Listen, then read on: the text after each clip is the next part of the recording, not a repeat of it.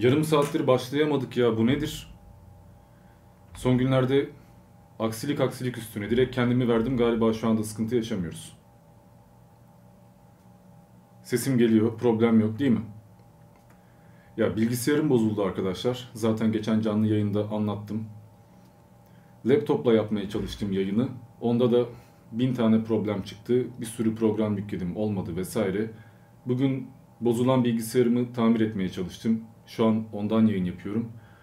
Herhangi bir parça yanmamış. İşte bir şeyler yaptık, düzelttik. Ama yine de problem var biraz. Belli oluyor zaten. Umarım yayın esnasında bir problem yaşamayız başka çünkü Eren Karakoç'la yaptığımız Roma tarihi yayını güme gitti. İlk 30 dakikadan sonrasında görüntü yokmuş. Yani siz canlı yayında izliyorken izleyebildiniz ama kaydını izleyenler izleyemiyorlar. O yüzden yapacak bir şey yok. Böyle. Şimdi umarım sıkıntı yaşamadan bu yayını aradan çıkarırız. Yayın şöyle olacak. Normalde her sohbet muhabbette ne yapıyoruz?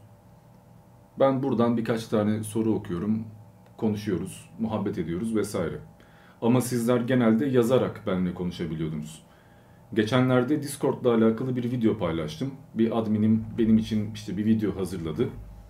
Ve Discord'a üyeliğinizi nasıl bağlayabilirsiniz?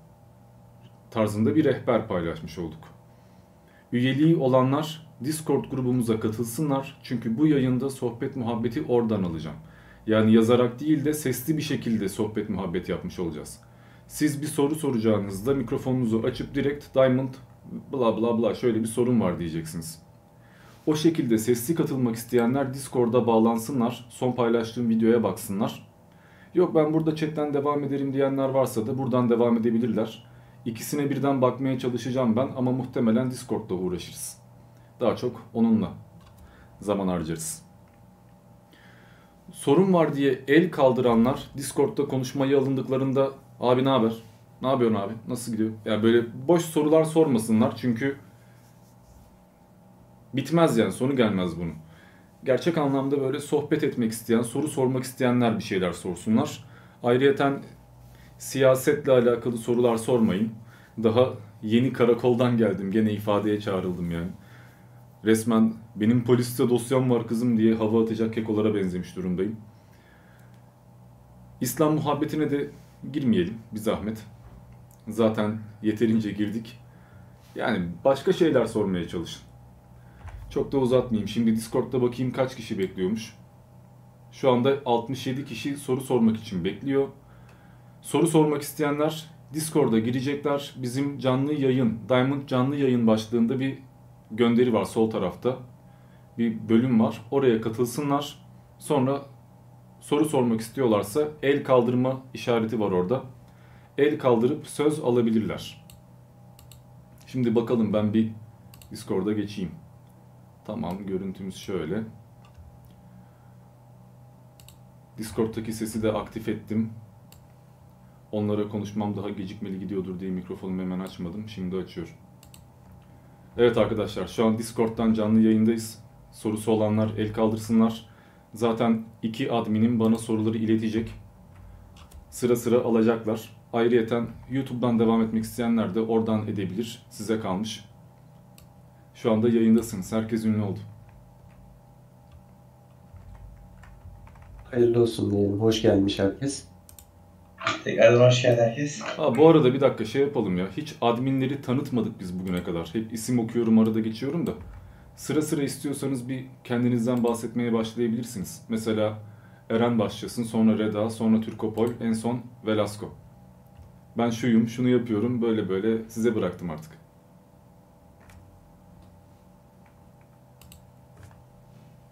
Eren başlasın o zaman.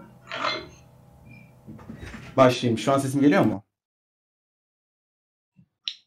Ee, ismim Eren benim. 17 yaşındayım. Üniversite sınavına hazırlanıyorum şu an. Diamond abinin sıkı bir hayranıyım. Modluk vazifesini yerine getirmeye çalışıyorum. Allah razı olsun. Ben buradan ses ayarlarını yapıyorum o esnada Reda. istiyorsan sen de konuşabilirsin.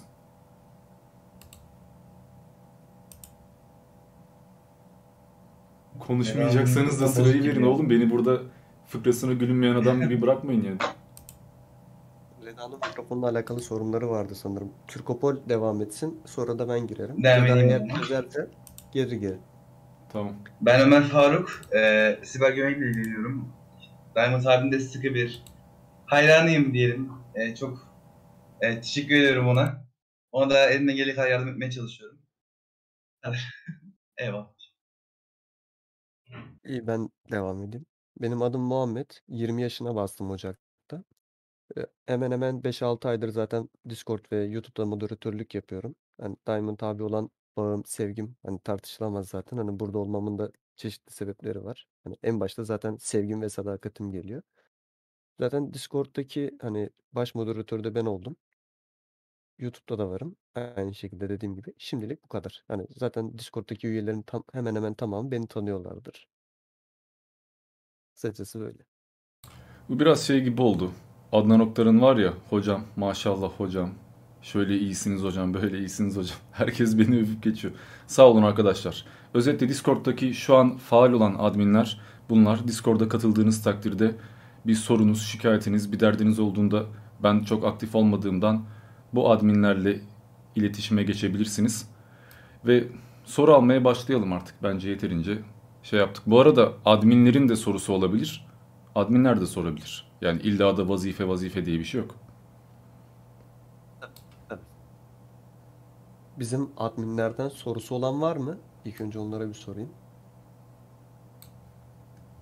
Yok herhalde. Benim var. E, ben sor- sorabilir miyim? Olur. Tabii. Ee, Diamond abi, eğer ki Moğollar İslam dünyasının bilim iler- ilerleyişini yok etmeseydi, e, Rönesans orada çıkabilir miydi? Sence yoksa bilim daha mı yavaş ilerlerdi? Senin de düşüncelerini almak isterim. Ya şöyle olsaydı böyle olsaydı tarihte pek Hmm. kıymet görmez ya. Çünkü hiçbir şey bilemezsin ki. En basitinden mesela Timur Osmanlı'yı Fetret devrine sokmasaydı, soy Çelebi'den devam etmeseydi Fatih de olmayacaktı. Fatih de olmasaydı acaba İstanbul'u alır mıydık? Çok fazla değişken var. Bir de Moğollar işin görünen yüzü. Baktığın zaman İslam camiası ve daha çok felsefe camiası dindarlaşmaktan kaybetti. İslam aydınlanması, işte bir sürü mucit vesaire. Bu adamlar hem Kur'an'dan hem de Batı'dan hareketle, daha doğrusu Antik Yunan'dan hareketle ilerlemişlerdi. Ama Gazali gibi insanların imancılığı diyelim, fideizm anlayışıyla beraber insanlar doğa bilimlerinden ziyade, matematikten, geometriden veya mucitlikten ziyade önce ahireti kurtarmaya odaklandılar. Zaten bilim çalışması diye bir şey kalmadı. Üstüne bir de Moğollar saldırınca epey bir kütüphaneyi falan yakınca her şey tamamına ermiş oldu. Yani Moğollar işin sonucu. Sebebi değil bence. Tamam. Varsayım üzerinden tarih yapılmıyor gerçekten. Hani öyle olmasaydı, böyle olsaydı ama o zaman da şöyle olurdu, böyle olurdu vesaire vesaire. Yani çok mesele dallanıp budaklanıyor. Ya benim demek istediğim de zaten hani Katolik ve yani Hristiyanlık ve e, İslam arasındaki farkı demek istedim yani bilime bakış açısından.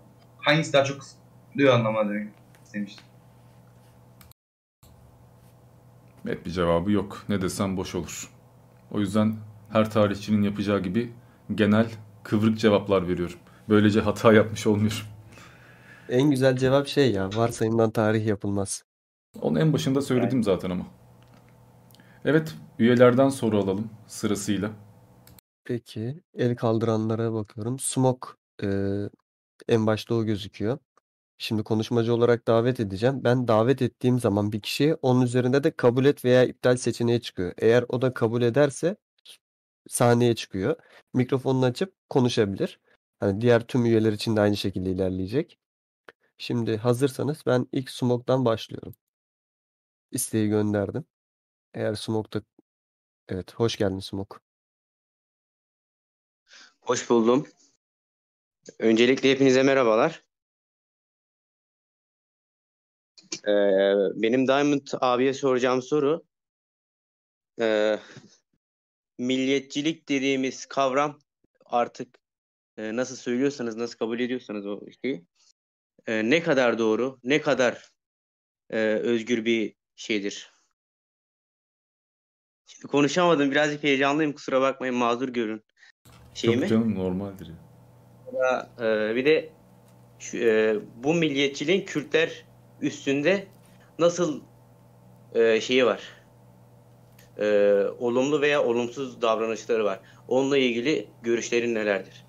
Şimdi milliyetçilik Kürtler özelinde değil, Türkler özelinde değil yani her millet milliyetçi olabilir.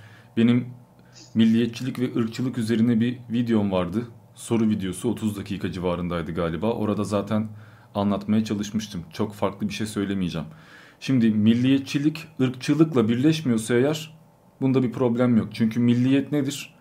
En temelden aileden başlar. Aile, aşiret, daha büyük bir kabile, en sonunda devlet, ülke, millet. Dinlerde mesela daha ziyade İslamiyet'te ümmet kavramı vardır.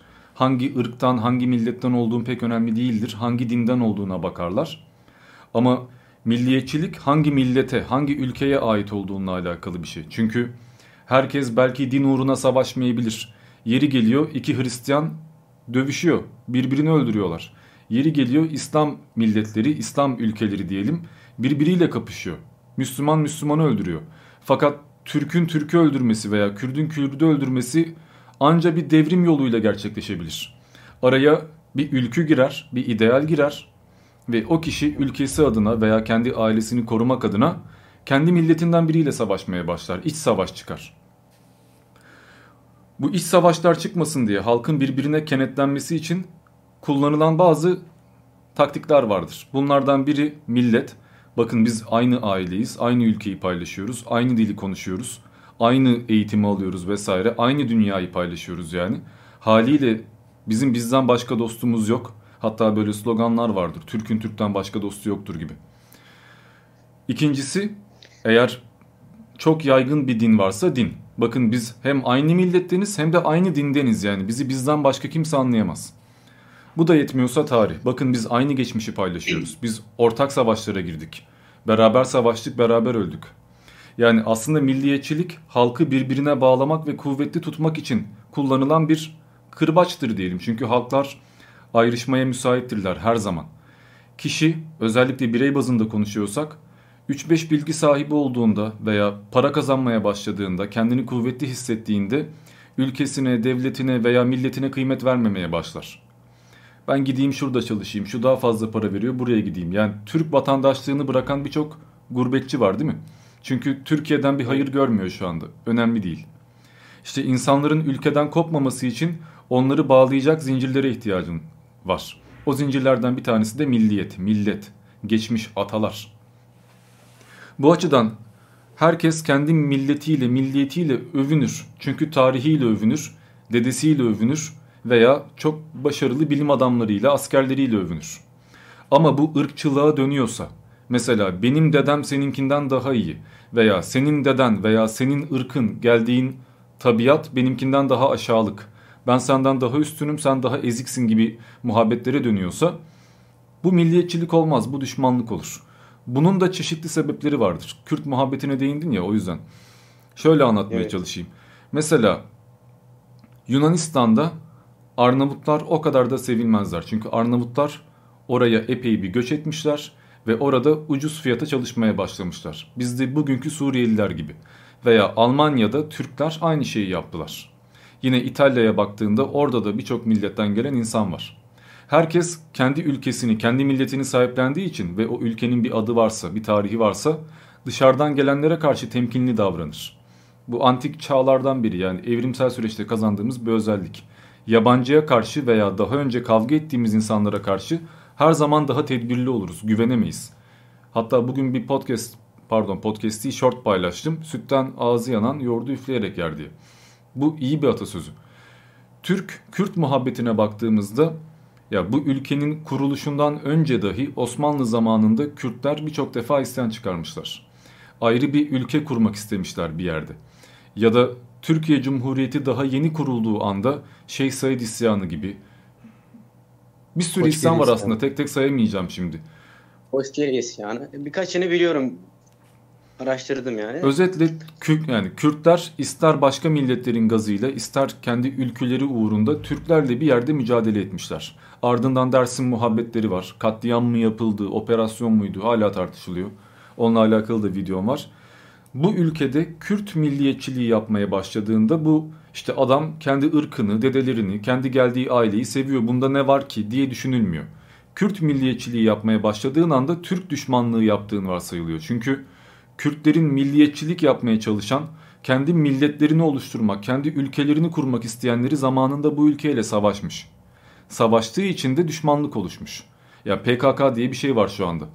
Kaçı Kürt, kaçı Ermeni, kaçı Amerika tarafından destekleniyor, kaçı gerçekten milliyetçi. O tartışılır, hepsini tek tek inceleyemeyiz.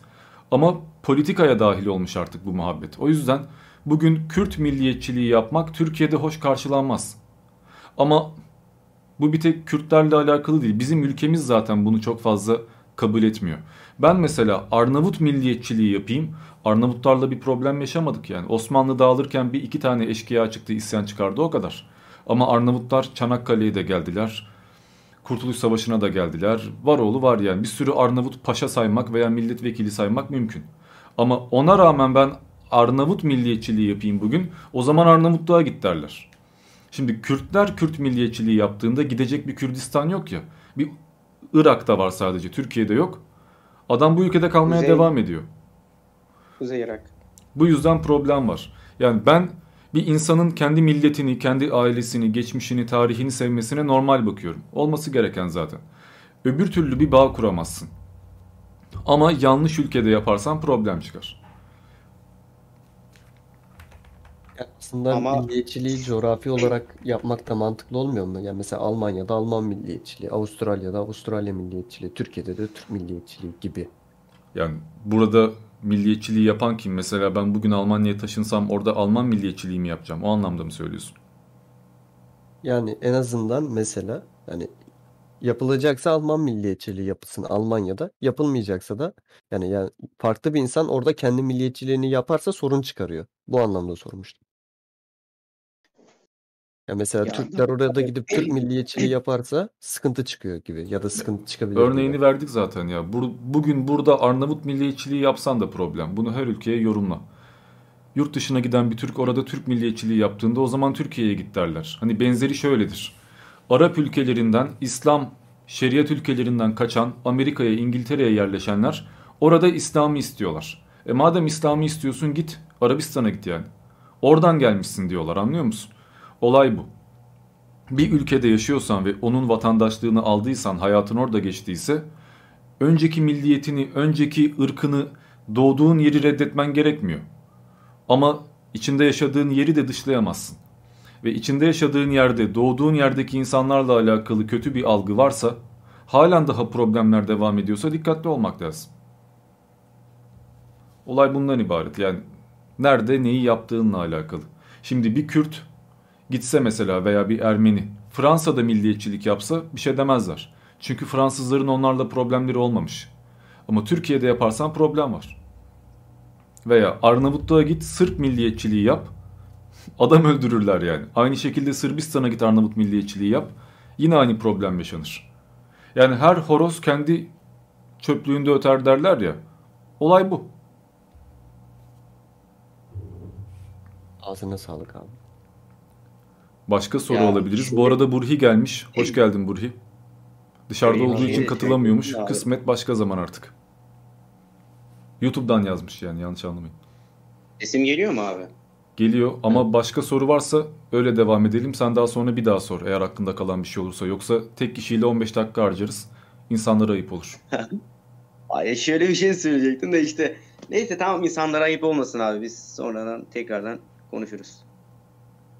Tamamdır ağzına sağlık dostum. Ben senin dinleyicileri Tamam. alıyorum sıradan çekiyorum. Eyvallah. Görüşürüz. Şimdi Kapıkulu Eren Emre Sezer. Davet attım ben sana. Hoş geldin dostum. Merhaba, sesim geliyor mu? Evet. Sorumu soruyorum. Ee, Diamond abi, şimdinin şirketleri geleceğin devletleri olabilir mi? Çünkü şirketler öyle bir büyüklüğe geliyor ki ve büyümeye devam ediyor ki yani çoğu devletten Ekonomik olarak da üstünler ve öyle bir noktalar ki bazı vatandaşlar kendi devletine güvenmek yerine şirketlere güvenmeyi tercih ediyor bazı konularda. Bu durumu nasıl yorumlarsın? Çok bir şey söyleyemeyeceğim. Sen bunu söyleyince aklıma Illuminati muhabbeti geldi. 10 tane aile dünyayı yönetiyor. Yani şirket ülkeye dönerse zaten para yönetiyor demektir. Mesela bugün Koç'un ülke sahibi olduğunu düşünmek, Türkiye'den daha kuvvetli olduğunu düşünmek bana pek makul gelmedi. İmkansız mı? Bilmiyorum. Gelecekle alakalı bir şey söyleyemem. Fikrim yok. Teşekkür ederim. Yani sorunu cevaplamış olmadım ama her şeyi de cevaplayamıyorum zaten. Cevap mı? Fikir almak zaten. Hani fikrini merak ettiğimden sonra. Şöyle düşün. ederim. Jeff Bezos mesela değil mi? Veya Rothschild ailesi veya diğer aileler. Bu aileler zaten bir ülkeden daha kuvvetliler. Ve dünyanın her yerinde bunların fabrikaları, şirketleri, holdingleri, elemanları var. Dernekleri var. Hatta kendi fonladıkları kiliseler var. Yani aslında direkt bir şirketin ülkeleşmesine gerek yok. Zaten ülkeyi kendi ağlarının altına aldıktan sonra bir şey değişmiyor. Hatta fazla kuvvetli bireyler ve şirketler ön planda olmaktansa arka planda kalmayı tercih ediyorlar. Çok dikkat çekmektense arka plandan her şeyi yürütmek. O yüzden ben zannetmiyorum hani öyle bir şeyin olacağını. Şirketlerin yapısına ters çünkü. Ama olur mu olur şimdi ne diyeyim. Teşekkür ederim. İyi yayınlar. Rica ederim. Başka soru alabiliriz. Tamamdır. Sıradan. Abdullah Vahap Berktaş. Çekiyorum.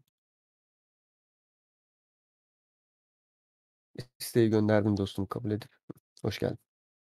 Merhaba iyi yayınlar. Merhaba, hoş geldin. Sesim geliyor mu? Geliyor geliyor. Affedersiniz, teşekkür ederim. Ee, ben senin yaklaşık iki ay önce çektiğin bir short videosu hakkında konuşmak istiyorum. Müzik mi daha üstün yoksa ideolojiler mi? Hani e, konuyu çok da uzatmamak adına sadece bunu sorayım. Senin fikrini merak ediyorum. Bence ideolojiler. Teşekkür ederim. Rica ederim. Buna uzun bir cevap vermeyeceğim. Daha yeni Türk Kürt muhabbeti yapmışken olayı çok fazla politiğe çe- çevirmek istemiyorum. Daha yeni karakoldan geldim. o yüzden böyle rahatım yani. Ee, peki buna binaen başka bir soru sorabilir miyim? Teker teker alalım soruları ya. İstersen Kısa cevapladım. Bir tane daha sor. gelebilir. Problem yok. Şimdi, Uzun bir cevap vermediğim için tamam peki. Ee, şimdi bir ideolojiye bağlı kalmak özgürlüğümüzü kısıtlar mı sence? her şey özgürlüğümüzü kısıtlar. Yani bunu ideoloji bazında ce- cevaplamanın bir mantığı yok. Elbette ideoloji seni sonuçta bir şeye bağlıyor değil mi? Bir milliyete bağlar, bir ideale bağlar, bir fikre bağlar, bir felsefeye, bir dine. Seni bir şeye bağlayan bir olgudan bahsediyorsan özgürlükten bahsedemezsin. Onun sana izin verdiği kadar özgürsündür. O zincirin metresi ne kadarsa o kadar bir alanın vardır yani. Ama zaten insan hayatı esnasında hep bir şeylere bağlı kalmak ister. En kötü yani sadece ideolojilerden bahsetmiyorum. Bir futbol takımını tutarsın değil mi? Çok seversin. Atıyorum gastar gastar cimbombom uçarsın yani. Cimbombomla alakalı herhangi bir eleştiriye katlanamazsın veya onların bir hatasını görsen dahi kabul etmezsin. Veya kendi evladına karşı bir sevgin vardır. Kendi evladın bir hata yaptığında görmezden gelirsin. Başkasının çocuğu yaptığında ama yerden yere vurursun. Yani biz hep bir şeylere sevgi duyan, bağlılık duyan, bir şeylerle kendimizi karakterize eden varlıklarız. Yani tek başımıza kalamıyoruz. Hatta bir insan için en büyük ceza zaten yalnız bırakılmak. Hücre hapsi vermek veya izole bir yerde kendi başına bırakmak. Bu yüzden biz zaten kendi kendimizi bir şeylerle sınırlıyoruz, kısıtlıyoruz. Full özgürlük bize göre değil. Yani cevabı evet. Teşekkür ederim iyi yayınlar. Biz teşekkür ederiz. Odinis'i çekiyorum o halde.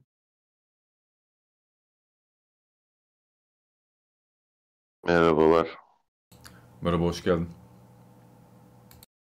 Sesim geliyor mu diye zaman kazanmak istemiyorum. Ee, direkt sadete geleceğim. Ben Türkiye'de babası Taylandlı tek kişiyim galiba. Ee, milliyetçilikle ilgili bir muhabbet açıldığı için oraya gelmek istedim. Ee, şimdi şöyle bir durum var. Benim babam Taylandlı, annem Türk. ve ben e, senden bir iki yaş büyüğüm aşağı yukarı. Akran sayılırız. Kanımdaki ve genimdeki her şey Taylandlı gibi hareket ediyor. Tipim, yüzüm, boyum.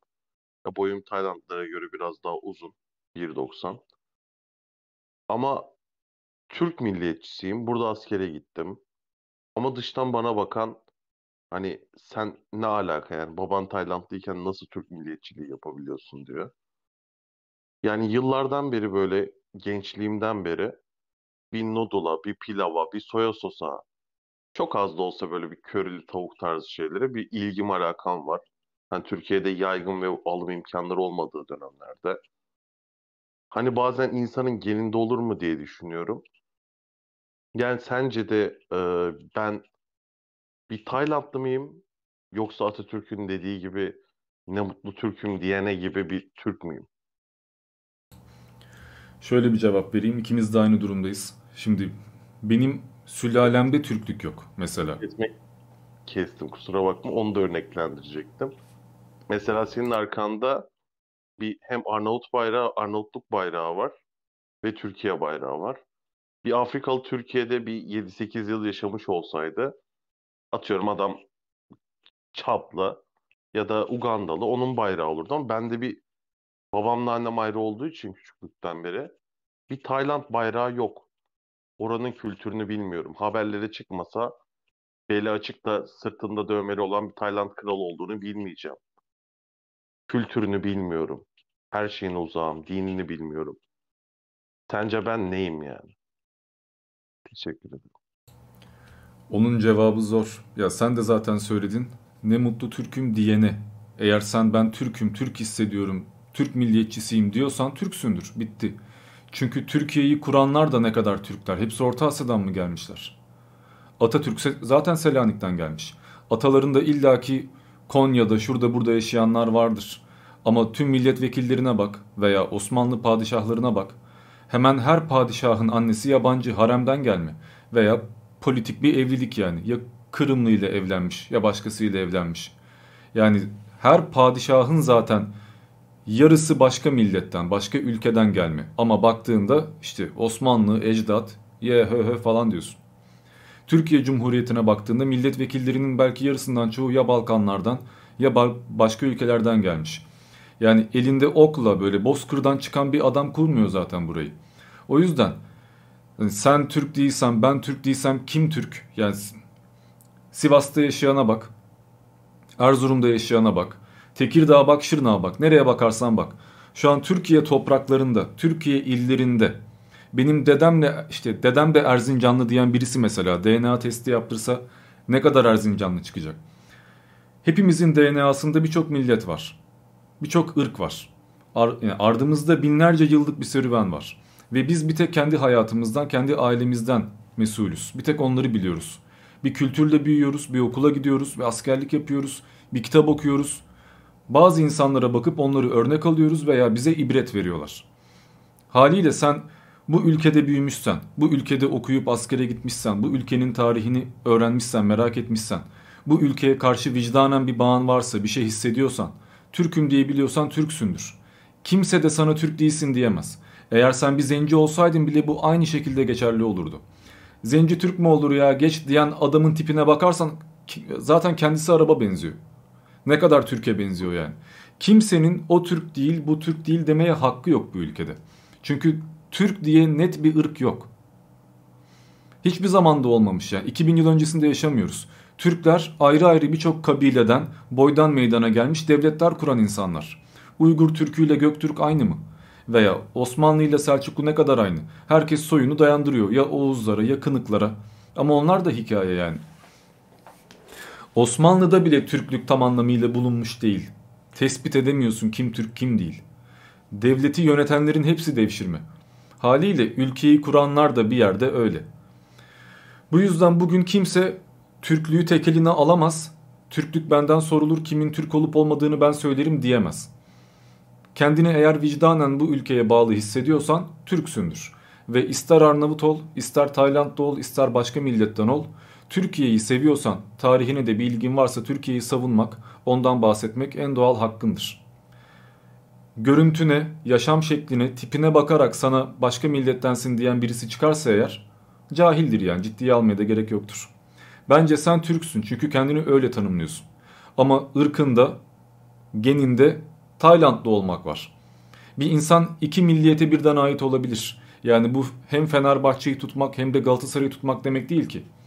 Benim iki tane vatandaşlığım var mesela. Bir Arnavut vatandaşlığım var, bir Türk. Bu sadece kağıt üzerinde değil. Arkamda da iki bayrak birden duruyor söylediğin gibi. Ben Arnavut tarihine de bağlılık hissediyorum. Osmanlı tarihine de. Türk tarihine de. Sen dünyanın bir ucundan gelmiş olsan da aynı şeyleri hissedebilirsin. Olay burada bitiyor yani gönülde bitiyor. Sonuçta şu anda milliyet ırkla yapılmıyor ya. Tamamen bağlılıkla yapılıyor. Sen eğer bağlıysan o milliyet senin de milliyetindir.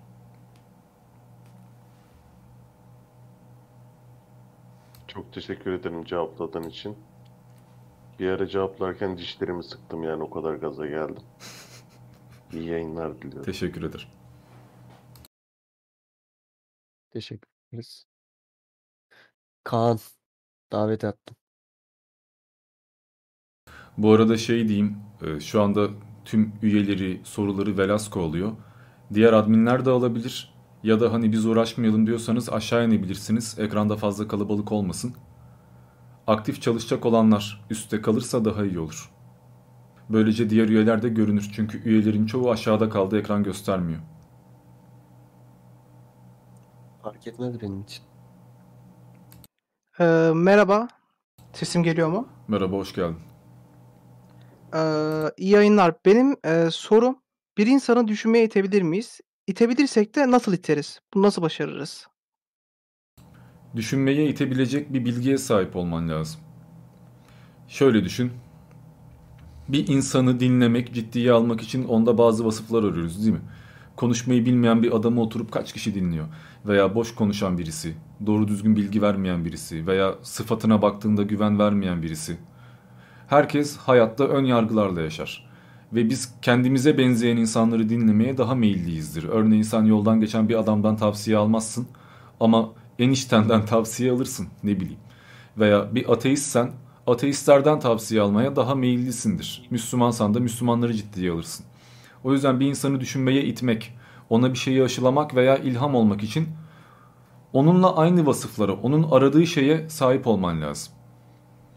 Mesela benim kanal eğer bazı insanları felsefeye, tarihe veya Tanrı'yı sorgulamaya ittiyse bu kanalda bir şey olduğundan bu olmuştur. Yani sadece bende değil keramet. Benim gibi düşünebilecek insanları ben etkileyebilmişimdir. Kimi insanlar var hiç ulaşamıyorsun. Bazı adam var ya bir saat video yapmışsın her türlü kaynağını koymuşsun halen daha sana komple iftiracı gözüyle bakıyor. Yalancı diyor senden mi öğreneceğim diyor vesaire. Yani birini bir şeye yöneltmek, düşünmeye itmek, aklındaki bazı lambaları yakmak tek başına yapabileceğin bir şey değil. Karşındaki kişinin de ona müsait olması lazım. O yüzden Anladım. çift taraflı işliyor yani bu iş. Mesela ben bugün gidip de bir şeriatçı hocayla sohbet edecek olsam bana çok bir şey katamaz. Benim bilmediğim bir şeyleri öğretecek olsa bile ben ondan bir şey öğrenmeye müsait değilim şu anda. O ön yargı oluşmuş artık. O da benden bir şey öğrenmez. Benzerler benzerlere yöneliyorlar yani. Hep böyle. Anladım. Teşekkürler. Şöyle bir ekleme yapayım istiyorsan aşağı inebilirsin. Çok fazla şöyle yorum geliyor. Abi benim bir arkadaşım var. En iyi arkadaşım. Çok seviyorum. Ama ben ateistim, o Müslüman. Bir türlü anlaşamıyoruz. Fikirlerini değiştiremiyorum. Değiştirmeye çalışma zaten. Eğer o da seni değiştirmeye çalışırsa kavga çıkar çünkü. Kabullen bir süre sonra zaten orta noktayı bulursun veya yollarını ayırırsın yani. Olur varsa olur. Bu her şeyde böyle. İnsanları kendi fikirlerimize, kendi düşüncelerimize çekmeye çalışıyoruz. Bizim gibi olsunlar istiyoruz ama onlar da bizim onlar gibi olmamızı istiyorlar. Zaten bu yüzden bir türlü anlaşamıyoruz. Hep bir kutuplaşma çıkıyor. O yüzden önce kendin bir şeyleri düşünüp kendine bir şeyler katman lazım. Sende bir şey olması lazım yani. Sen boş birisi olmayacaksın ki ondan sonra diğer insanları da boş olmaktan uzaklaştıracaksın. Pif nokta bu bence. Başka soru alabiliriz. Tamamdır o halde. İbra'yı çekiyorum. Hoş geldin. Hoş bulduk. Merhaba, iyi yayınlar. Daimit abi, sana sorum şu. Ee, şu anki Yunanistan'ın kökenlerine bakarsak antin, antik Yunan'dan bahsedebiliriz. Ama şu anki Mısır'ın kökenlerine bakarsak Araplar tarafından asimile olduğunu görebiliriz. Ama asıl bildiğimiz tarihten antik Mısır'da dayanabilir. Ee, antik Mısır döneminde e, şey diyebiliriz. O zamanın süper gücü, gelenekleri, kültürü çok iyi. Peki Araplar tarafından nasıl asimile edilmiş olabilir? Yani neden neden bu kadar gelenekleri ve kültürü olan biri devlet nasıl asimile olmuştur? Sorun bu. Teşekkür ederim. Cevaplamadan önce Mısır tarihiyle alakalı yaptığım zaten birçok video var ve 5. 6. ve 7. videoda aslında tamamen bunlardan bahsediyorum. Belki izlemişsindir, belki sadece soru olsun diye soruyorsundur. Problem yok. Cevap vereyim. Merak edenler de o videolara bakabilirler. Olay şöyle. Antik Mısır deyince bizim aklımızda hep firavunlar, piramitler, altın içinde yüzen insanlar, eşi benzeri olmayan bir kültür canlanıyor. Fakat öyle bir şey yok aslında. Mesela biz antik Mısır'daki hierogliflere baktığımızda Mısır'da yaşayan dört ırkın olduğunu görüyoruz. Beyazlar var, kızıllar var, zenciler var ve buğday tenliler var. Kızıl renkli olanların Mısırlı olduğu söyleniyor. Kendilerini öyle tasvir etmişler. Zenciler köle fakat daha sonra zenci firavunlar da meydana çıkacak. Mısır parçalanacak ve siyahi firavunlar göreceğiz. Aynı anda 5 tane firavun olacak yani. Bütün ülkeyi yöneten tek bir adam görmeyeceğiz. Ayrıyeten bunların kaç tane köle ettiği savaştığı millet varsa daha sonra Mısır'ı parçalayacaklar. Bu yüzden Mısır'da milattan önce 1100'lerden itibaren Mısır halkı diye bir şey kalmayacak. Mısır zaten birkaç dönemde ele alınıyor. Bizim gördüğümüz şeydir, klasik çağdır. Yani piramitler çağıdır. Ondan sonra altın çağı görüyoruz. Yani yeni krallık dönemi. İkinci Ramses'tir veya Akhenaton'dur, Hatshepsut'tur böyle ünlü insanları görüyoruz. Fakat genelde Mısır bir hanedan öncesi dönem diye ifade ettiğimiz milattan önce 3000'lere dayanan bir dönemi içeriyor. Tamamen dağınık halde yavaş yavaş toparlanmış, devlet yeni kurulmaya başlanmış. Firavunluk sistemi oturuyor, daha piramit yok bir şey yok. Ondan sonra ilk sülaleler diye bir dönem var. İlk aileler. Bu esnada yine piramitlerden bahsetmek mümkün değil. Ama devlet merkezileşmiş, Mısır kültürü dediğimiz tanrılara dayalı bir anlayış oluşmuş. Ölüm tapınakları yapılmaya başlanmış. Mısırlı diyebileceğimiz bir insan tipi var. Ardından eski krallık diye ifade ettiğimiz geniş bir dönem var. O esnada piramitler yapılıyor zaten. O esnada bir sürü tapınak çıkarılıyor vesaire. Mısır gerçek anlamda Mısır oluyor. Sonra ilk kargaşa diye ifade ettiğimiz ilk çöküş var. Adamlar yani uzun bir süre paramparça oluyorlar. Devlet iflas ediyor. Fethettikleri birçok bölge elden gidiyor. Ülke bölünüyor. Birçok şef ortaya çıkıyor. Firavunluk diye bir şey kalmıyor. Her yıl başka bir devrim. Sonra Orta Krallık diye bir dönem var. O esnada bizim Mısır'ın Ölüler kitabı gibi gördüğümüz böyle edebi metinler oluşuyorlar. Piramit yazılarına geçiyorsun, ölüm yazılarına geçiyorsun. Mısır'a dair bildiğimiz hemen her şey zaten o dönemden kalma. Bu da milattan önce 2100'lerden 1600'lere kadar olan bir süreç. Yani bak günümüzden 3500 yıl önce. Ondan sonra ikinci kargaşa var. İkinci kargaşada Hekaukasut dediğimiz yabancı diyarların şefleri ülkeyi ele geçiriyorlar. Yine Mısır'ı Mısırlı olmayan bir aile yönetiyor. Darbe yapılıyor yani. Hani bugün bir azınlığın Türkiye Cumhuriyeti'ni ele geçirmesi ve 150-200 yıl boyunca Türkiye'yi bütün milletvekillerinin yabancılarından oluşan bir sistemle başka bir milletin yönetmesi gibi bir şey bu. Bildiğin sömürü düzeni. İkinci kargaşadan sonra yeni krallık dediğimiz en parlak dönem var. Ama o çok uzun sürmüyor. 400 yıl civarında devam ediyor ve ardından üçüncü kargaşa. Son kargaşa var. Son kargaşada işte bu İsrailoğullarının Mısır'dan çıkması hikayesi, Tevrat'ın yazılmaya başlanması, Mısır'ın komple lanetlenmesi, deniz halkı diye ifade ettiğimiz ve Balkanlardan itibaren Mısır'ın da altına kadar bütün dünyayı değiştiren büyük bir göç var. Yani kavimler göçü. Hatta bu esnada Hitit İmparatorluğu da tarihe gömülüyor. Birçok imparatorluk dağılıyor ve M.Ö. 12. yüzyıl deniz istilasıyla Mısır komple yok oluyor. Ne firavun kalıyor, ne adam akıllı rahip kalıyor, ne bir daha piramit yapılıyor, ne mezar yapılıyor, hiçbir şey yok. Ramses devri, piramit şeyler, heykeller komple parçalanıyor. Üçüncü kargaşa dönemi epey uzun bir dönem. Bu esnada Mısır zaten göç etmek durumunda. Ya Yunanistan'a kaçıyorlar Ya Kenan diyarına kaçıyorlar ya başka yerlere kaçıyorlar. Yani ülke şöyleyken bizim gördüğümüz o Mısır kültürünü yansıtıyorken şu hale geliyor. Her taraftan ayrılıyor. 4-5 tane firavun aynı anda hükmediyorlar. İşte bu esnada zenci firavunlar da var. Normalde zenciler köleydi ne alakası var Mısır'la? Eğer biz Mısır deyince o dönemi ele alırsak gerçek Mısır halkı, gerçek Mısır kültürü Afrika kültürü. Ama aslında alakası yok bununla. Yani gördüğümüz Mısır kültürünün bununla alakası yok ama öyle bir dönem olmuş. Ardından Asur İmparatorluğu Mısır'ı komple fethediyor ve Asur egemenliği altında Mısır'ın bütün kültürü, dini, tapınakları paramparça ediliyor. Asur'dan sonra zaten Babil geliyor gidiyor hafiften. Pers istilası var. Pers istilası uzun sürüyor. Bütün Firavun kültürü paramparça oluyor. Hatta Herodot'un aktardığı metinlere bakarsak birçok Firavun'un mumyası çıkarılıp yakılıyor, kırbaçlanıyor vesaire. Birçok put devriliyor. Perslerden sonra Büyük İskender Mısır'ı ele geçiriyor. Yine toplumda bir değişim var.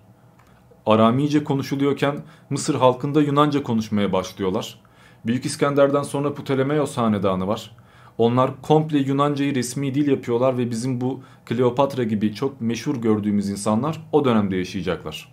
Hatta Kleopatra Mısır'ın son halkası. Kleopatra Mısır'ın son kraliçesi aslında. Ve ondan sonra Mısır diye bir şey kalmıyor. Roma İmparatorluğu altında 600 yıl kadar Mısır sömürülüyor. Latince öğrenmeye başlıyorlar. Bütün tapınaklar kapatılıyor. Bütün tanrılar yasaklanıyor. Mısır Hristiyanlaşmaya başlıyor. Ama bir yandan da inanmaya devam ediyorlar kendi inançlarına. Ondan sonra Araplar geliyorlar. En son Araplar gelmişler ve orada kalmışlar. Bu yüzden de şimdi baktığımızda Araplar onları asimile etmiş gibi görünüyor. Halbuki onlardan önce 1500 yıl boyunca Mısır 10 tane medeniyet tarafından sıra sıra tecavüze uğramış. Bu yüzden Mısır halkı, Mısır ırkı, Mısır kültürü diye bir şey kalmamış. Bizim Mısır deyince aklımızda canlanan tablo günümüzden 4000 yıl öncesine ait. Kleopatra bile Mısırlı değildi baktığında. Kleopatra bile Yunanca konuşuyordu. Hieroglif okumazdı, bilmezdi. Okuduğunu söyleyen kaynaklar var, onlara da değinmiştim ama yani tarihi yanlış biliyoruz. Çok teşekkür ederim cevapladığın için. Ben de Rica videonun ikinci serisindeydim.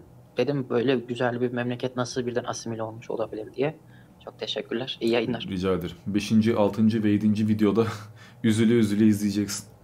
İçler acısı ya. Mükemmel bir medeniyet hakikaten paramparça olmuş yani. Bütün videolardan sonra bir de derleme mix bir video daha paylaşıldı aslında. 6 saatlik tek part. Onu da izleyebilir. Evet. Evet. Anthony'yi çekiyorum o halde. Tamam.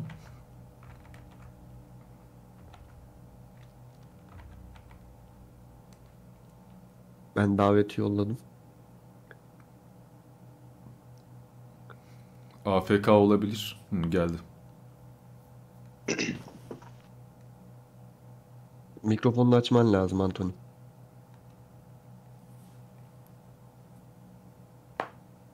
Ses geliyor mu? Geliyor. Evet.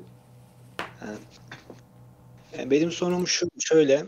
Şimdi biliyorsunuz ki ülkemizde bir Kürt sorunu var. Ve bu Kürt sorununun da e, ileriki zamanlarda biteceği e, öngörmüyorum. Çünkü internet ortamında çok fazla e, Kürtçü e, kişi pro- propaganda yapmaya başladı. E, acaba Kürtlere yönelik anayasal bir hakkın tanınması ve Kürtçe'ye yönelik e, sınırların genişletilmesi bu PKK ve Kürtçülük sorununun çözüm olabilir mi? Teşekkür ederim. Kürt konusuyla alakalı başka soru almayacağım. Bunu da cevaplamayacağım. Çünkü bir de bu yüzden ka- karakola çağrılmak istemiyorum. Yeterince gidiyorum zaten. Bir de hukuk yani buradaki olay. Benim alanım değil. Burhiye falan sorsan daha iyi olur. Pekala. Kusura bakma dostum. Bu arada ben biraz YouTube'daki üyelere bakayım. Birkaç kişi üyelik almış. Hiç isim okumadık. Ayıp oluyor. Yeni isim çekmiyorum şimdilik o halde. Hı hı. Rima Esen, Mustafa Hüsmen, hoş geldiniz. Başka kim var? Yaramaz Müdür, sen de hoş geldin. Gülşah Fırat, destek olmuş, teşekkürler. Rima Esen, mezun üyeliğine yükseltmiş tekrardan. Eyvallah. Ayberk 5 aydır üyeymiş. Arda Çakır yeni üye olmuş. Demirhan Değer de destek vermiş. Teşekkürler tekrardan. Tolga Beşler ve Bizans siz de hoş geldiniz. Evet şimdi soru varsa alabiliriz. Katılmak isteyen arkadaşlar da son paylaştığım Discord'da katılma rehberi videosuna baksınlar. Şu anki adminimiz Velasco zaten onu yaptı. 3 dakikada telefondan veya bilgisayardan nasıl bağlanabileceğinizi öğreniyorsunuz. Oradan isteyenler böyle sesli sohbete de katılabilirler. Sorularını buradan da sorabilirler. Evet çok kişi görüyorum şu an mesela karşılama odasında bayağı bir tıklama var yayın açıldığından beri. Ama henüz e, içeriye çoğusu girmedi. Yani çoğusu üyeliklerini ya bağlamadı ya da katıl üyeleri değiller. Katıl üyesi olup buraya tıklayan varsa videodan e, üyeliklerini bağlayıp aramıza katılabilir. Buraya da çıkabilir. Hani sırasını alıp. O halde bekliyoruz biz. Ben de bir sonraki kişiyi Ömer'i çekeyim. Bir dakika sen çek o soruyu alsın ben ekranda kendi görüntümün yerini değiştireceğim. Aşağıdaki üyeleri kapatıyormuşum kendimi şuraya alıyorum. Siz görmüyorsunuz tabii de şimdi izleyenler görüyorlar. Tamam ben Ömer, burada hoş kalayım. geldin. Hoş bulduk. Öncelikle iyi yayınlar. Teşekkürler. Felsefe yapabildiğimiz mi için mi bilim var yoksa bilim var olduğu için mi felsefe yapabiliyoruz? Benim sorum böyleydi. Şimdi bilim felsefeden sonra doğduğu için felsefe yapabildiğimiz için bilim var demek daha doğru. Teşekkür ederim. İyi yayınlar. Rica ederim. Şöyle bir şey var arkadaşlar. Bizim bilim dediğimiz şey tek başına bir bütün değil. Bilimde bazı kollar var, alanlar var, alt dallar var. Atıyorum geometri. Geometrinin babası kim? Kurucusu kim? Öklit. Öklit e, adam İskenderiyeli ya. Felsefeden çok sonra meydana gelmiş bir adam, doğmuş bir adam. Veya optik diyelim. Ya da biyoloji. Bilimde hangi dala bakarsan bak tarihin bir döneminde felsefeden sonra doğmuş bunlar. Filozofların zaten biyolojiyle, optikle veya diğer alanlarla alakalı çalışmaları olmuş. Mesela Platon'un geometriyle, matematikle alakalı çalışmaları var veya Pisagor'un. Aristo'ya baktığında zaten fizikle uğraşmış, fizik kitabı yazmış. Newton bile kendi kitabının başına hani Aristo'yu koymuş bir yerde, onu okumuş. Bu yüzden filozoflar aslında bilim adamları. Ama bir süre sonra bilim diye başka bir dal çıkarmışız ve bilimi düşünmekten, sorgulamaktan ziyade deney yapmak, test yapmak ve cihazlar kullanmak gibi görmüşüz. Tabi her dalda değişiyor. Mesela sosyal bilim diye bir şey var şimdi. Tarih sosyal bilim. Tarihi oturup da böyle mikroskopla inceleme şansın yok. Bilim felsefesi videosunda bundan bahsetmiştim. Felsefeye giriş 3. bölüm. Merak edenler bakabilirler. Zenos'u çekiyorum abi. Olur. Ertan Tur abi desteğin için teşekkürler. İstiyorsan Discord'a gelebilirsin. Mustafa Tütüncü sen de hoş geldin. Zenos sen de hoş geldin. Esenlikler ses bir problem var mı? Biraz kısık sanki ama Sesin kısık duyuluyor. bir dakika yükselteyim ben buradan. En azından biz duyalım. Şu an nasıl? Gene kısık geliyor ama olmadı ben soruyu tekrarlarım problem değil. Tamamdır. Abi kısa keseceğim. Ee, Atatürk'ün Adnan adı var ile yaşadıkları ee, na ne diyeceksin yani belki biliyorsundur. Ya büyük ihtimalle biliyorsundur. Adnan adı varın böyle nutu yerlere atması gibi olaylar duydum ama doğruluğu ne bilmiyorum. Bu bir. ikincisi de Zeki Velidi Togan ya da Ahmet Refik Altınay'ın ee, üniversitelerden ee, atılması o an için doğru bir karar mıydı? Teşekkürler. Hiçbir fikrim yok. Ne söylesem yanlış olur. Çünkü o an için doğru bir karar mıydı diyorsun ya. Buradan bakınca doğrudur yanlıştır demek çok kolay. Halbuki olayın içinde olmak lazım. Veya o konuyla alakalı haftalarca belge, gazete kupürü, hatırat kurcalamak lazım. Özellikle ilgilenmedim. O yüzden de bir şey söylesem de eksik söylemiş olurum. Daha sonra aa Diamond Dema burada şunu şöyle söylemiş derler. Laf olur. Tamamdır. Teşekkürler. Orayı çekiyorum o halde.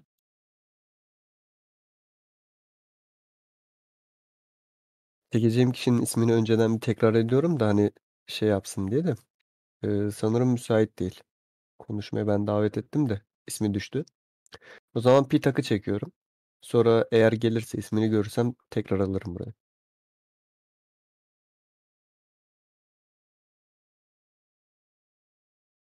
Selamlar. Ee, benim sorum tarih veya e, felsefe hakkında değil, başka bir konuda olacak sorun olur mu? Soruya göre. Hmm, tamam o zaman şöyle başlayayım. Yani bu, bu sorun aslında benim etrafımda arkadaşlarımda da olan bir şey. Ee, içeriden çocuk sesleri geliyor misafirler pardon. Öncelikle herkesten. Ee, ben mesela şöyle diyeyim. İlkokul boyunca kitapları genelde saftirik gibi böyle resimli kitaplar okudum. Ardından ortaokula geçtiğimde ailem resimli kitapları okumamamı, normal kitapları okumamı istediği için kitapları almadı yani. Ortaokulda normal kitapları okumaya başladım diyebilirim. Tabii okumak ne kadar doğru bilmiyorum. Okuduğumda anlamıyorum yani. Bakıyorum, okuyorum sayfayı ama o an aklımda farklı şeyler düşünüyorum ve o sayfayı bitirdiğimde anlamayıp geri dönüyorum. Bu da bende kitap okumama istekliği, okumama istekliğini çıkarıyor. Ee, bu da çok kötü bir şey. Ben bunu öğretmenlerime dediğimde dikkatsizlik diyorlar. Dikkatsizlik neden diyorum? Kitabı sevmemişsindir, şu bu oluyor diyorlar. Ee, buna katılıyor musunuz öncelikle? Ve katılıyorsanız da e, Diamond abi eğer bana önerebileceğim böyle başlatabilecek bir kitap var mı? Ya bunu kitap önemli videolarında söylediysen direkt oradan da bakabilirim. Yo direkt bununla alakalı bir cevabım olmadı galiba. Aslında öğretmenlerinin söylediği şey doğru. Eğer bir kitabı okurken çok sıkılıyorsan, dikkatin dağılıyorsa, okuduğun şeyi anlamıyorsan, okuduğun bir sayfayı en başından bir daha okuduğunda lan ben bunu nasıl görmemişim diyebiliyorsan, hakikaten dikkatsizsen yani kitap seni sarmamıştır. Hoşuna giden türden bir kitap değildir, ilgini çekmemiştir veya okumayı sevmeyen bir insansındır. Şöyle düşün, derste öğretmen dersi iyi anlatamıyorsa eğer ders çok sıkıcı gelir, iğrenç gelir. Öğretmen boştur yani. Ama kimi ders çok keyiflidir. Keşke adam gelse de bir daha anlatsa diye beklersin. Bu senin o dersi seviyor olmanla alakalı değil. Öğretmenin iyi anlatıyor olmasıyla alakalı. Yani bizim lisede veya ortaokulda ders anlatan birçok hoca artık emeklilik yaşı gelmiş.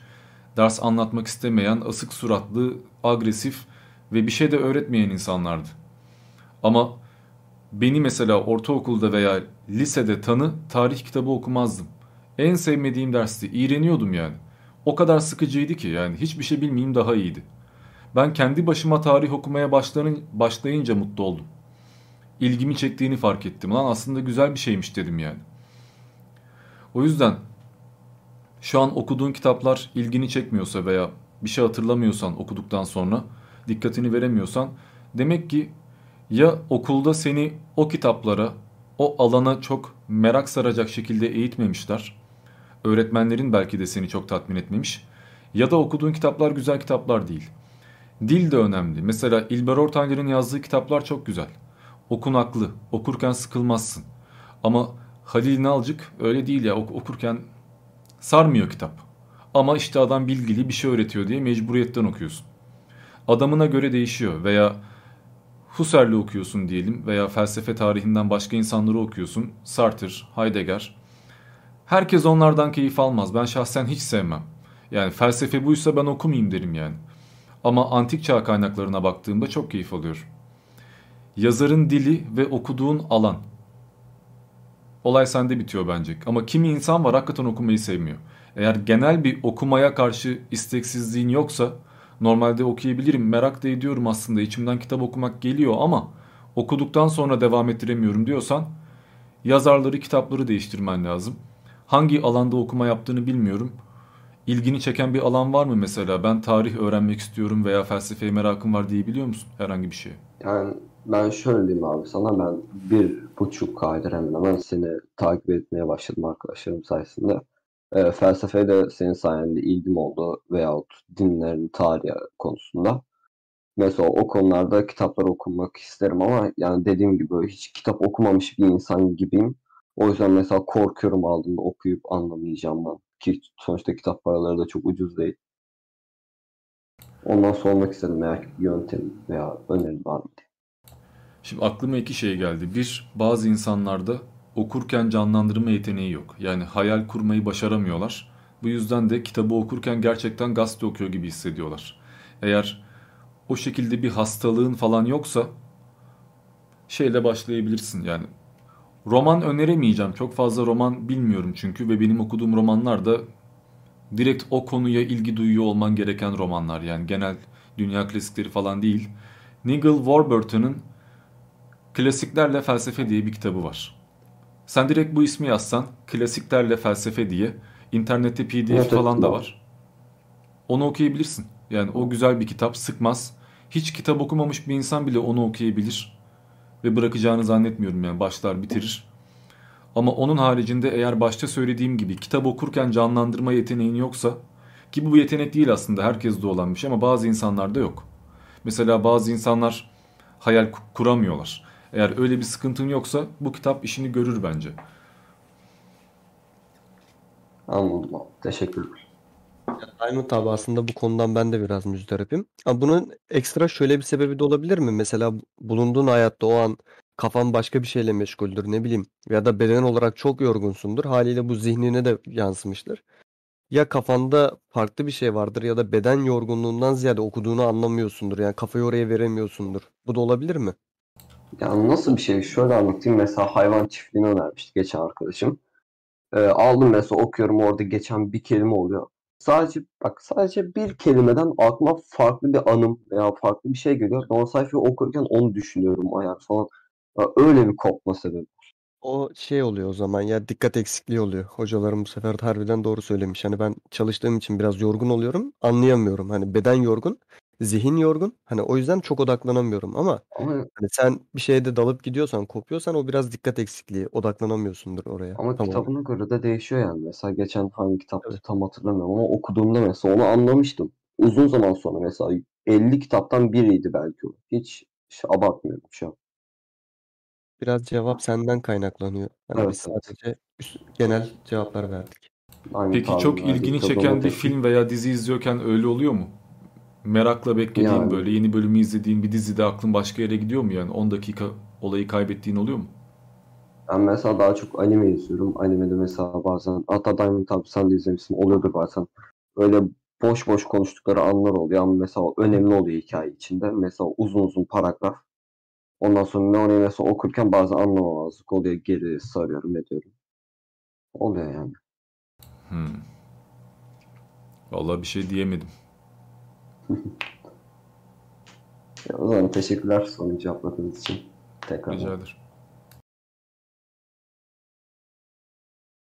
Hmm. Şey Abdullah söyleyeyim, Bilgin. senin sorduğun soruya cevap vereyim Velasco.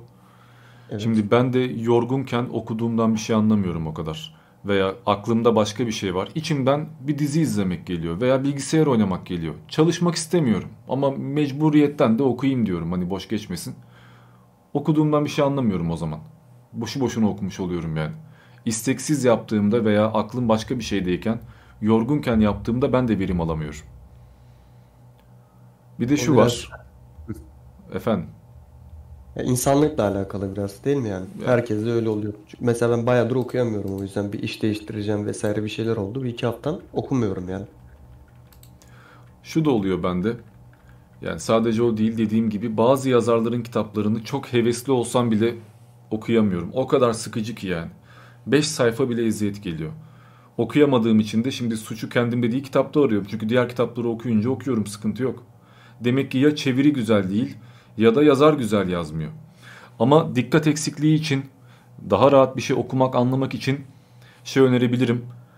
Yani reklam olacak ama Supradine hapları var. Supradine Focus, Supradine All Day hep böyle şeylerde çıkardı. Survivor reklamlarında falan çıkardı yani. Onlar hikaye değil arkadaşlar. Multivitamin içinde 20 tane şey var. Sizin tüm eksikliklerinizi, fiziki ihtiyaçlarınızı karşılıyor. Odaklanmanızı sağlıyor, enerji veriyor, heves geliyor. Çalışmak istiyorsunuz yani. Öyle destek vitaminleri kullanabilirsiniz yani. Hayrını görürsünüz. Enerji verir. Çünkü biyolojik canlılarız ve beynimiz, vücudumuz tamamen kimyasal. O yüzden 3-5 tane böyle hap olur, balık yağı olur, bir şeyler olur, ceviz yemek olur. Hani derler ya zihni açar, aklı geliştirir. Bu doğru gerçekten. Destek kullanabilirsiniz yani ben bazen yapıyorum. Video çekeceğim günlerde mesela öyle bir fokus hapları alıyorum. En azından üşenmiyorum o saatten sonra yapıyorum. Doping gibi. Hı? Doping değil aslında o. Bayağı vitamin, normal vitamin. Doktora gittiğinde mesela bu çocuğun demir eksikliği var diyor. Demir hapı veriyor ya. Bundan farkı yok. İçinde C vitamini, D vitamini, bin tane şey var. Bizde iyi beslenmemekten, iyi uyumamaktan, belki yeterli güneş almamaktan, birçok şeyden kaynaklı ve depresyondan kaynaklı dikkat eksikliği ve enerji eksikliği olur. Halsiz olursun, keyifsiz olursun, agresif olursun, tahammülsüz olursun, bir şey okurken aklın başka yere gider, dikkatini veremezsin. Bunlar önemli şeyler. Yani sınava hazırlanan bir çocuk da bunu kullanır. Bu öyle doping gibi veya steroid gibi algılanmasın yani. Tamamen doğal, faydalı, bakanlık onaylı vitamin hapları bunlar. Yani dediğin gibi bir yerlerden yani doğal şekilde karşılayamadığımız için bu şekilde karşılamamız gerekiyor. Tabii canım sen her sabah kahvaltıda bal kaymak ye, bir avuç ceviz ye, kahveni de iç, her gün yarım kilo et ye, her türlü meyveni günde 5 öğün yemiş ol. Gerekli bütün ihtiyaçları karşılamış ol zaten hayvan gibi olursun. Köy yerindeki insanlara bak veya en basiti bir çobana bak. Adam dinç, sabah dörtte kalkıyor ama bir gram suratında uyku yok. Senin montla üşüyeceğin coğrafyada herif tişörtle geziyor problem yok. Alışmış vücut dinç çünkü. Her türlü ihtiyacı karşılamış. Ama sen burada şöyle kol da yapsan, hayvan gibi body de yapsan, istediğin kadar supplement kullan yine de halsiz, keyifsiz, enerjisiz bir insan oluyorsun. Sporda uykun geliyor. Yani bizim biraz şehir ortamında yaşıyor olmamız da bunu etkiliyor. Bir de yeterince doğal beslenmiyoruz. Hep marketlerde her şey ambalajlı. Çoğu şeyin tarihi geçecek diye indirimli fiyattan veriyorlar. Paran yok diye alıyorsun. O yüzden iyi beslenmiyor olmak ruh halini, zekanı, her şeyini etkiler. Hani parası olan her gün bol bol meyve, sebze, ceviz, fındık böyle şeyler yesin. O kadar parası olmayan da fokus hapları kullansın. Son derece doğaldır, bir zararı da yoktur. Fox hapları da pahalı ya. Yani şu an ne kadar? Mesela 60 tablet galiba. Yok 30 tablet 60 lira falan galiba. Günlük 2 liraya denk geliyor. 2 liraysa verilir ya önemli değil. Zaten asgari ücretle günde kazandığın para şu anda 140 lira. Yani bir aylık bir destek için 60 lira verilebilir. Etkisi daha fazla olur. Yani işteyken de mesela öf 2 saat kaldı bitsin de eve gideyim diye düşünmezsin yani. Bir şeyi keyifle yapmaya başlarsın. Zam gelmiş olabilir. Şimdi 84 lira yazıyorlar. Her hafta bir şeye zam geldiği için ne söylersem söyleyeyim yani. Türkiye'de zamsız bir gün yok ya. Bak kamera aldım GoPro. Hani vlog çıkarırım bir şey yaparım lazım olur diye iade ettim bugün. Daha bugün geldi bugün iade ettim. Niye? Çünkü 900 lira indirim gelmiş mesela. Bazen zam geliyor bazen de indirim geliyor. Dolar çok oynadığı için fiyatı takip edemiyorsun. Geri Oh, iyi indirime indirim girmiş.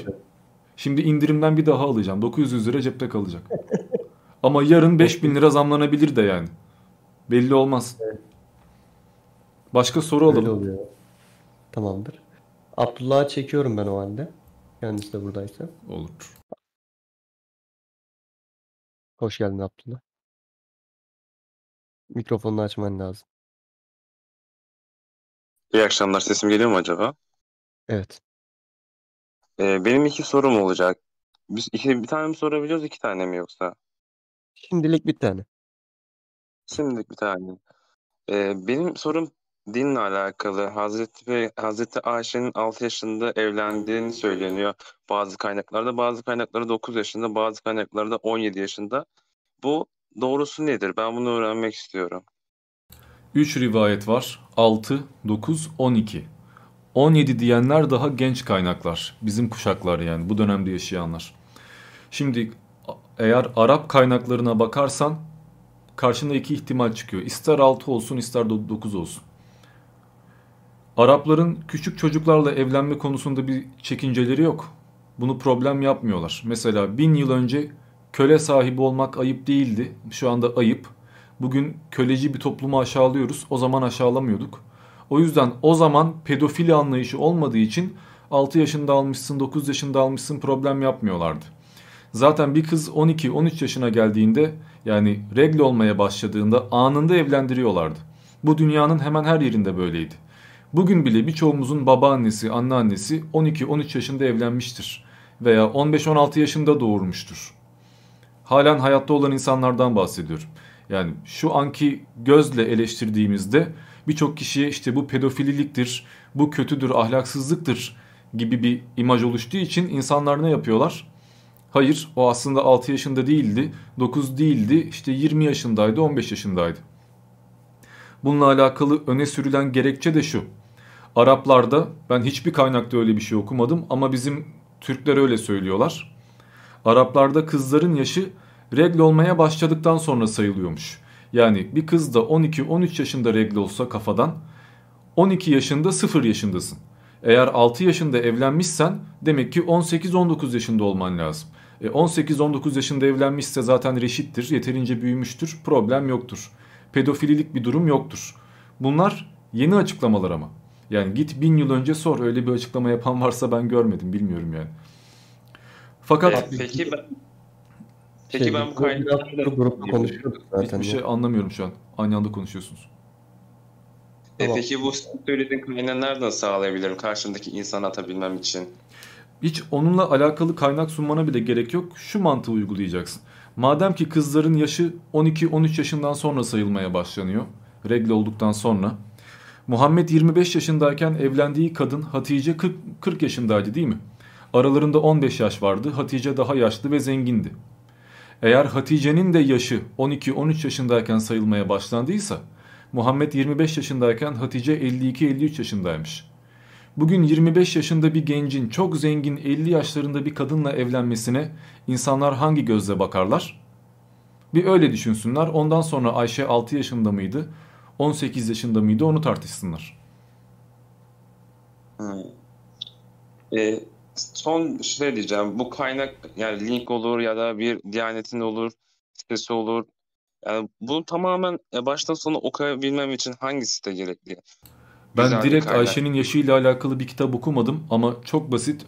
Önerdiğim bir tane kitap vardı. Leslie Hazlitt'ın İlk Müslüman. O bile kitabında bundan bahsediyor. Bir 6 yaşında, bir 9 yaşında, bir 12 yaşında yani İslam tarihiyle ya da peygamberin hayatıyla alakalı okuyacağın hemen her kitapta zaten buna değinirler. Ama özellikle Ayşe üzerine bir kaynak istiyorsan ezberimde yok. YouTube'a yazsan zaten Ayşe ile Muhammed evlendiklerinde vesaire PDF oraya böyle PDF'tir, kitaptır, kaynaktır yazsan aratma motorunda zaten çıkar. Sorularla İslamiyet'te bile bunlara cevap vermeye çalışıyorlar. Altına kaynakları yazıyorlar. Ya sıkıntı şurada Diyanet'te farklı söylüyor. Başka bir sitede farklı söylüyor. Bak farklı bir hoca farklı bir şey söylüyor. Yani hepsi farklı farklı söylüyor. Yani hepsi bir ortak noktayı bulamıyor. Tek bir cevabı yok ki. Problem bu. Şimdi hepsinin kaynağı nedir? Hadistir. E bir tane hadis yok. Aynı konuyla alakalı 10 tane hadis var. Ayşe'nin kendi hayatını anlattığı hikayeler var mesela. Bunlar da hadis diye geçiyor. Ayşe'den naklen diye. Şimdi Ayşe'nin kendisini anlattığı olaylar başka, sahabelerden toplanmış rivayetler başka. Direkt peygamberin ağzından çıktığı söylenmekte olan kesin hadisler başka. Çok fazla rivayet var. Mezhebine, tarikatına veya kişinin kendi inancına göre insanlar başka başka kaynaklar kullanabiliyorlar. Bugün 4-5 tane Müslümanı koyuyorsun, evrim tartıştırıyorsun. Hepsi Arapça biliyor, hepsi 50 yaşında, hepsi ilahiyatçı.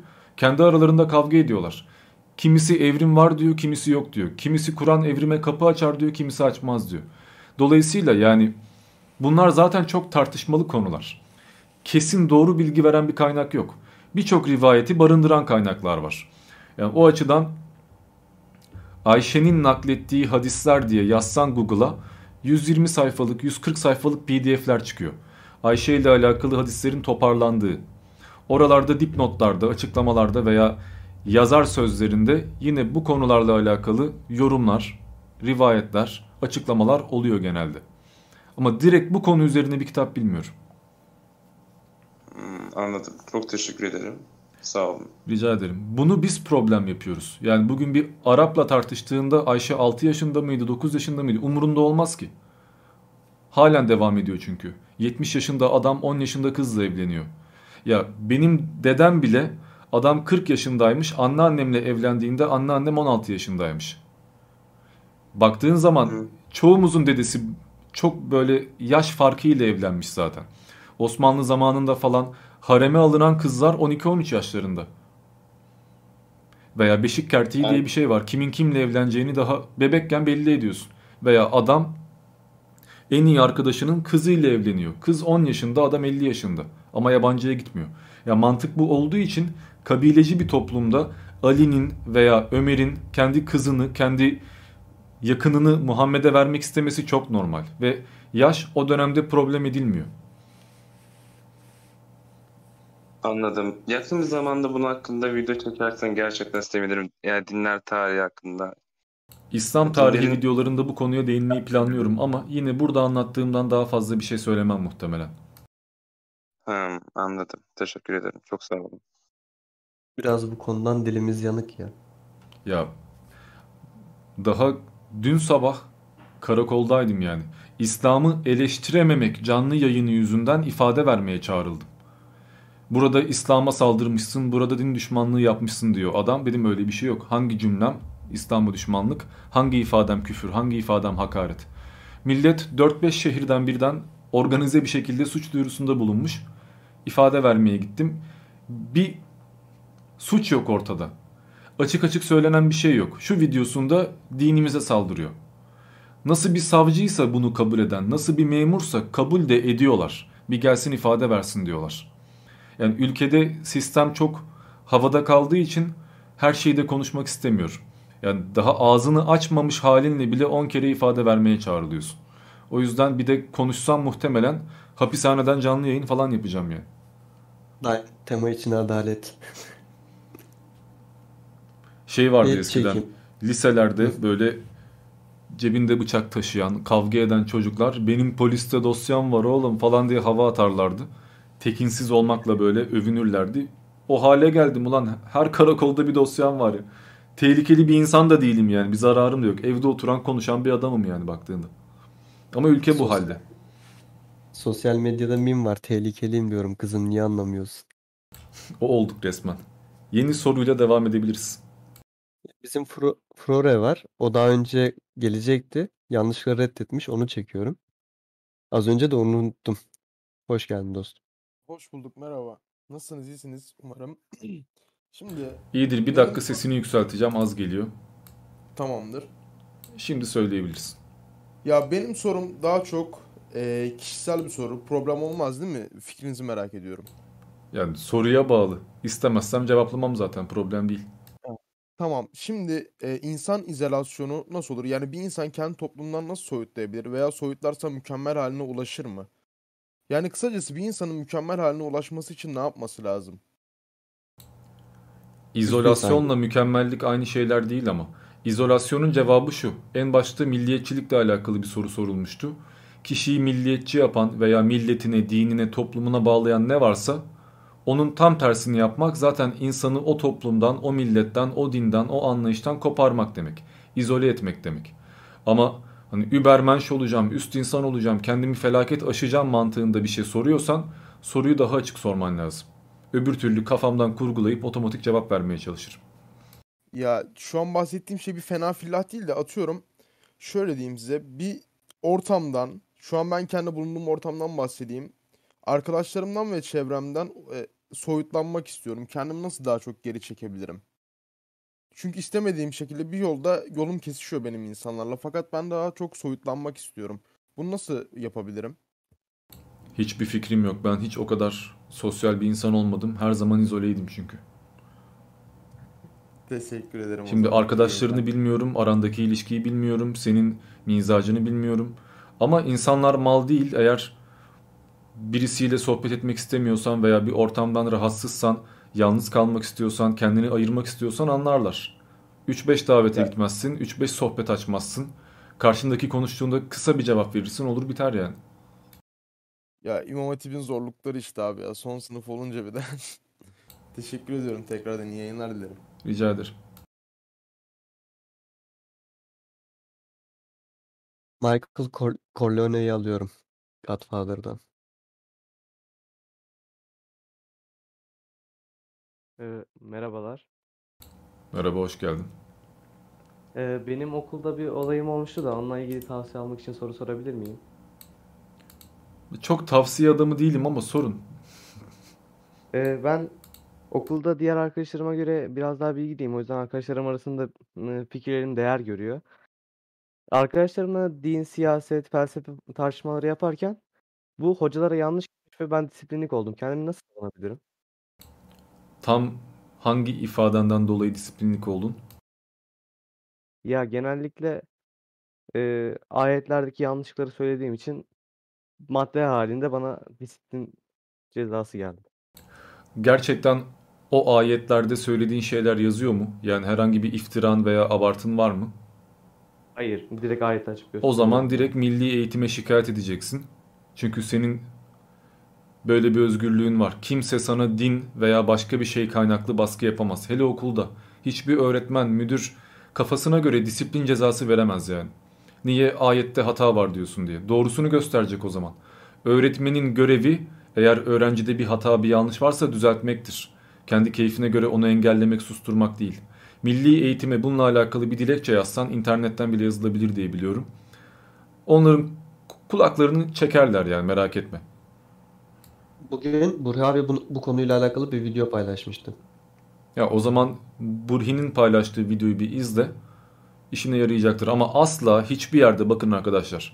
Okul, iş yeri, devlet dairesi ne olursa olsun asla kendinize ezdirmeyin. Yasal bakımdan milyon tane hakkınız var. Ama bilmiyorsunuz haklarınızı ve 3-5 mevkiye gelen insan kendini Allah zannediyor. Ezmeye çalışıyor, bir, bir sürü şey yapıyor. Bir öğretmenin öğrenciyi dövme şansı da yok mesela ama çoğu okulda hala dayak var. Bununla alakalı şikayette bulunsan o öğretmeni görevden alırlar.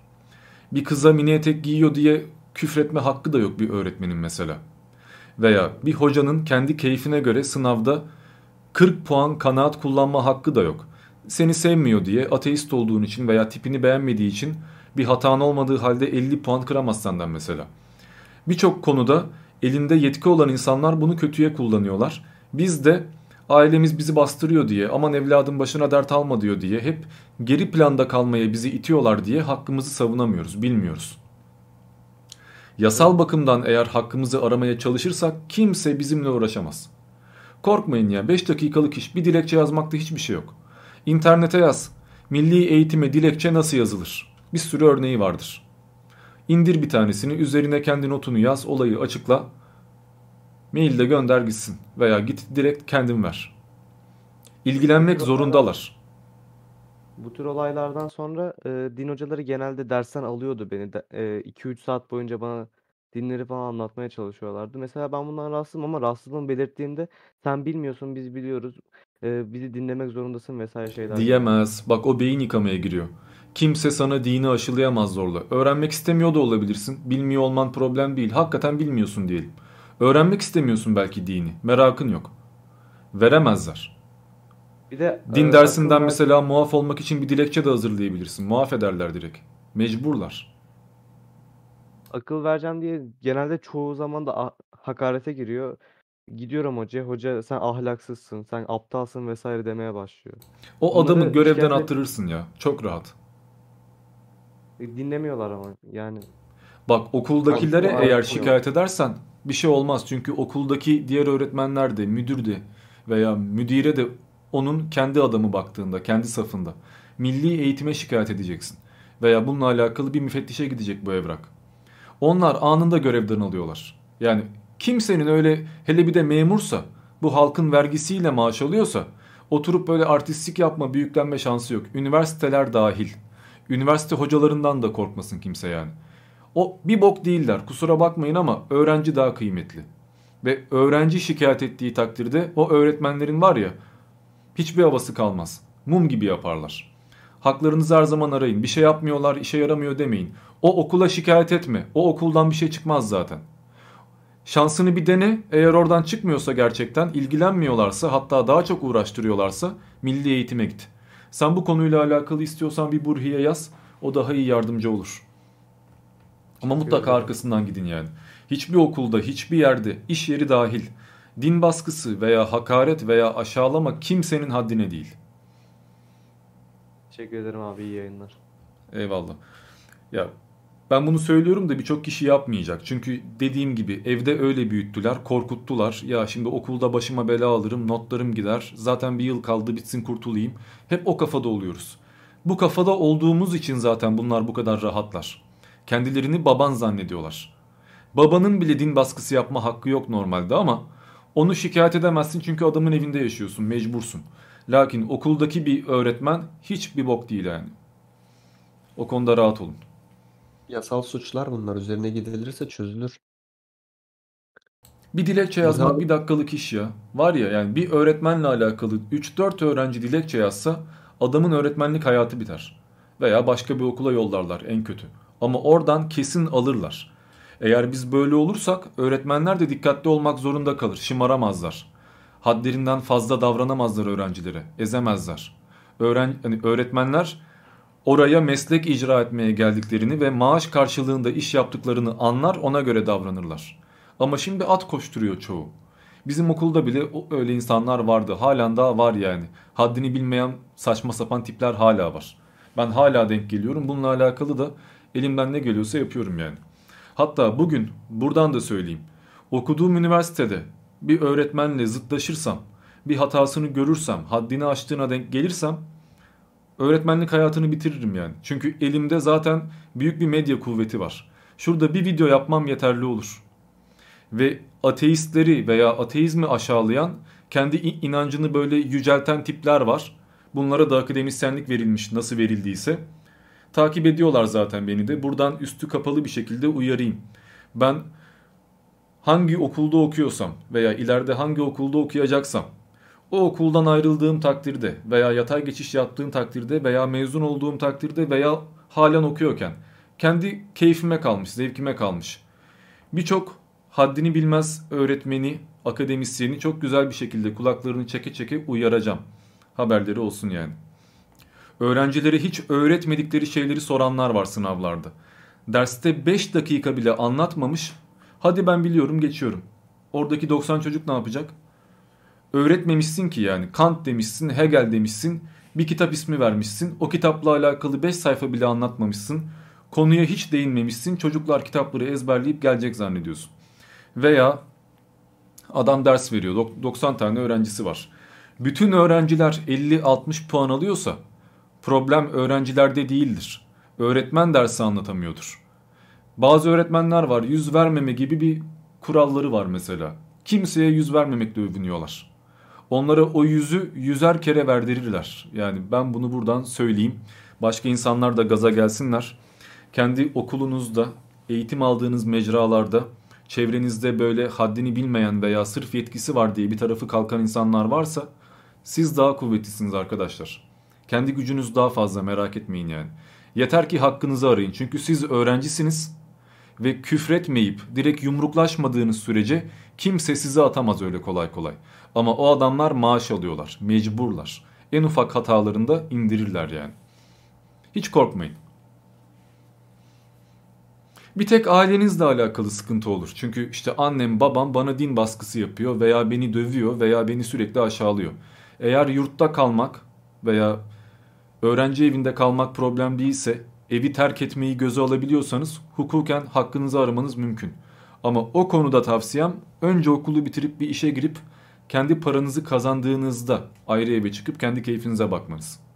Lakin okulda öyle bir dert yok. Okulda öğrenci değil öğretmen dikkatli olmak zorunda. Başka soru alabiliriz. Tam bugün de Burhan abi bu konuyla alakalı bir video atmıştı. Buradan önereyim onu da. Öner Aynen. Berke'yi çekiyorum o zaman buradaysa. Olur.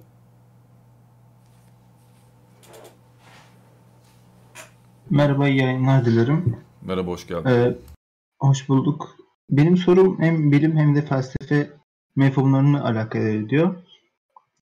Ee, insanlık medeniyeti olarak teknolojimiz 10 yıllar hatta yüzyıllar sonra akıl almaz düzeye gelince ölümden sonrası için bilgi sahibi olma ihtimalimiz var mı? Hiçbir fikrim yok. Gönül ister ki olsun ama ölümden sonrası için bir bilgi sahibi olman için önce ölümden sonrasının tespit edilebilmesi lazım. Ondan sonra orası hakkında bilgi sahibi olursun. Eğer ölümden sonrası diye bir şey yoksa zaten bilgi sahibi asla olamazsın. Şöyle düşün ben gerçekten ölsem ve dirilsem ve ahiret gerçekten var olsa mesela öldüm cennete gittim cehenneme gittim ve diriltildim. Geldiğimde cenneti veya cehennemi anlatma şansım yine olmaz. Çünkü belki de doğduğumda tekrardan diriltildiğimde hafızam sıfırlanıyordur. Ölen kişi gittiği mekanı anlatabilecek şekilde tasarlanmamıştır. Ahiret varsa, ölümden sonrası gerçekse veya bir Allah, bir sistem varsa bu sistem biz diriltildiğimizde veya orayı incelemeye çalıştığımızda sonuç vermeyecek şekilde tasarlanmış da olabilir. O yüzden ölümden sonrasıyla alakalı hiçbir bilgiye ulaşamayız bence ama hiçbir bilgiye ulaşamıyor olmamız da oranın var olmadığını ispatlamaz. Burada bir çıkmaz yol var yani. Çünkü ölümden sonrası ya iş inanç. İstediğin gibi buna bir cevap getirmen veya inancı değiştirmen mümkün. Teşekkür ederim. Şu olabilir. Direkt cennet cehennemden bahsetmiyorum. Metafizik dediğimiz fizik ötesi alemle alakalı belki bilgi sahibi olunabilir. Çünkü 100 yıl öncesi için kuantum boyutu da metafizikti. Zaten fizik ötesi baktığında yani bizim kanunlarımızda işlemiyor. Ama cin var mıdır? Ne bileyim uzaylı var mıdır? Ruh var mıdır? Hayalet var mıdır? Belki bunlara dair bir şeyler öğrenme şansımız çok çok sonra olabilir. Ama o da bizim düşündüğümüz ruh veya cin gibi olmaz. Cin dediğin şey maddesel olmayan bir parazit bir enerji formu çıkar. Hayalet ruh dediğin şey sadece canlılıktan ibaret olur. Yani yine bizim düşündüğümüz, tasavvur ettiğimiz şeylere benzemeyecektir. Yarın öbür gün öte alemle alakalı bir bilgi sahibi olduğumuzda eğer varsa öyle bir şey muhtemelen bugün düşündüğümüz tüm öte alemlerden daha farklı olacaktır. O yüzden bir anlamı olmayacak bence yani. Teşekkürler. Biz teşekkür ederiz. Ya bir de şöyle değil mi aslında Diamond abi? Ölümden sonrası bilinse yani bu kadar bilim, teknoloji veya din çeşitliliği de olmaz ki. Hani biz örnek veriyorum İslam inancı gerçek bir ahiret var. O zaman ne farklı dinler olurdu yani bu kesin kanıtlanmış bir şey olsa veya kanıtlanabilecek bir şey olsa. O zaman bu kadar çeşitlilik de olmaz. Yani insanlar teknolojide ilerlemeyi vesaire de bırakıp sadece ahirete yatırım yapar. Yani dünya çok farklı bir yer olurdu. Eğer bunların kesinleşebilecek şeyler olsaydı. Tabii canım ahiret %100 varsa ve bunu tespit ettiysen herkes ahirete yatırım yapar. Çünkü bu dünya zaten şey olur, geçici olur. Ama işte ahiretin hangi ahiret olduğunu nereden bileceksin? Öte alem var, öğrendin tamam.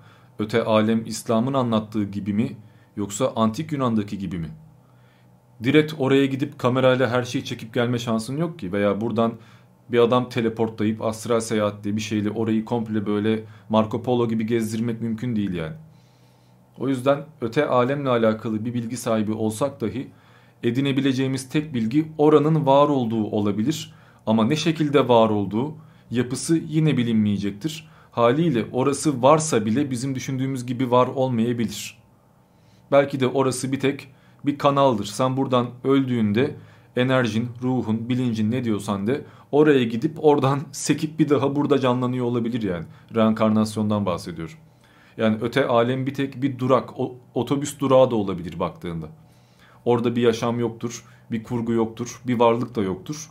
Orası sadece bir göz kırpmadan ibarettir.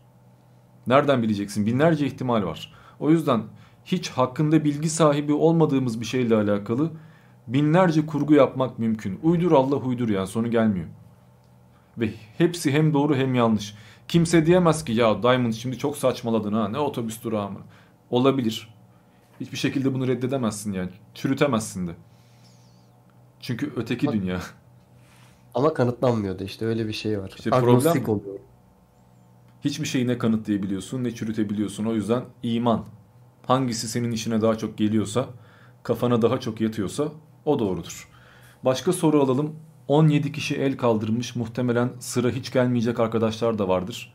Gerçi yayını erken bitirmeyebilirim. Belki 1 saat 2 saat daha devam ederim. Belki 5 saat canlı yayın yaparız. Keyfimize kalmış yani. Herkes tatmin olsun da o zaman bakarız. Tamamdır o halde ben soru sormayanlardan çekiyorum. Caner, Caner'i çekiyorum. Bu arada işi olan adminler de şimdi yayın uzar çıkabilirler. Problem değil yani. Veya Velasco yoruldu başkası gelsin diyenler varsa admin değişimi de yapılabilir. Yok ya ben iyiyim. Sabaha kadar burada olabilirim. Gece uyumuyorum zaten. Adminlerin zaten şu an el kaldırmaktan ziyade direkt konuşmacı olma hakları var değil mi? İsteyen buraya gelebiliyor yani. Tamam gelmek isteyen, arada soru sormak et- veya kendisi bir şekilde cevap vermek isteyenler olursa katılabilirler. Ben bazı sorulara cevap vermiyorum. Ben verebilirim, sıkıntı yok diyenler varsa zaten kimliğim belli değil, rahatım. Sıkıntı yok yani. Sizler de cevap verebilirsiniz. Caner hoş geldin. Hoş buldum. Öncelikle herkese merhaba, iyi akşamlar. Sorum şu, abi sana göre bugünlerde dinsiz ve inançsız kişi sayısının artışı nedir? Özellikle de genç nüfusta. Cevabı hepimizin bildiği cevaplar ya. Bir, din politikası insanlar dinden soğudu. Dini ne kadar iyi gö- görürsen o kadar bağlanırsın, ne kadar kötüyse o kadar uzaklaşırsın yani. Bu çok normal bir şey. Ben bu dine niye iman edeyim ki şu tiplere bak deyip dinden soğuyan çok fazla insan var. Bu bir. İkincisi de internet. Eskiden milletin evinde ansiklopedi haricinde kitap yoktu. Onları da kimse okumazdı. Şimdi herkesin bilgisayarında, telefonunda binlerce kitap var. Sesli kitaplar ayrı, şu şekilde videolar ayrı, yayıncılar ayrı. Amerika'da konuşan bir adamın ne düşündüğünü buradan öğrenebiliyorsun çok rahat bir şekilde yani. Dünyayı çok fazla, çok hızlı bir şekilde tanıyıp fikrini hıp hızlı değiştirebiliyorsun. Baktığında her yıl ideolojimiz değişiyor. Geçen yılki halinize bakın, kendinize bakın. Ben malmışım diyorsunuzdur muhtemelen. Beğenmediğiniz tonla şey vardır. Önceki kendinizle alakalı. Eskiden insanlar 10 yılda 20 yılda anca değişebiliyorlardı. Sabit fikirlilerdi. Bilgileri fazla körüklenmişti yani hemen değişmiyordu. Adam köyünden veya şehrinden dışarı çıkmıyordu. Başka bir şey bilmiyordu. Solcu tam solcuydu, sağcı tam sağcıydı vesaire. Şimdi kimse tam anlamıyla fanatik olamıyor. Çünkü adamın her gün kafası karışıyor, bir sürü şey görüyor. Haliyle hem din yanlış uygulandığından hem de artık dinden başka şeylerle de dünyayı anlamlandırabildiğimiz ve açıklayabildiğimizden dolayı bilimin, teknolojinin, internetin gücünün bu kadar göz önünde olmasından dolayı insanlar dine ihtiyaç duymuyorlar. Duymadıkları için daha rahat sorguluyorlar, korkmuyorlar. Sorgulayınca da zaten Aa, şurasında şöyle bir hata var, burasında böyle bir hata var diyorlar ve komple çıkıyorlar. Ama 60-70 yaşındaki bir insana söyle, ayet göster veya bir hatadan bahset, tartışmaya bile girmez. Yanlış olduğunu içten içe bilse dahi o saatten sonra sorgulamaz. Belli bir yaştan sonra daha zor böyle şeyler, namusa dönüşüyor çünkü. Ama gençler için her şey daha rahat. Olay bu yani. Teşekkür ederim, iyi yayınlar. Teşekkürler.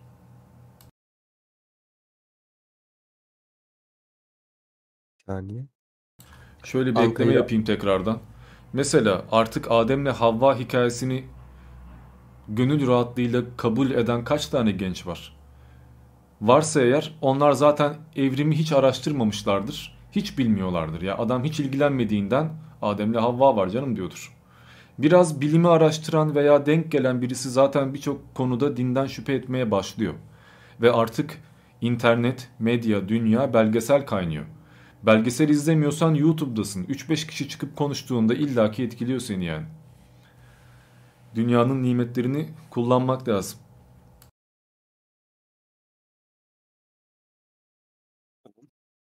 Çekeyim mi yeni kişi? Olur olur. Anka'yı çekiyorum halde.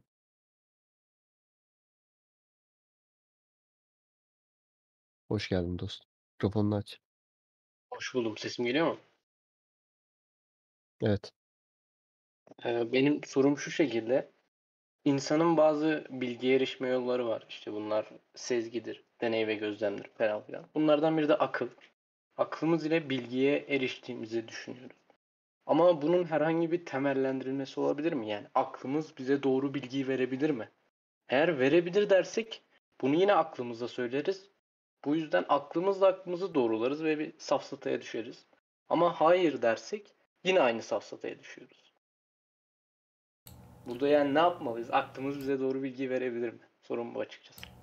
Akıl mantıkla çalışıyor ve mantıkta kandırılabilen bir şey. Ya mantık temellendirmelerden ve kabullerden hareket ediyor. İki tane önerme, iki tane birbiriyle uyuşan önerme ortak bir sonuca ulaştırıyor seni. Mesela şöyle söyleyeyim daha rahat anlaşılsın. Eğer yağmur yağarsa yerler ıslanır. Burada bir önerme var. Yağmur yağdığı takdirde yerler ıslanacaktır. Yerler ıslaktır. Bu da ikinci önerme. Bu iki önerme toplandığında öyleyse yağmur yağmıştır sonucuna götürüyor. Halbuki adam hortumla yıkamış da olabilir. Ama bu iki önerme akıl, mantık seni sadece yağmur yağmıştıra götürür. Eğer yağmur yağarsa ve şöyle şöyle olursa ve şöyle şöyle olursa ve şöyle şöyle diye 5 milyon tane ayrıntı dizip o şekilde ne olursa olsun doğru çıkacak bir önerme çıkarmaya çalışırsın ki bu zaten felsefedir. Bu da yine aklının yettiği kadarıyla sana doğruyu verecektir. Eğer yağmur yağarsa plus, hortumla bir adam yerleri ıslatırsa plus, diamond yere işerse plus, bin tane ekle yani. Sonucun her türlü doğru çıkmasını sağlayacak şekilde 5 milyon tane önermede bulunduktan sonra doğru cevaba ulaşabiliyorsun ki her zaman aklına gelmeyen önermelerin bulunması ve aklına gelmeyen ihtimallerin bütün bu doğru kabul ettiğin sonuçları yalanlaması da mümkündür. Bilim de mesela o şekilde ilerliyor. Bilim hipotezleri kurguluyor. Deneyler, gözlemler, bazı teoriler, fikirler şöyle şöyle olursa şöyle olur, böyle böyle olursa böyle olur. Su 100 derecede kaynar vesaire. Fakat o suyu mesela çok yüksek bir dağın tepesine çıkardığında aynı şekilde kaynamayacak veya okyanusun ortasında kaynatmaya çalıştığında aynı şekilde kaynamayacak. Değişkenler senin o tezini değiştirecekler. Bütün ihtimalleri hesaplama, bütün sonuçları hesaplama şansımız olmadığı için de akla güvendiğimiz takdirde her daim hata yapmış olacağız. Ama akıl geçici bir süreliğine en azından şimdisi için en doğruyu verebiliyor bize. Tabi bunu da akılla söylediğim için bir paradoks yaratıyor. Çünkü bunu da akıl söylettiğine göre yanılıyor olamaz mıyım? Belki eksik düşünüyorum, yanlış düşünüyorum. Bunun sonu gelmiyor işte. Bununla alakalı şey okunabilir mesela. Sextus Empiricus'un Kuşkuculuk diye bir kitabı var. Orada niçin kuşku duymalıyız diye 10 tane konudan bahsetmiş. Tropus diye geçiyor bunlar. Duyu organlarımızın bizi yanıltması, aklımızın bizi yanıltması, cihazların bizi yanıltması bir sürü şey. Toplam 60 sayfa o bölüm. Eğlenceli bir bölüm. Bence bakın. Bu bağlamda o zaman bilgiye ulaşılamaz denilebilir mi? Denilebilir. Ben o yüzden zaten kuşkucuyum. Bilgiye ulaşıyorsun ama ulaştığın bilginin nihai olduğunu söyleyemiyorsun. Bilgi ve gerçek bulunabilir lakin hakikat ulaşılamazdır. Ve hakikat bir tek Allah'tan ibaret değil. Felsefede bile felsefi iman diye bir şey var. Bir yerden sonra filozoflar artık kesin bilgiye ulaşamayacaklarından kendi tezlerine veya kendi yöntemlerine iman ediyorlar. Aklım, mantığım, kendi deneylerim bana bunun daha doğru olduğunu gösterdi. Ben de bunu kabul ettim diyorlar. Bu yüzden bir sürü felsefi akım var. Bilim de bir yerde imandır. Bin tane gözlem yapıp, test edip onların doğru sonucu verdiğini düşünüyorsun. Bilim felsefesi videosunda zaten bundan bahsetmiştim gene. Veya Popper'in yanlışlanma kuramından bahsetmiştim vesaire. O izlenebilir.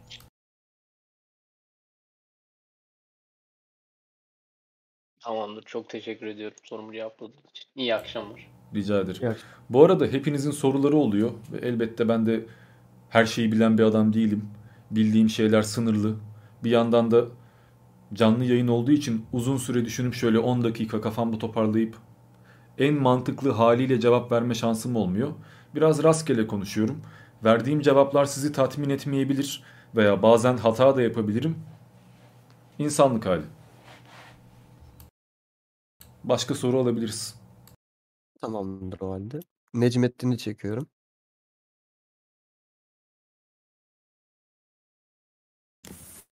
İyi yayınlar sesim geliyor mu? Geliyor. Bir dakika sen sorunu sormadan birkaç tane isim okuyayım. Yine boşladım.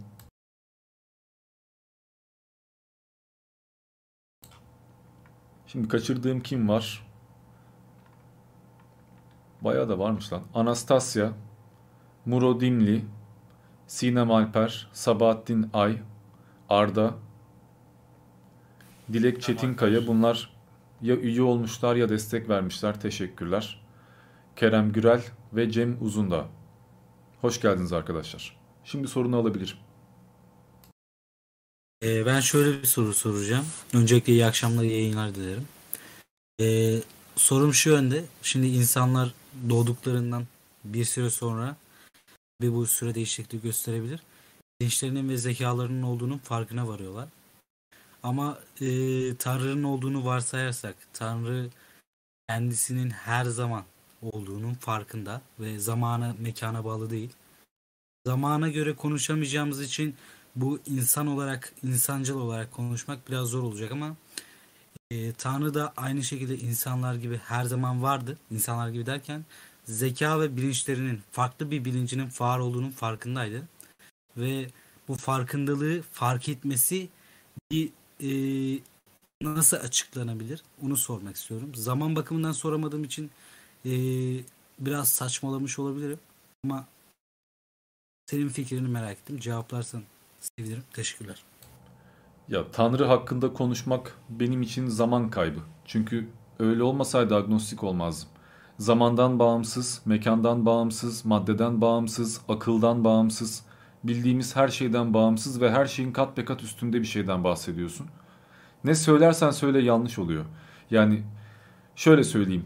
Hiç bilmediğin, hiç var olmayan sayılarla toplama çarpma yapmaya çalışıyorsun. Hiçbir sonuç vermez. Hiç olmayan renklerle boyama yapmaya çalışıyorsun. Bir sonuç vermez. Hiç olmayan harflerle yazı yazmaya çalışıyorsun. Yazamazsın ki. Bir anlamı olmaz. O yüzden Tanrı hakkında hiçbir şey bilmiyorken onun hakkında şöyledir, böyledir, bence böyle yapmıştır, şöyle olmuştur demek doğru gelmiyor. Çünkü Tanrı hakkında bir yargıya varabilsem eğer işte Tanrı kendini şöyle fark etmiştir veya Tanrı şu yüzden yaratmak istemiştir veya Tanrı şöyledir diyebilsem o dediğim forma uygun bir felsefe veya din vardır zaten. Çünkü insanlar söylenebilecek her şeye uygun bir Tanrı yaratmışlar. Bu durumda ona iman etmem gerekirdi. Yani milletin hiçbir şey bilmeyip de kendi kafasından uydurduğu tanrılardan başka bir şey söyleme şansım yok. O yüzden hiçbir şey söylemiyorum. Çünkü ne söylersem söyleyeyim yanlış olacak. Anladım teşekkürler. Peki başka bir soru daha sorma e, şansın var mı buna bağlı olarak? Olur sor. E, şimdi bu bakımdan düşündüğümüzde daha demin de senin belirttiğin gibi bunların insanların yarattığını düşünüyorsun sanırım. Ben de şu şekilde bir düşüncem var. Ee, insanların dini toplumu yönlendirmek veya yönetmek amacıyla e, yaratıldığını ve kurulabileceğini düşünüyorum. Sence böyle bir şey mümkün mü? Mümkün. Ya en güzel sözü Marx söylemiş. Çok sevmem ama adam arada güzel aforizmalar yapıyor. Din ruhsuz dünyanın ruhu, kalpsiz dünyanın kalbi ve halkın afyonudur. Halka hayat amacı verir, ahlak verir, düşük zekalı insanları bir arada tutar. Yüksek zekalı insanlar da dine sahip olabilir. İlla da dindarlar maldır demiyorum öyle anlaşılmasın. Ama insanları bir arada tuttuğu ve onları toplum yaptığı bir gerçektir. Ayrıyeten afyon görevi görüp onları sana bağlar. Bu da iyi bir özellik. O yüzden Tanrı var olsun veya olmasın dine her zaman lüzum vardır. Eğer başında Tanrı olan bir din düşünmeyecekse, başka bir şey uydurmak gerekecekse bir gün, bu durumda din deme buna ideoloji de. Sosyalizm de, Marksizm de başka bir şey de fark etmiyor. İlla da Tanrı kavramı şart değil ama sonuçta muhtemelen birkaç bin yıl boyunca daha Tanrı kavramı şart olacak. Şu an lazım. Ben o yüzden Tanrı'yı da insanların uydurduğunu düşünüyorum. Çünkü baktığında bu antik çağlarda çok rahat anlaşılıyor. Bugün Şehirden bir uzaklaşın. Fırtınalı böyle şimşek çakan günlerden birinde mümkünse bir ormana falan çıkın. Doğaya, boşluğa bir kendinizi atın. O kadar korkunç ki. Biz şu anda evimizde oturuyoruz. Etrafımız duvar kaplı. Üstümüzde kıyafetler var. İsteyince battaniye çekiyoruz vesaire.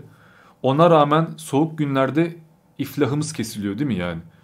O soğukta üstünde kıyafet bile olmadan, vahşi ortamda, ayağında ayakkabı olmadan yağmur yağarken donar vaziyette etrafında vahşi hayvanların olduğu bir ortamda yaşamak ve akıl almaz gök gürlemeleri, volkan patlamaları, depremler, ağaçların böyle böyle sallanmaları falan insanda gerçekten bir korku yaratır. Birisi seni korusun istersin yani bu bir ihtiyaçtır.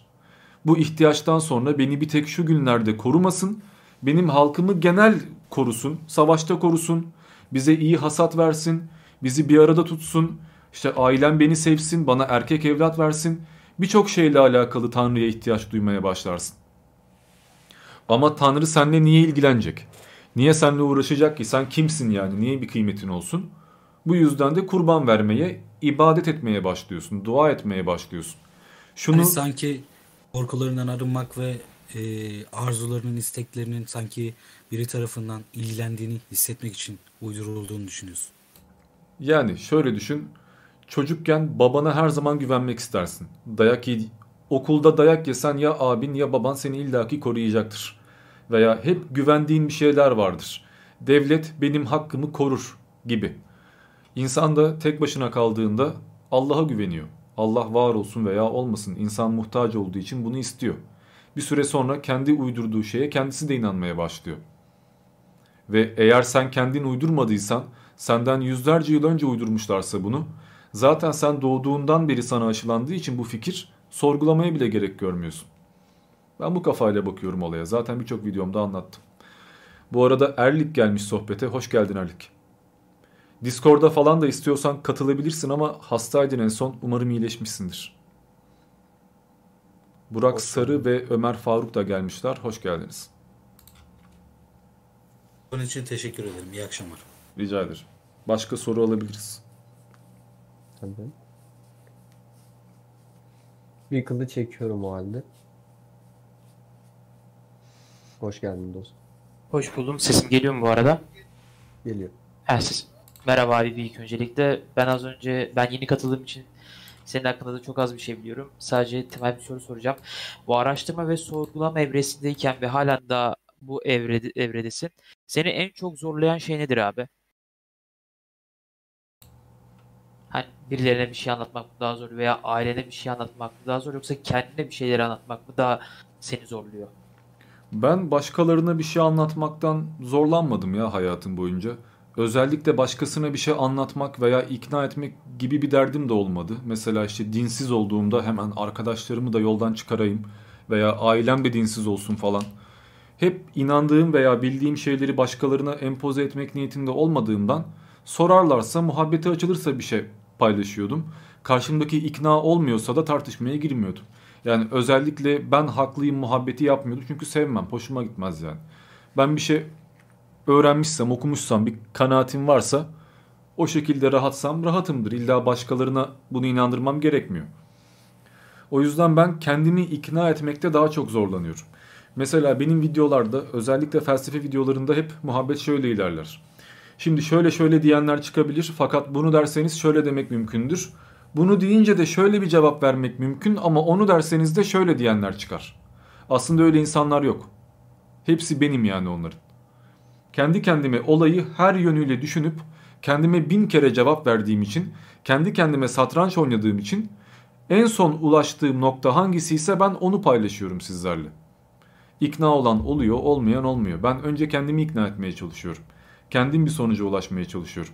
Bu yüzden de bir şey anlattığımda mesela Atatürk'ten bahsettiğimde bir Atatürk düşmanı nasıl düşünür, hangi kitapları yazmıştır, ne anlatır onları da biliyorum. Veya İslamiyet'ten bahsettiğimde Nurcusu nasıl anlatıyor, Nakşibendisi nasıl anlatıyor, Hanefisi nasıl anlatıyor, Şafisi nasıl anlatıyor. Hepsini zaten bir incelemişim ve onlar gibi düşünmeye çalışmışım. Onlarla aynı noktaya ulaşıp ondan sonra kendimi ortaya koymuşum. O yüzden benim kendim ikna olmam daha zor.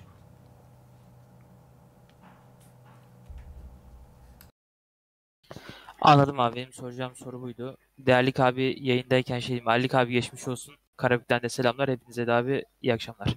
Eyvallah. Başka soru alabiliriz. Kayafa'nın öpücüğü. Davet attım ben. Umarım evet geldi. Hoş geldin. Sesini alamıyoruz ama. Merhaba, hoş buldum. Sesim geliyor mu? Evet. Hoş buldum.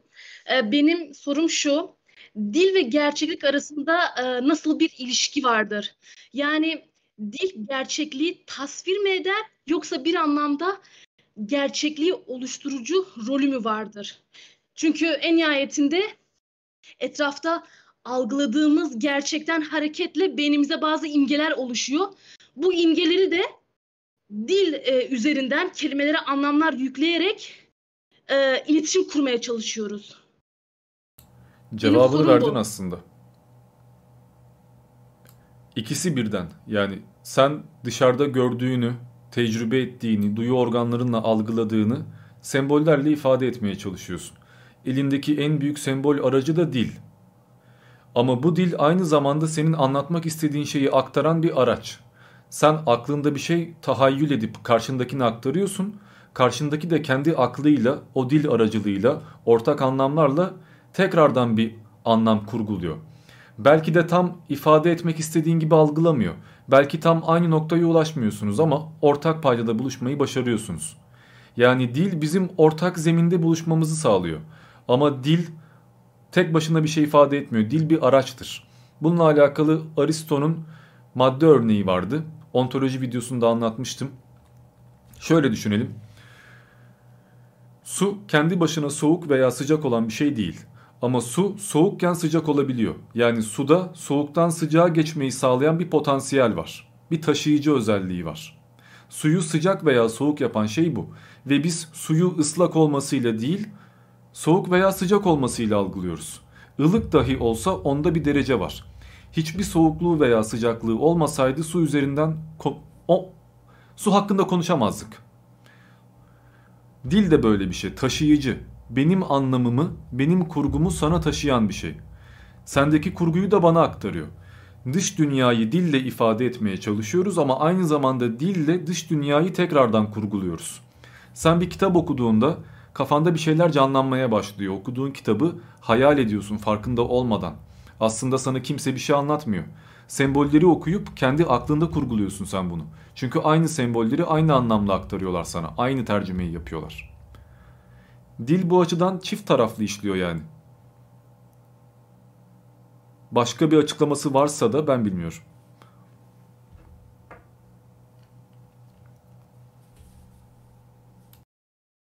Peki. Daha eklemek istediğim bir şey var mı? Hmm, sesi geldi. Bu arada bir öneride bulunayım. Ömer Aygün'le yaptığımız bir yayın vardı. Akıl üzerine. Orada dil muhabbetinden de bahsetmiştik. Hayvanların dili nasıl kullandığı ile alakalı biraz konuşmuştuk. Fena bir yayın değildi. Merak edenler bakabilir. Ama tabii bu, bu konu hakkında hani Wittgenstein gibi insanlardan bahsetmek direkt üzerine video yapmak lazım. Şu anda o kadar bilgili olduğumu düşünmüyorum bu konuda.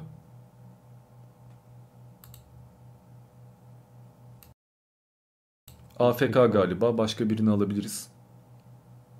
Öyle yapalım. Konyalı yüzünü gizleyen bey. Yani namı diğer Mehmet. Hoş geldin. Selam. Hoş bulduk. Hoş geldin. Ee, sorum şu olacaktı abi. Ee, barış, e, savaş olmadan barış olur mu sence? Barış savaşın tersi zaten. Yani biri olmadan diğeri olmaz. Sıcak olmadan soğuk olmaz gibi bir şey bu. Anladım. Yani barışmak için savaşmamız mı gerekiyor? Hayır yani bir, bir tanesi ötekine muhtaç değil ama sonuçta savaş diye bir şey hiç olmasaydı barış diye bir şey de olmazdı. Normal hayat zaten savaşın olmadığı hayat olacağından, savaş kavramı oluşmayacağından barıştan da bahsetmeyecektik. E, Peki ilk savaşın çıkmadığı an bu gözle bakıldığı zaman barış anı mı, barış hali mi oluyor? Öyle bir an yok. Hücresel ölçekte bile hep bir savaş var. Senin şu anda vücudunda binlerce bakteri mücadele veriyor. Virüsler çoğalmaya çalışıyor vesaire vesaire. Hayvanlar ortamında bak savaş deyince illa da elimize tü- tüfeği alıp binlerce kişi arkamızda bir generalle organize bir şekilde savaşmak zorunda değiliz. Savaş kavganın büyüğüdür. Kavga mücadeledir, dövüştür. Birbirini yenmedir. Bir tarafın diğer tarafa üstün gelme istemesidir. Savaş bunun örgütlü versiyonu. Ve bu mücadele bir tarafın diğer tarafa üstün gelmek istemesi canlılığın başından beri var. Canlılığın ortaya çıkması bile cansızlıkla mücadele zaten.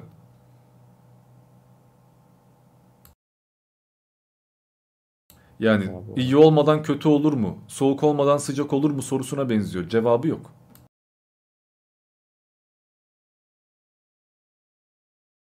Eklemek istediğim bir şey var mı Mehmet? AFK galiba. Ben dinleyicileri alıyorum. Bir sonraki soruyu çekiyorum abi valla. Tabii tabii.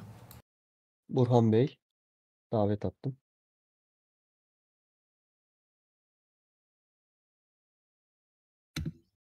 Ee, Merhabalar Diamond. Sesim geliyor mu? Evet. Sesini şimdi yükselttim. Ben bir yandan da yayına iyi gitsin diye onunla uğraştığım için geç cevap veriyorum. Kusura bakma. Hoş geldin. Şey, hastayım ben de de biraz kusura bakmayın sesim biraz kısık korona. Geçmiş olsun. Teşekkür ederim. Benim sorum biraz kişisel ol- olabilir. Ee, ben ülkelerin yönetim biçimleri hakkında sana bir şey sormak istiyordum. Tabii. Sana göre, yani fikrine göre mükemmel bir yönetim biçimi var mı? Veya mükemmele en yakın yönetim biçimi nedir? Yok ve en yakın yönetim biçimi hakkında konuşmam da mümkün değil çünkü yönetimin mükemmelliğini toplum sağlıyor. Ve kimin yöneteceği de önemli. Ben mesela demokrasiye karşıyım. Bence hiçbir zaman ba- başarılı olmayacak bir sistem demokrasi. Çünkü her zaman çoğunluk mal olacaktır. Hangi ülkede olursa olsun. Ama teokrasi deyince veya bir kişinin hükmettiği tek adam rejiminden bahsediyorsak başa mal birisi geçtiğinde ülke batıyor. Hep akıllı insanlar da başa geçmeyecekler. Tarih bunların örneğiyle kaynıyor. Teknokrasiden bahsedersen eğer bu sefer belli bir zümre zaten halkı şekillendirmeye başlar ve daha sonra 50 yıl sonra hangi adamın başa geçeceğini bile onlar seçmeye başlarlar. Bu durumda kimseye zaten hak tanınmaz. Torpilcilik oluşur. Plütokrasiden bahsedersen zenginler yönetsin, fakirler kalsın bunun sonu gelmez. Yani hangi yönetim biçiminden bahsedersek bahsedelim hep bir açığı var. Hep her şey mükemmel işlediği takdirde problem çıkmayacak diyoruz. Her şey mükemmel giderse demokrasi de işe yarar. Tüm halk yüksek IQ olsun, kimse mal olmasın. Oh mükemmel. Ama öyle bir ihtimal yok. O yüzden her yönetim şekli hata barındırıyor. Halk iyi olacak, lider iyi olacak. Anca ondan sonra rahat ediyorsun. Ama böyle bir sistemde hem halk hem de lider iyiyken zaten her sistem yürür. Her yönetim şekli tutar. O yüzden bir şey söyleyemiyorum. Ne söylersen boş konuşma olur. Benim ideal bulduğum bir yönetim şekli yok. Ama bir şekilde yönetilmek zorundayız. O yüzden kötünün iyisiyle id- idare ediyoruz. Ehven işer yani. Ben başa geçersem belki işler değişir. Peki teşekkürler tekrardan iyi yayınlar. Rica ederim.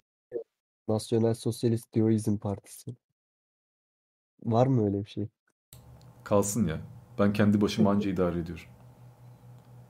Hiçbir şeyi Şey mi? temsil etmeyeyim ben.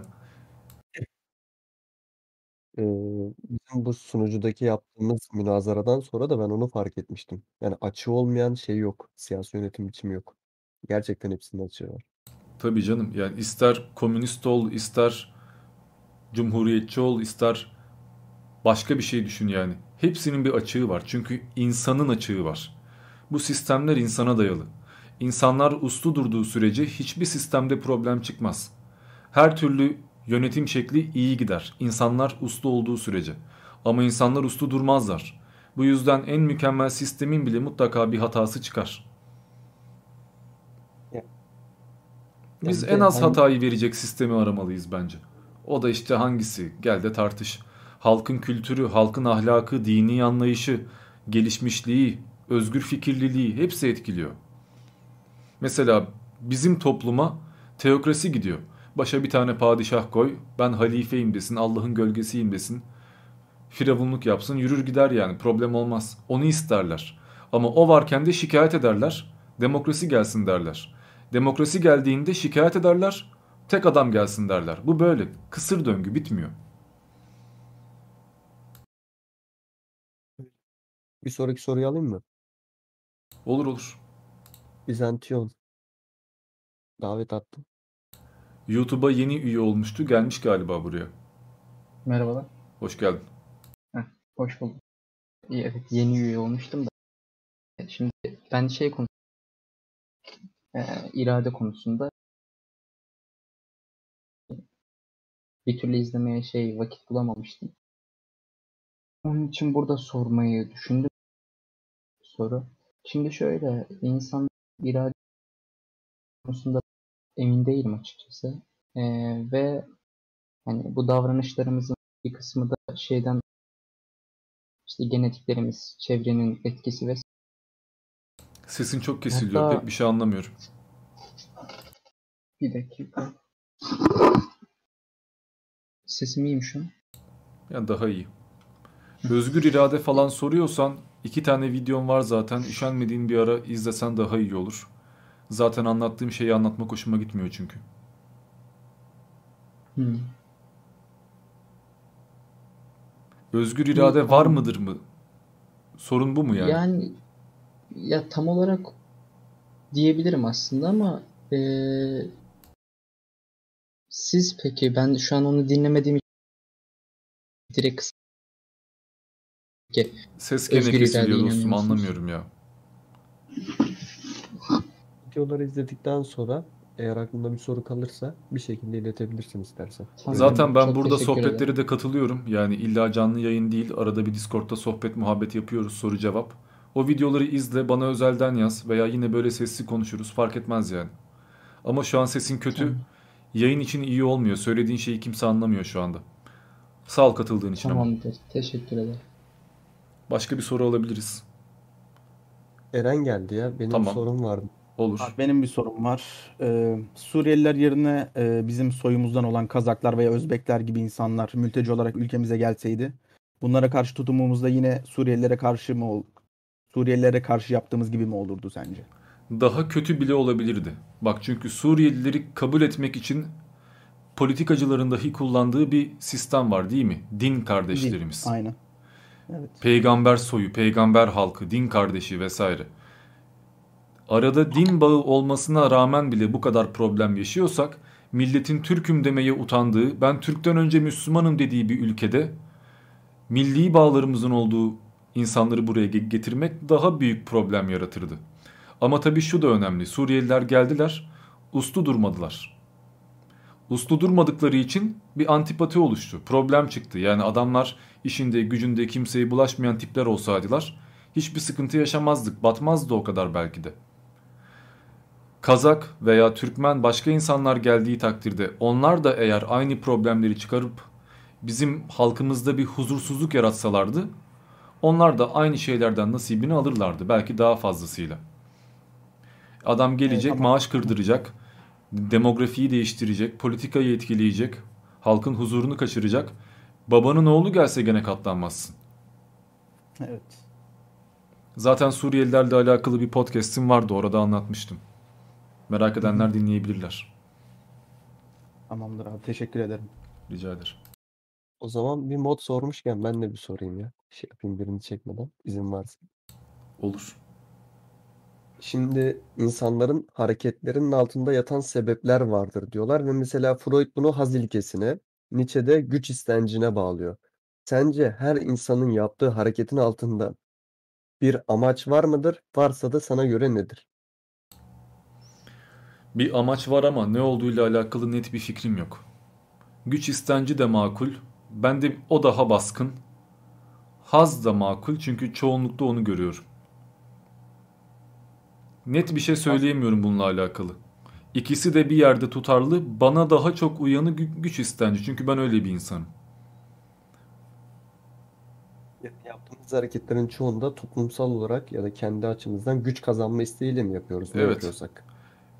Okulda başarılı olmak istemen, iyi bir iş sahibi olmak istemen, iyi bir sevgilinin olmasını istemen, insanlar tarafından beğenilmek, güzel bir kıyafet giymek, başarılı bir insan olmak, arkadaşlarından daha üstün olmak veya spor yapıp iyi bir vücut sahibi olmak istemek, iyi bir ülkede yaşamak istemek, iyi bir tarihe sahip olmakla övünmek, atalarınla böyle feyiz almak, başarısızları görmeyip başarılı insanlarla sağda solda hava yapmak veya bir kuzeninle bir akrabanla bile böyle bak benim kuzenim şurada çalışıyor demek hepsi güç istencine aslında bakıyor.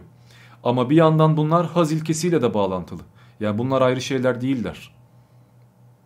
İkisi Ne ortak kadar- bence ama bende güç istenci daha baskın. Biri şey işte ya. Ne kadar güçlü olursan o kadar iyi biriyle cinsel bir ilişkide bulunabilirsin. Yani sen konum olarak ne kadar yukarıdaysan aynı sev- senin seviyende biriyle yani bir birlikteliğin olur. Yani güç istencinin sonu haz ilkesinde bitiyor diye. İşte diyorum ya bağlantılı. Peki abi. Şöyle bir sıkıntı var. Biz antik çağlarda, vahşi çağlarda yaşadığımız gibi yaşamıyoruz. O zamanlar hayat çok basitmiş. Herkesin amacı zaten hayatta kalmakmış, gü- güçlü olmakmış. Haz dediğin şey ölmemekten ibaret. Seks yapmaktan ibaret. Bir erkek çocuğunun olmasından ibaret. Lüks yok, konfor yok.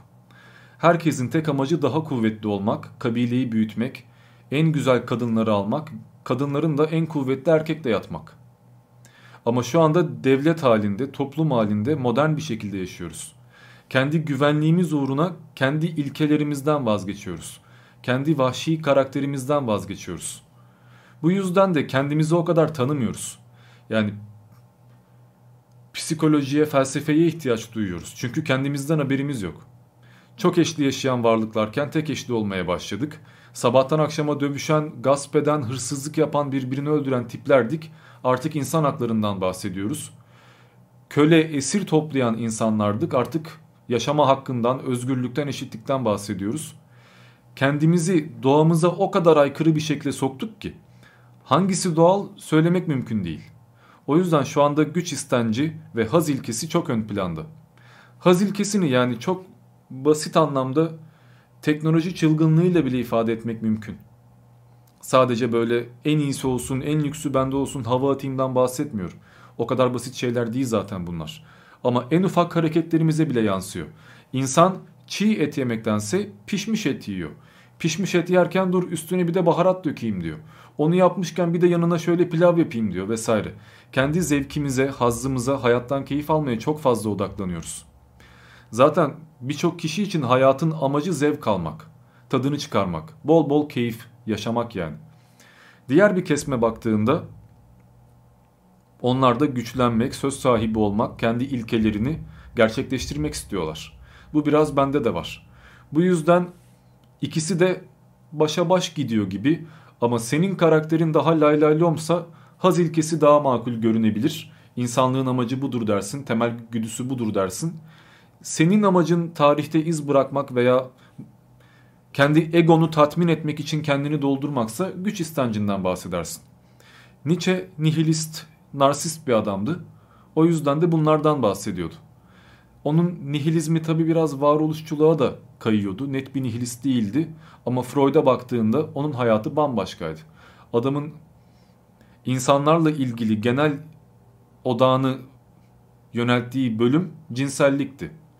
Cinsiyetlerdi. Kadın erkek arasındaki farklardı. Temel hareketlerimizin altında yatan sebeplerdi. Genelde incelediğinde bakıyorsun insan hazza dayanıyor.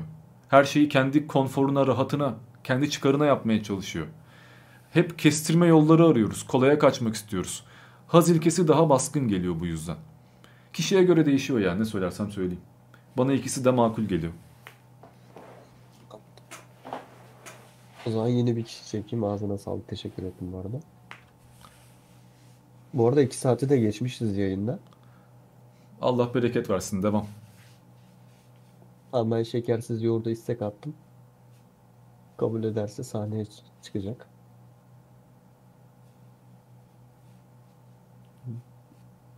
Hoş geldin. Mikrofonunu açman gerekiyor. Sesim geliyor mu şimdi? Geliyor. Merhaba öncelikle.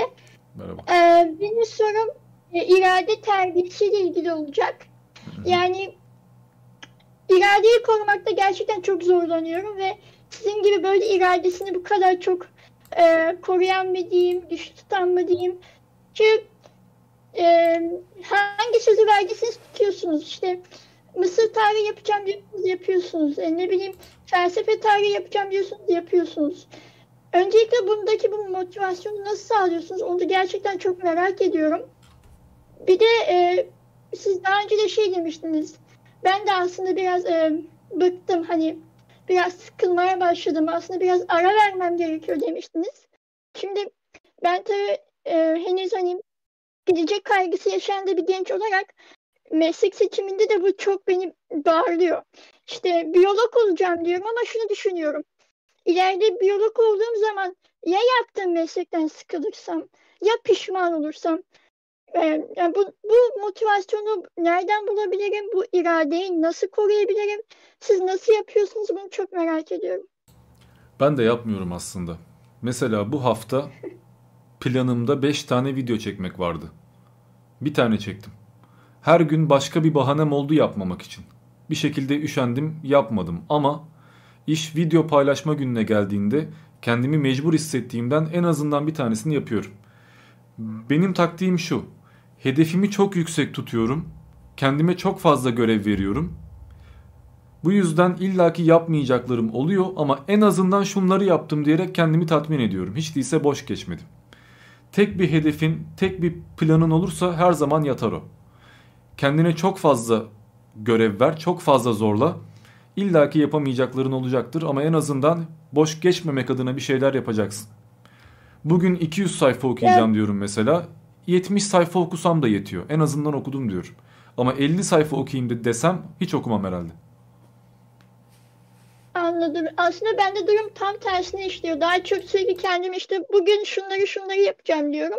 Ama listede 2-3 tane yapılmış tik görünce o kadar moralim bozuluyor ki yani diyorum hani yani niye yaşadın ki bugün hani o kadar e, motivasyonum kırılıyor aslında. Benim de motivasyonumun kırıldığı çok şey var. Bakmayın siz dışarıdan görünen ile ilgileniyorsunuz. Benim mesela şu son birkaç yıldır hayatımda hemen her şey ters gitti. İstediğim hemen her şey istemediğim şekilde gerçekleşti yani. İntihar edecek sebeplerim oldu diyeceğim neredeyse o derece. Ama güçlü kalmaya çalıştım. Niye? Çünkü kendime yüklediğim çok fazla görev var. Bunu yapamıyorsan bari şunu yap. Şunu edemiyorsan bari şunu et gibi. Kendimi nasıl derler? Çok fazla sınıyorum. Yani bu irade terbiyesi değil. Kendimle çok fazla mücadele veriyorum. Mesela bu hafta kitap okumadım. Hiç okumadım. Ama ondan önce felaket okumuştum. En azından diyorum ki bak bir hafta öncesinde fazla okumuşum. Buna hakkım var. Bu hafta okumasam da olur. Yani en sevdiğin işi yapsan dahi bir işle çok fazla uğraştıktan sonra zaten artık o işe eskisi kadar ilgi duymuyorsun. O yüzden hayatın boyunca yapmaktan sıkılmayacağın bir iş olmayacak. İster biyolog ol ister başka bir şey ol. Ama en azından en az sıkılacağın şeyi seçmen lazım. Onun için de kendini tanıman gerekiyor. Kendini tanıman da tavsiyeyle olmuyor. Ya, ya, yani konuşamadım bile vay mı? Tecrübeyle oluyor. Yaşayarak oluyor. Benim çok fazla yanlış kararım oldu. Benim şimdiki aklım olsaydı veya çevremde bana akıl verecek, bana doğruyu gösterecek insanlar olsaydı ben ailemden veya çevremden şanslı bir insan değildim hiçbir zaman. Benim çevrem tam tersi vizyon kıran tiplerdi yani. Senden bir şey olmaz kafasında insanlardı yani. Çünkü onlardan da bir şey olmuyordu.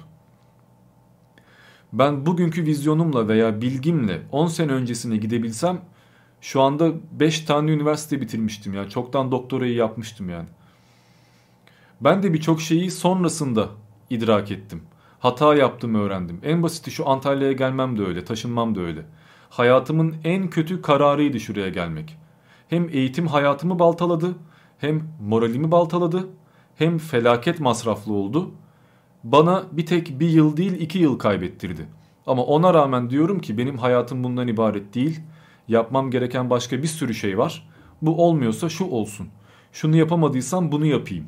Hedefim çok fazla olduğu için 3-5 tane aksilik yaşadığımda veya evdeki hesap çarşıya uymadığında, hayal kırıklığına uğradığımda diğer planlarımdan hareket ediyorum. Yani hep bir B planı, C planı, hep bir şeyler var. Sana da onu tavsiye ederim. Tek planın üniversite okuyup işte bir tane dalda ilerlemek olmasın. Kendine başka şeyler kat. Yabancı dilini geliştir, başka bir şeyler yap. Bir tanesi olmasa diğeri olur zaten. En kötü okula başla. Sen zaten bir eğer biyolojiyi veya biyologluğu sevmeyeceksen bunu üniversitedeyken de öğreneceksin nasıl olsa.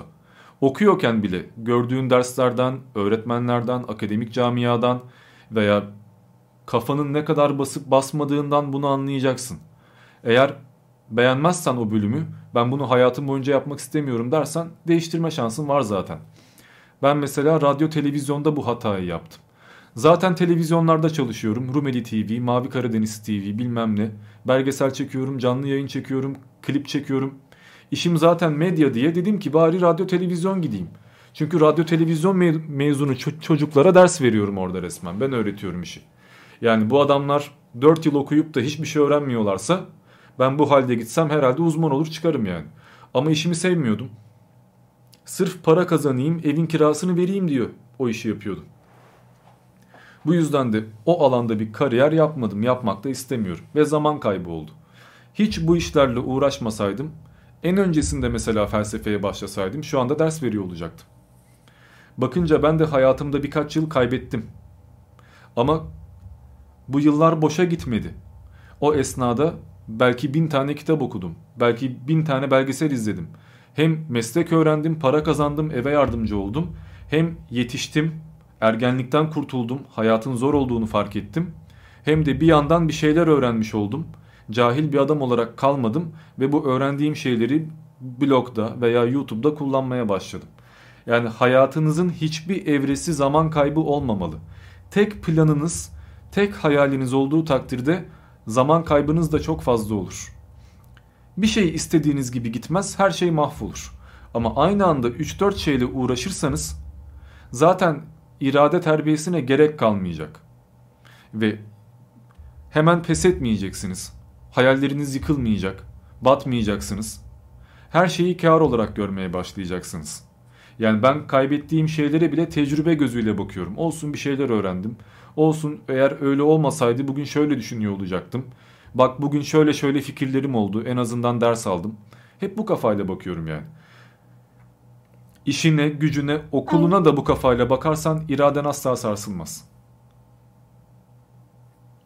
Anladım. Çok teşekkür ederim. Yani şunu anladım sizden. Ee, yaptıklarınızın hakkını veriyorsunuz. Yani ben çünkü sürekli işte bakıyorum evet bugün şunu şunu yapmışım ama ama bak bunları yapamamışsın diyerek kendimi e, resmen eziyet ediyorum galiba ama siz öyle değilsiniz. Yani yaptıklarınızın farkındasınız. Hakkınızı veriyorsunuz yani. Bardağın dolu tarafına bakmak kilit nokta. Eğer olumsuzluklara, kaybettiğin şeylere, elde edemediklerine odaklanırsan zaten hayat eziyet olur. Hiçbir şeyden keyif almazsın. Yani şöyle düşün. Bir yemek sipariş ediyorum diyelim. Yemekte atıyorum turşu istememişim ama koymuşlar. Görmemişler notu. Ya niye turşu koymuşlar lanet olsun paramla rezil oldum hü diye ağlasam boşu boşuna kendime eziyet. Tu- Turşuyu çıkarırım yerim ne olacak yani. En azından güzel bir yemek yiyorum derim. O kafayla bakıyorum her şeye. İyi tarafına odaklanmaya çalışıyorum. Çünkü kötü tarafa odaklanırsan eğer sabahtan akşama depresyon. Onu zamanında yaptım işime yaramadı. Ders aldım o yüzden tersini yapıyorum. Anladım. Çok teşekkür ederim. Çok sağ ol. Rica ederim. Teşekkür ederiz. Ömer Pöge hoş geldin. Başka kimler gelmiş? Halil İbrahim Özgüler 3 aydır üyeymiş. Merhaba yazmış. Merhaba.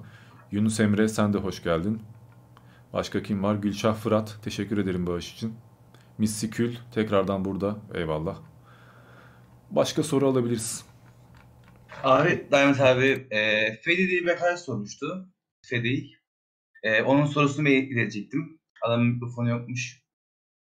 O yüzden soruyorum. Sıra onda Okey. bu arada gerçekten. Aynen. Onun için geldim. Sokrates, Devlet kitabında oyuncuların kendilerinden daha düşük toplumsal rollerdeki insanlar, hayvanlar veya ağaç böcek gibi yapılan rollerinin yapıla- yapılmasını oynanamıyor. Kendinden daha acı, aciz olanı taklit etmen seni de düşürür mantığında bir şey söylüyor. Bu durum sanatın önüne çok büyük bir darbe vurmuyor mu? İnsanlar neden Sokrates'in sanat olan doğrucu, idealist tutumunu çok önemli buluyor? Bir yerden mi okuyorsun şu anda? Gerçi adam zaten soruyu Ay- iletmişti. aynen. Bunu tam Aynen böyle öyle. haber okuyor gibi okumaz mısın? Pek bir şey anlamadım. Ben odaklanamıyorum öyle olduğunda. Mesela sesli Abi- kitap da açamıyorum ben. Anlamıyorum yani. Aslında sen bana soruyu yaz ben kendim okuyayım. Daha iyi olur. Okey, atayım şuraya.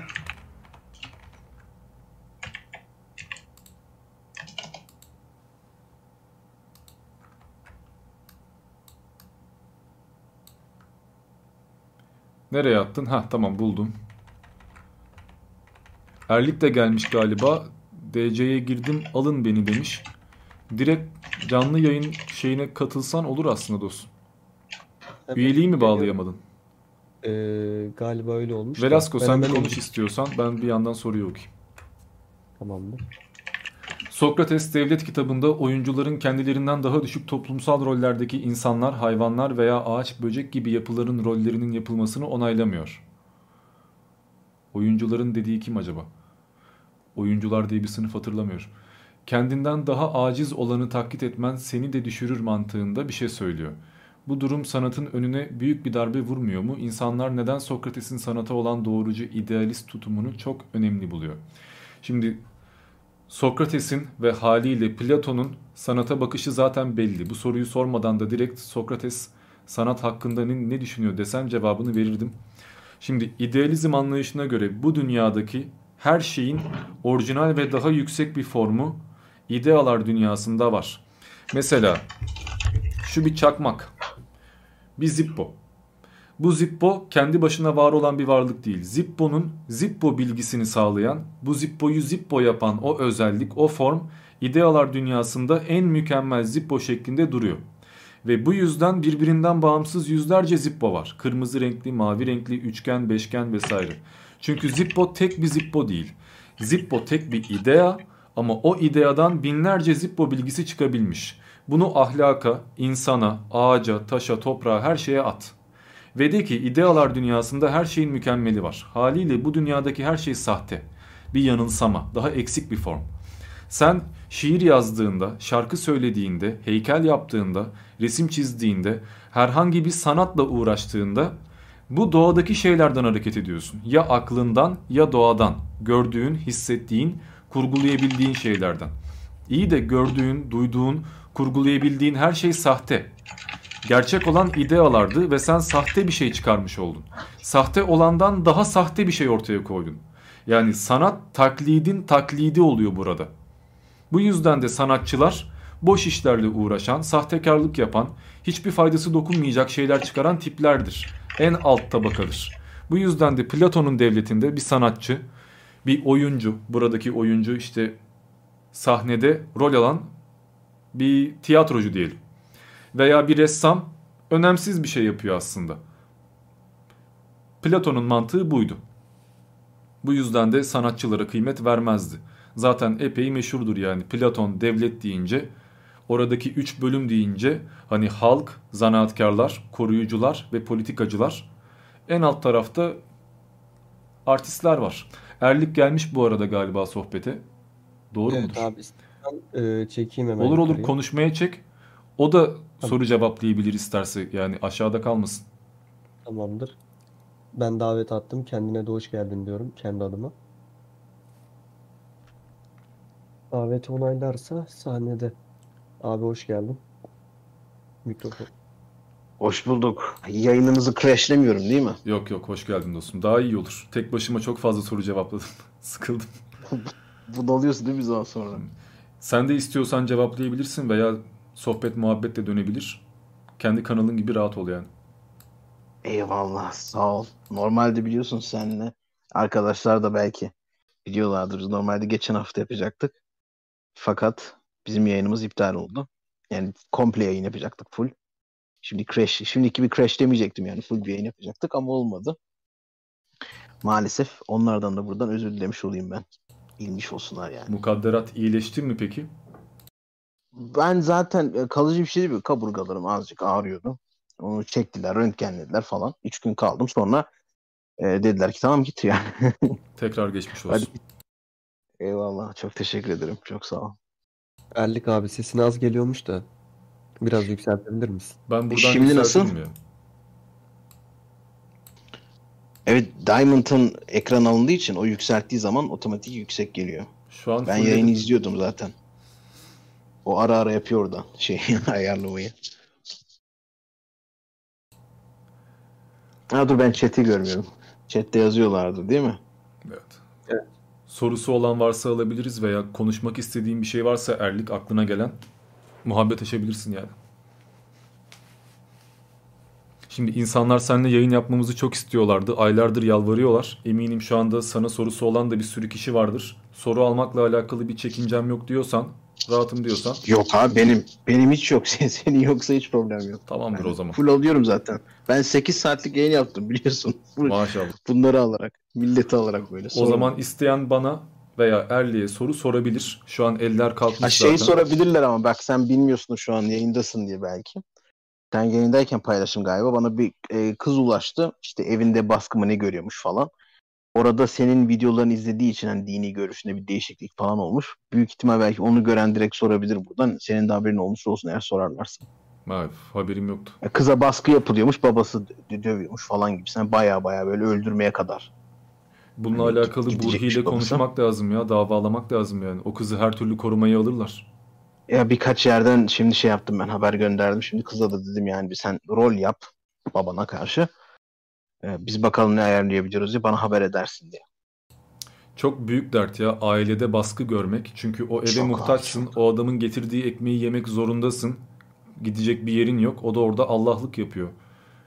Yani kötü. Gel kelimenin tam anlamıyla öyle. Zaten diyorlar yani e, şey yapmalarının sebebi yani ölümü göze almalarının sebebi şey yani bo- boktan bir hayat sürüyorsun. Adam öleyim diyor daha iyi. Hiç umurunda değil çocukların artık yani. Öyle bir bıkkınlık, öyle bir psikolojideler. Bir de bizde Biz kimse istekle Buyur. çocuk yapmıyor ki. Akrabalar bekliyor diye evlendiği anda hamile bırakıyor. Adam zaten büyütmek istemiyor. Çocuğu yük görüyor Adamın yani. kendisi çocuk abi. Adamın kendisi çocuk daha. Yani gelişememiş, birey olamamış daha böyle. Bir de ebeveynlik yapacak falan. 70 IQ varlıklar ya. Maalesef ülkenin büyük çoğunluğu öyle. Yazık. Abi. Ya şey gerçeği var bir de hani yani Anadolu'da akraba evliliği olayı falan da var biliyorsun. Hani gen havuzu da şey değil. Pek geniş değil. Dolaylı olarak da IQ pek de yüksekte bulamıyor kendini maalesef. Çok ortada kalmışız ya bu yüzden. Savaş meydanı olmuş yani bu topraklar. Bu yüzden de kimin girip çıktığı belli değil. Milletin belli bir kökü yok. Belli bir kökü olmayınca belli bir IQ ortalaması da yok. İnsanlar ya çok zeki ya çok aptal. Çok zeki olanların da bir Evet. kısmı eğitim almıyorlar. Akıl gelişmiyor. Zeka ile akıl başka şeyler. Onlar kurnaz oluyorlar o zaman. Şey Aynen. gibi. Jet, Jet Fadıl falan gibi adamlar oluyorlar onlar böyle. İşte maalesef Bilim biz de sinsilikle akıllı olmayı karıştırıyoruz. Adam sinsi, içten pazarlıklı, puştun pezevengin teki yani. Dolandırıcılıktan başka bir şey bilmiyor ama çok akıllı adam diyorsun. Akıl bambaşka bir şey. Ya öyle zaten bizde say- şeye saygı duyarlar biliyorsun. Böyle ciddi manada büyük dolandırıcılara falan böyle. E, bu Türkiye'de saygı duyulur. Yani normalde global çapta böyle e, etik olarak pek şey yapılmayan adamlar Türkiye'de saygın adamlardır. Dikkat ederseniz eğer. İşin garip yönü o. Bizim insanımıza göre o şey. İyi bir özellik yani. Bu arada Shock Voice da gelmiş. Canlı sohbette görüyorum. İstiyorsan Discord'a Ulan. katıl dostum. Vay paşam kurbanın olam gel. geç içeri geç. Ça- Çağrı zürriyetsizi buraya. Buraya. O da spora başladı. Adam kendini aşıyor. Hayatında mükemmel bir değişiklik yaptı ya. Sigarayı bıraktı. Spora başladı. Bakalım. Vay vay. Abi iyi gidiyormuş. Hemen ona bir Abuzer Kömürcü motivasyon konuşması yapmak lazım buradan kendine gelsin. Shock Voice. Güzel Bekar abi. kızlara duyurulur. Tam evlenilecek adam yani. Kültürlü, zeki, Tam- sesi karizmatik. Oh. Sesi karizmatik. Bir bacım Sırf olsaydı sesiyle verirdim. bile size sırf sesiyle bizi, bile sizi geceler boyu şey yapabilir böyle entertainment yapabilir. Yatarsın kucağına. Oradan konuşursan anlatır. Müthiş sesi var adamın. Mükemmel ayet seslendiriyor yalnız. Şaka olsun diye söylemiyorum. Mükemmel ayet Yani seslendiriyor. sesli kitap böyle- Kur'an yapsa dinlerim yani. Ya şey mitolojik şeylerini dinliyorum ben onun. Çok denk geliyorum. Ben şey benim geceleri çok kağıt işim oluyor böyle. Bazen aşırı derece çok oluyor. 3'e 4'e kadar kağıt işi yapıyorum bir yandan. Orada böyle bir şey olduğu zaman mutlaka böyle bir yandan izlemek, e, dinlemek şey oluyor. Daha iyi oluyor böyle. Uykum gelmiyor bir nevi. O zaman da şoktan açıyorum abi. Giriyor Yun- şey mitolojisinden. Loki'den, Thor'dan dinliyorum adam oturup. Mitoloji videoları çok güzel ya ama bir de Şimdi şey diyormuşum abi Shock Voice'da çok gece geçirdim falan böyle. bugün neler ifşa oluyor böyle. Sıradaki hedeflerim Kilimanjaro Dağı'na tırmanmak, Laos'ta yara sevmek ve bir bazuka ile inek vurmak demiş. Orada espri yapacağına yiyorsa buraya gel karşımıza çık. Cesaretin varsa delikanlı gibi gel buraya. Ben ekrana bakıyorum gelirse direkt çekerim yukarıya. Siz ona bakmayın ha. O kendi çıkabiliyor ya zaten. Veziri mutlak yaptığım için. Benden daha fazla hakka sahip ya aslında. Tabii canım. Ben bu devleti o yönetiyor. görüyorum abi. Chat'e bir şey yazıyor mu? Bir şey yapıyorsa cevap vermem lazım abi. Abuzer kömürcü göndermesi falan yapıyorsa. Yok daha öyle bir şey yapmamış. Ha tamam o zaman. Altta kalmamam lazım. Soru varsa alabiliriz bu arada Velasco. Tamamdır o halde ben sıradan çekiyorum. Arda Eymen. Hoş geldin dostum. Hoş bulduk. İyi akşamlar hepinize. İyi akşamlar. Benim sorum şeyle ilgili abi. İnsanlar genel olarak neden hep kendilerini belli bir ya ideoloji olur ya dini bir şekilde bir kurala ya da bir kalıba sokmakla uğraşır. Atıyorum kendini ateist olarak ya da hümanist olarak, feminist olarak falan diye bir konuma sokmaya çalışır. Kime soruyorsun? Size. Ha, yani aslında cevabı benim bildiğim kadarıyla basit. Her şeyin cevabını evrim veriyor ya. Baktığında binlerce yıl boyunca herkes bir kabileye dahil olmuş, bir aileye dahil olmuş, bir bayrağa dahil olmuş, bir kıyafet giymiş, bir takımla, bir partiyle, bir şeyle kendini içselleştirmiş. Demiş ki ben buyum. Bu yüzden halen daha kendimizi bir ideolojiye, bir takıma, bir devlete, bir şeye bağlı hissetmek istiyoruz. Tek başımıza kalmak istemiyoruz. İçinde bulunduğumuz grupla kuvvet kazanıyoruz. Olay bu yani. Ben ateistim deyince diğer zeki ünlü ateistlerle kendini eş görüyorsun. Kimse mesela herkesin alay ettiği, beğenmediği yönleriyle ön plana çıkmaz.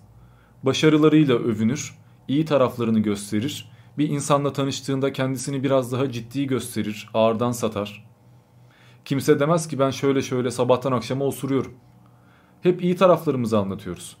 Bağlı olduğumuz ideolojilerle övünmek veya kendi atalarımızla veya kendi başarılarımızla bir gruba dahil olmak da bununla alakalı bence.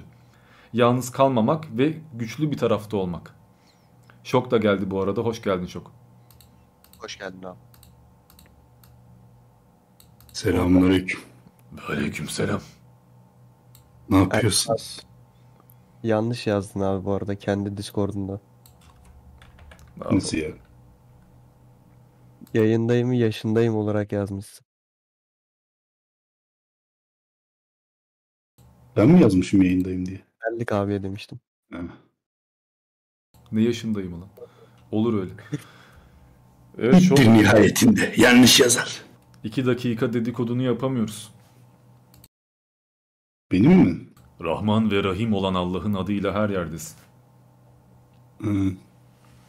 Video yapıyorum oğlum sabahtan beri. Daha ilk defa şu anda bir arkama yaslandım. 5 dakika ayırdım kendime.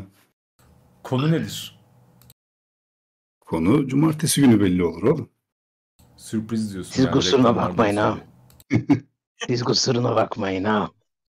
Konuşma lan it. Sana seni o kızın çevresine göreceğim demedim mi? ben Nazo'yu seviyorum baba. Konuya Fransızım ya hiç alakam yok. Ya Aramızda şey abi. Boş ver Diamond. İttir nihayetinde. Havlar. Kusuruna bakmayın. Senin Gladio Sen- belgeseli sen- ne durumda? Erlik. Oo abi bak o sulara hiç girme. Şok boş biliyor sürekli sonra DM'den sürekli sana yazarlar nerede diye. Yasaklı soru o ya. Yasaklı soru abi. Yok Sormadım. geliyor. Bizim bir ara şey vardı öyle işte. Meyve 3 ne oldu muhabbeti vardı. Hashtag falan olmuştu hatta böyle Twitter'da. E, senin şey de öyle oldu abi. Matrix yaptın ya bu arada izledim. Şey yapmışsın iyi olmuş. Yorum yapamadım çünkü gitmiştim biliyorsun hastanedeydim. Ama izledim. Ee, şey Dosyası kapandı işte o videoyla artık. zorla yaptılar ya sana hani zorla yapmışsın. Düşün yani ben bunu kaç aydır çekiyorum ya. Zorla zorla yaptırıyorlar üstüne bir de kızıyorlar niye böyle bir video yaptın diye. Niye yaptın lan diye.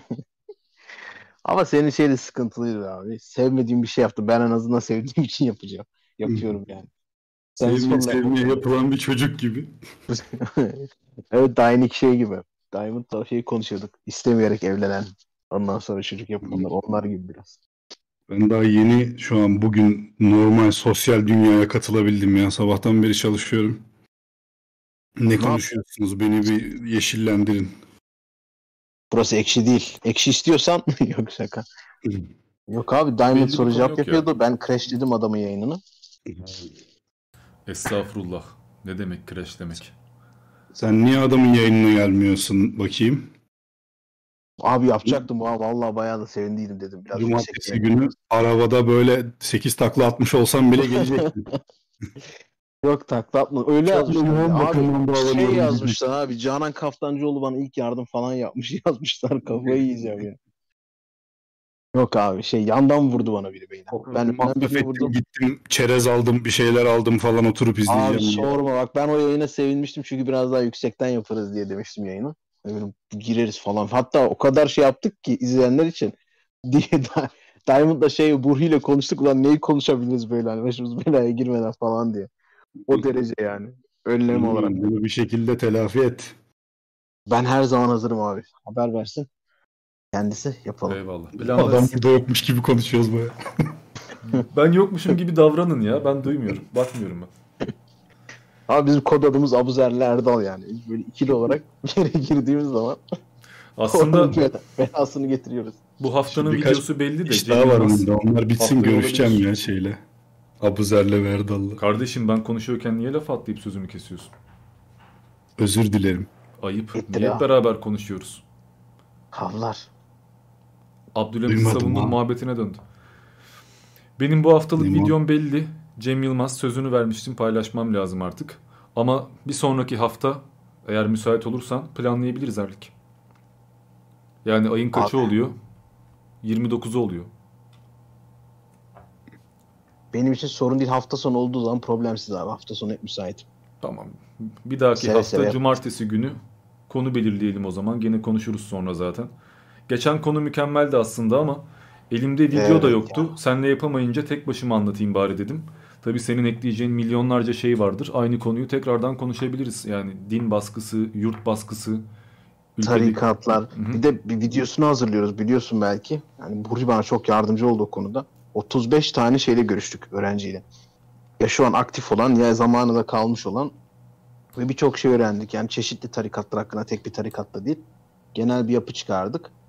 Ve ben Amerika'da bir e, doktor var bu konu hakkında. Kadın 70'li yaşlarında ama bu kaltlar hakkında genel olarak psikolojisi hakkında bunu. Biliyorsun sadece bizde olan bir şey değil tarikatlaşma. Bizde dinlisi. Orada Scientology'si var, Heaven's Gate'i var, Johnstone'u var, bilmem nesi var. Bunların ortak noktalarını falan belirledik ve baya baya yani psikolojik olarak bizde de belli nasıl oldu. Yani 5 aşamadan oluşuyormuş o devşirme falan filan. Yeni üyeleri. İşte depresyonda olanları mesela daha hızlı alıyorlar. Tarikata falan bağlıyorlar. Bunun gibi şeyleri video haline getirip yayınlayacaktık. Bir gün sonra da senle canlı yayında bu konuyu konuşacaktık. Mükemmel olacaktı. Fevkaladenin fevkinde olacaktı. Fakat işte Her şerde bir hayır. Kısmet ya demek böyle olması lazımmış. O kafayla bakmak lazım. Gene yapılır yayın konuşulur yani. Üst üste gelmemesi biraz tabii farklı olabilir. İnsanlar bomba gibi bir onu izlerdi bir yayını izlerlerdi. İyi olurdu. Müthiş olurdu yani. Kaçmıyor Çünkü yani orada yani. konuşamadıklarımız falan var. Burada tat tat tat tat konuşurduk da. Neyse abi sonuçta sağlık önemli. İkimiz de sağlıklı olduğumuz sürece daha çok yayın yaparız. Aynen. Onda sorun olması gerek. Şok'la yayın yapmamı da özlüyorlar ya. Matrix videomuz mükemmeldi. Son birkaç yayınımız hep sohbet muhabbet gitti çünkü. İlk yaptığımız onları hep yayın ama izledim. süperdi yani. Ben onları hep izledim. Hep sabote ediyorum böyle yorumlar, şey, canlı yorumlarda. Diamond böyle veriyor oradan şeyi böyle ciddi ciddi. Şok da arkadan tutuyor kendini abi gülmemek için. Ben aşağıdan yazıyorum sürekli yaşıyorum. Görüyorum severek kenardan bazı. İkili. İkili olarak seviyorum. Birbirinizi güzel tamamlıyorsunuz. Çok yakışıyoruz. Biz çok Telefon sevişiyoruz. gelmişti de o yüzden mute almıştım. Hoş geldin Şok kardeş. Hoş buldum tekrardan. Biz seninle çok Kim yakışıyormuşuz öyle söylüyorlar. Telefon gelmişti de. Bekar Kimlerden? adamsın tabii arayanlarım vardır. Kimlerden? Beni soruyor mu falan. Beni Yaz uyudun mu yaz? Ama bak Cem Yılmaz muhabbetine bağlarsak yine abi. Nerede lan Cem Yılmaz videosu? Yarın akşam paylaşıyorum. Yine bu 56 arada beklediğim dakikaydı. hiçbir şey izleyemiyorum ben. 56 dakikaydı. Kısalttım 48'e indirdim. Cem Yılmaz ağırlıklı olsun istedim. Çok araya böyle fazla örnek katmak istemedim. Benle alakalı yerleri ilk kestim yani. tanışıyoruz. Şimdi Erlik. Ben şimdi YouTube'da benim bir şeyim var böyle standardım hani 10-15 dakika civarı böyle videolar yapıyorum. Diamond'la konuşuyoruz böyle şey diyor. Ya işte bayağı bir kısa bir video yaptım diyor. Bayağı bir özetledim diyor. Kaç dakika oldu diyorum. Ş- e, 57 dakika oldu diyor. Özetlemiş hali o yani. Kısa dediği video. Abi yazış tekniğiniz farklı. Tekniğiniz farklıdır. Yani anlatım şeyiniz farklıdır. Adam adamın literatüründe özet diye bir şey yok yani. İş kaynakla alakalı abi. Adam kaç kaynak alıyorsa özeti o kadar işte düşün yani. Ben izliyorum ama şey hatta ilk izlediğim videoyu söyledim geçen yayında. Şeydi e, Dersim Harekat hakkındaki videosu ama şeyini hatırla başlığını hatırlamıyorum. Dersim Harekat hakkında yanlış bilinenler miydi? Yanlış mıydı? Uydurulanlar ve gerçekler galiba. Ve gerçi evet o O da şekilde. bir saat Çünkü 20 öyle- dakika ya. O da uzun. Normalde YouTube'un raconu şeydir ya yani uzun video kimse izlemez. Yani Diamond bunu değiştirdi yani Türkiye'de. Uzun video YouTube'da izleyen ben başka kanal doğru düzgün hatırlamıyorum yani bilmiyorum. İşin komiği Abi o- en çok izlenmiş videolarım 2 saatlik falan ya. Abi o entertainment olayı işte yani bir izleyici ne kadar tutabiliyorsun. Ben mesela şahsen izledim adam videosunu bitirdim. Normalde ben o kadar tüketmem. Yani izletebiliyorsa adam bu bir entertainment şeyidir. Başarısıdır.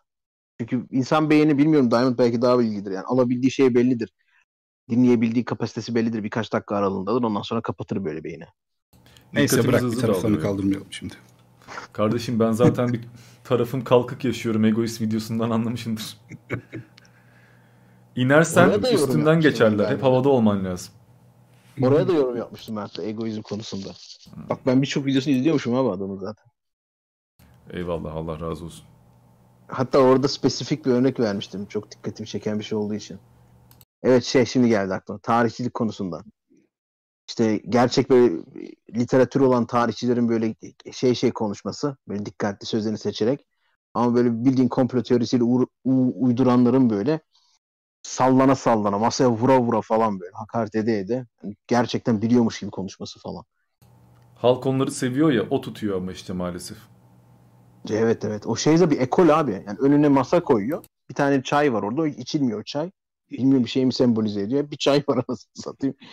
Hep taze bir çay var. Tütüyor bir de üstü böyle. Hep bir taze çay var orada. Ondan sonra bir el masaya vuruluyor. Kameraya bakılıyor. Ara ara da böyle gri oluyor ekran. Zoom yapılıyor. Arkadan da böyle dombra müzikleri falan böyle. Anladın mı? Orta Asya'nın steplerinden geliyor. Ama Osmanlı olarak geliyor direkt. Yani şey de değil. Müslümanı da kaybetmiyor. Bozkır'dan Osmanlı olarak çıkmış değil mi yani? Direkt. Zaten öyle abi dizilerinde öyle ya. Hiç şaman öğesi yok. Varsa da şeylerin Moğolların falan böyle kötülemek için. Çok enteresan bir çok milletiz öneriyorum. ya. Öyle Kendi tarihiyle Bana bu kadar övünen ama kendi tarihinden de bu kadar utanan başka bir millet bilmiyorum yani. Kardeşim sudan karaya geçen ilk canlı Osmanlıydı. Öyle spesifik olarak verdiği örnek gerçekten doğru. Ben utanma değil de konuşmama olarak bir tek Almanların Nazi olayı vardır. Konuşmazlar yani. Onları da serbest yani bıraksan yokmuş konuşurlar gibi. bence ya. Yok yok akademik olarak evet konuşurlar da yani insanlar pek şey yapmazlar mesela. Yani yokmuş gibi geçerler. İşte Prusya falan filan bilinir ondan sonra kötü zamanlar diye geçer gene. Hatta öyle bir seviyedeyiz ki e, bunların milletvekilleri mesela adını söylemezler o şahsın. Şey şimdi söylemiyorum yerinde kapanır ortadan YouTube belli olmaz. O şeyde mecliste şey derler. Garip bıyıklı adam. Yani bunu milletvekili söylüyor. Adını bile söylemiyor. Hatta bana şey gelmişti. Ben ilk J.K. Rowling Harry Potter falan okuyunca şey demiştim. Voldemort karakteri falan bundan mı alınma? Çok benziyor çünkü orada insanların tepkileri. Hani bayağı sen adam adını andığın an böyle millet çok iyi oluyor. Nasıl anlarsın falan gibisinden. Adı anılmaması gereken şahıs. Who must not be named. Soru da Aynen o alabiliriz. Üyeler çok yalnız kalmasın. Adamlarla konuşacağız dedim. Şimdi Çek bana biz seni şey yapmayalım. gönül koymasınlar. Yok belki size sorarlar. El kaldırıp bekliyorlardır. O yüzden söylüyorum. Çekeyim abi o halde. Çek bir tane. Burada Shock Ekstra- Voice var, Erlik var. Bir- Nerede bulacaklar lan bir daha? Şampiyonlar Ligi ya. Ayıptır söylemesi SS falan alıyorum ben de. Karıya kıza hava mı atacaksın daha sonra? E tabii canım. Merhaba sesim geliyor mu? Merhaba, hoş geldin. Geliyor. Sesini yükselteyim ben biraz. Şimdi e, sesin çok kesiliyor şu anda. Efendim? Sesin çok cızırtı yapıyor ve kesiliyor şu anda. Sen iyi mi? Yok çok değil. Siz duyabiliyor musunuz arkadaşlar? Bir tek bende mi sıkıntı var? Ekrana falan yakın abi galiba. Bir Ben- ekran falan varsa orada. Ya da 60'lardan falan bağlanıyor. Dark mı izledin oğlum? ne? Osiloskopla falan bağlanmış değil mi? Bir daha Ben senin büyük dedeni falan mı? Tabii osiloskop dedim şu an büyük bir kitle gitti öldü şu an bilmiyorlar ne oldu. Yan sekmede aratılıyor. Yaşımı belli eden terimler. Erlik de bilmez osiloskopu. Yok bilmem. En eski neye yetişiyor senin yaş teknoloji olarak en eski bildiğin aygıt ne cihaz? Abi şat diye bir şey söyleyemem şimdi aklıma öyle bir şey gelmiyor. Şeyi düşün mesela oyun konsollarını falan düşün. En eski Atari'yi biliyorsun mesela? Atari'ydi evet. Ama Tamam. onu kuzenim vermişti bana hediye etmişti. Benim PlayStation. Osiloskop ondan bir 40 yıl önce falan. E sen o kadar da değilsin abi yani. Hayır canım orada yaşamış olmaktan bahsetmiyorum illa. O devam ediyor ya o janrı. Üzerine yeni Ha, bir tamam tamam. Tamam şimdi fotoğrafını gördüm. Tamam okey. Aynen. Sen ses sorununu çözebildin mi?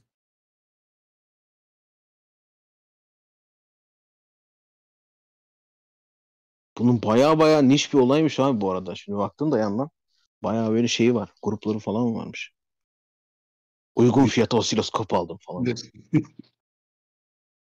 niş bir olaymış burada. Velasco sen bir özelden ulaş olmadı yazsın.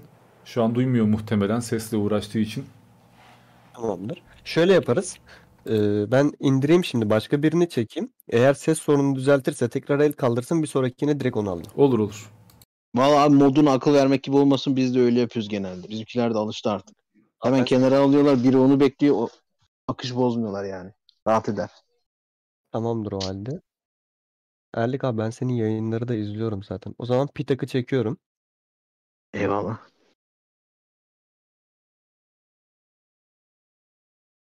Teşekkürler. Çok kısa bir soru sorup e, çıkacağım. Yarın 5'te uyanacağım zaten. E, yayın sohbetinde de gördüm Diamond abi. Kitap ne halde şu an? Nasıl gidiyor yani? Anlayamadım son kısmı.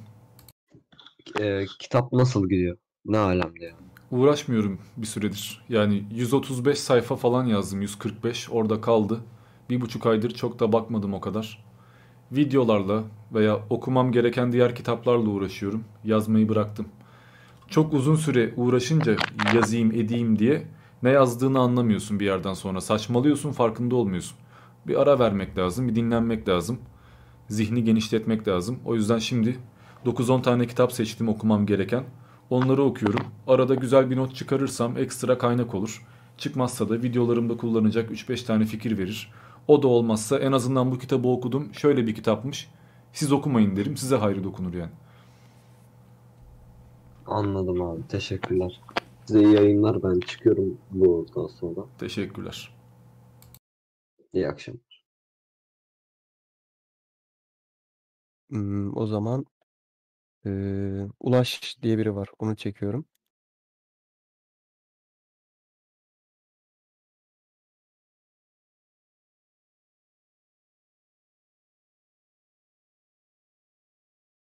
Elmalı soda please. Bu saatte kahve bozabilir. Sesim şu an geliyor mu? Evet şimdi geliyor. Biraz Ee, yükselteyim. ben Erlik abiye öncelikle ikinizi de abi Diamond abi seni de Şokoist abi üçünüzü de çok severek takip ediyorum. Ben Erlik abiye küçük bir soru soracaktım. Bir de sonda bir şey söyleyeceğim. Abi kırmızı çizgi videonda hani e, şeyi anlatıyordun. Hani sol görüşlerin kendi kötülüklerini kapatmak için sağ görüşlerin yaptığı kötülüğü, sağ görüşlerin de aynı şekilde kendi kötülüğünü kapatması kapatması için soldaki adamların yaptığı kötülükleri gösteriyorlar. Hani bunlar da bunu yaptı diyorlar. Ama baktığımızda şu an medyada ya sol görüşlerin ya da sağ görüşlerin hani şeyine maruz kalıyoruz. Peki bu ikisinin arasında hani objektif kalmak nasıl kalabilir? Yani çok zor oluyor çünkü.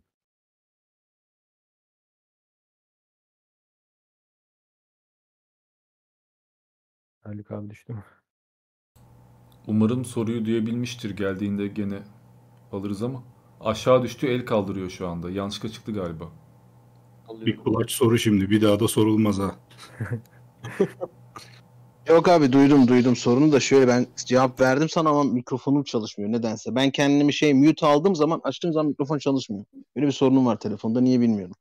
Neyse sorunu duydum. E, WhatsApp autizm yapıyor iki tarafta birbirlerine karşı. Bunların propagandasına sürekli maruz kalıyoruz. Biz nasıl objektif bir bakış açısı geliştireceğiz diye soruyorsun değil mi? Aynen. Tabii kaynakların eğer bunlarsa biraz sıkıntılı. Yani kaynaklar bunlar tarafından geliyorsa bunları ayırmak biraz sıkıntılı elbette. Fakat bu da biraz yorucu bir prosedür ama bilimsel şeyleri var bunların, yolları var. Yani objektif şeye oturtmak için, bir temeli oturtmak için bilimsel yolları var. Spesifik bir örnek verelim mesela. Ne konuda verebiliriz bunu? İşte ekonomi hakkında mesela haber yapıldığı zaman senin ekonomik verilerin var global olarak. Bunları ele aldığın zaman hangi tarafın ne kadar yalan konusunu veya ne yönde yalan konusunu anlayabilirsin kolaylıkla. Zaten genelde bu oturduktan sonra yani bundan ideolojilerini tanıdıktan sonra karşılıklı olarak nerede neden yalan konuştuklarını anlıyorsun genelde. Yani işlerine gelmeyen şeyi haber yapmıyorlar zaten. Bunu hemen anlayabiliyorsun. Ya ben bu şekilde çözdüm mesela. Biliyorum yani şu şahıs şu haberi paylaşınca şu şahıs şucudur. Mesela Deutsche Welle mülteciler hakkında haber yaptığı zaman bunun gerçeği yansıtmadığını biliyorum ben. %99 yalan. Çünkü adamlar kendi ülkelerine gelmesin diye Türkiye'de kalmaları için para ödüyorlar. Dolaylı olarak da bunun propagandasını yapıyorlar. Anlatabildim mi? Bir daha Az çok. yayında söylenebilir bilmiyorum ama geçen Discord özelden bir şey yazmıştım. Müsait olduğun zaman bakabilir misin abi? Bakarım sorun değil kardeşim. Teşekkür ederim abi sağ ol. Eyvallah. Hakkı verdiğin için de teşekkür ederim abi herkese. Teşekkür ederiz. Hı hı. Eren bir sorusu vardı moderatörlerden. Heh, geldi. E, merhabalar. E, Erlik abi sana bir sorum var. E, Ahmet Kaya hakkında bir video gelir mi? Ve genel anlamda Ahmet Kaya hakkında ne düşünüyorsun? Hani bu vallahi Apo'yu özledik tarzında yaptığı bir konser sanırım. O tarz bir şey var. Yani genel anlamda onun hakkında ne düşünüyorsun? Onu merak ediyorum.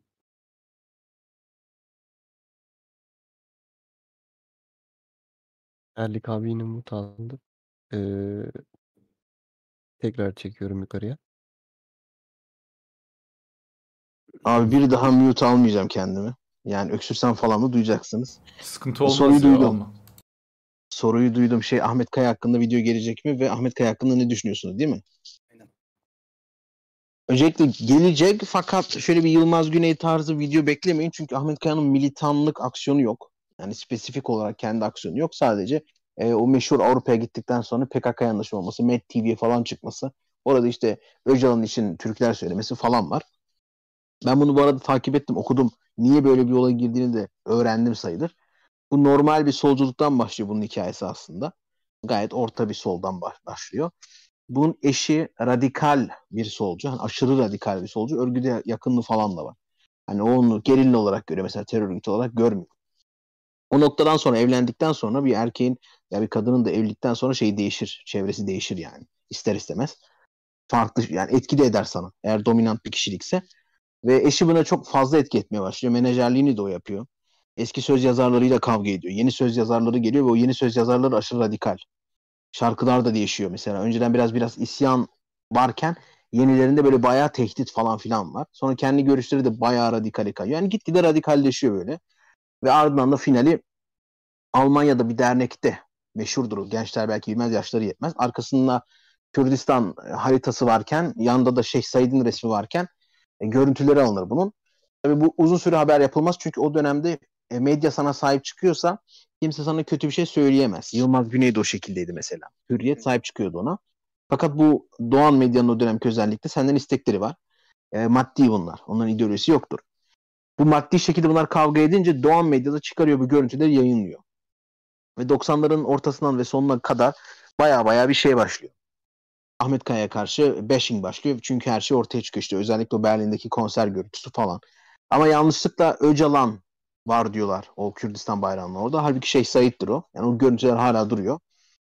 Ee, bunlar sürekli gündem olmaya başlayınca tabii Türkiye'de o dönemde aşırı derecede terör saldırıları var. İnsanlarda sağ görüş yükseliyor. Reaksiyoner bir görüş bu sonuçta bu sağcılık. Bu yükseliyor. Ahmet Kaya da bir nevi ortaya atılıyor yani.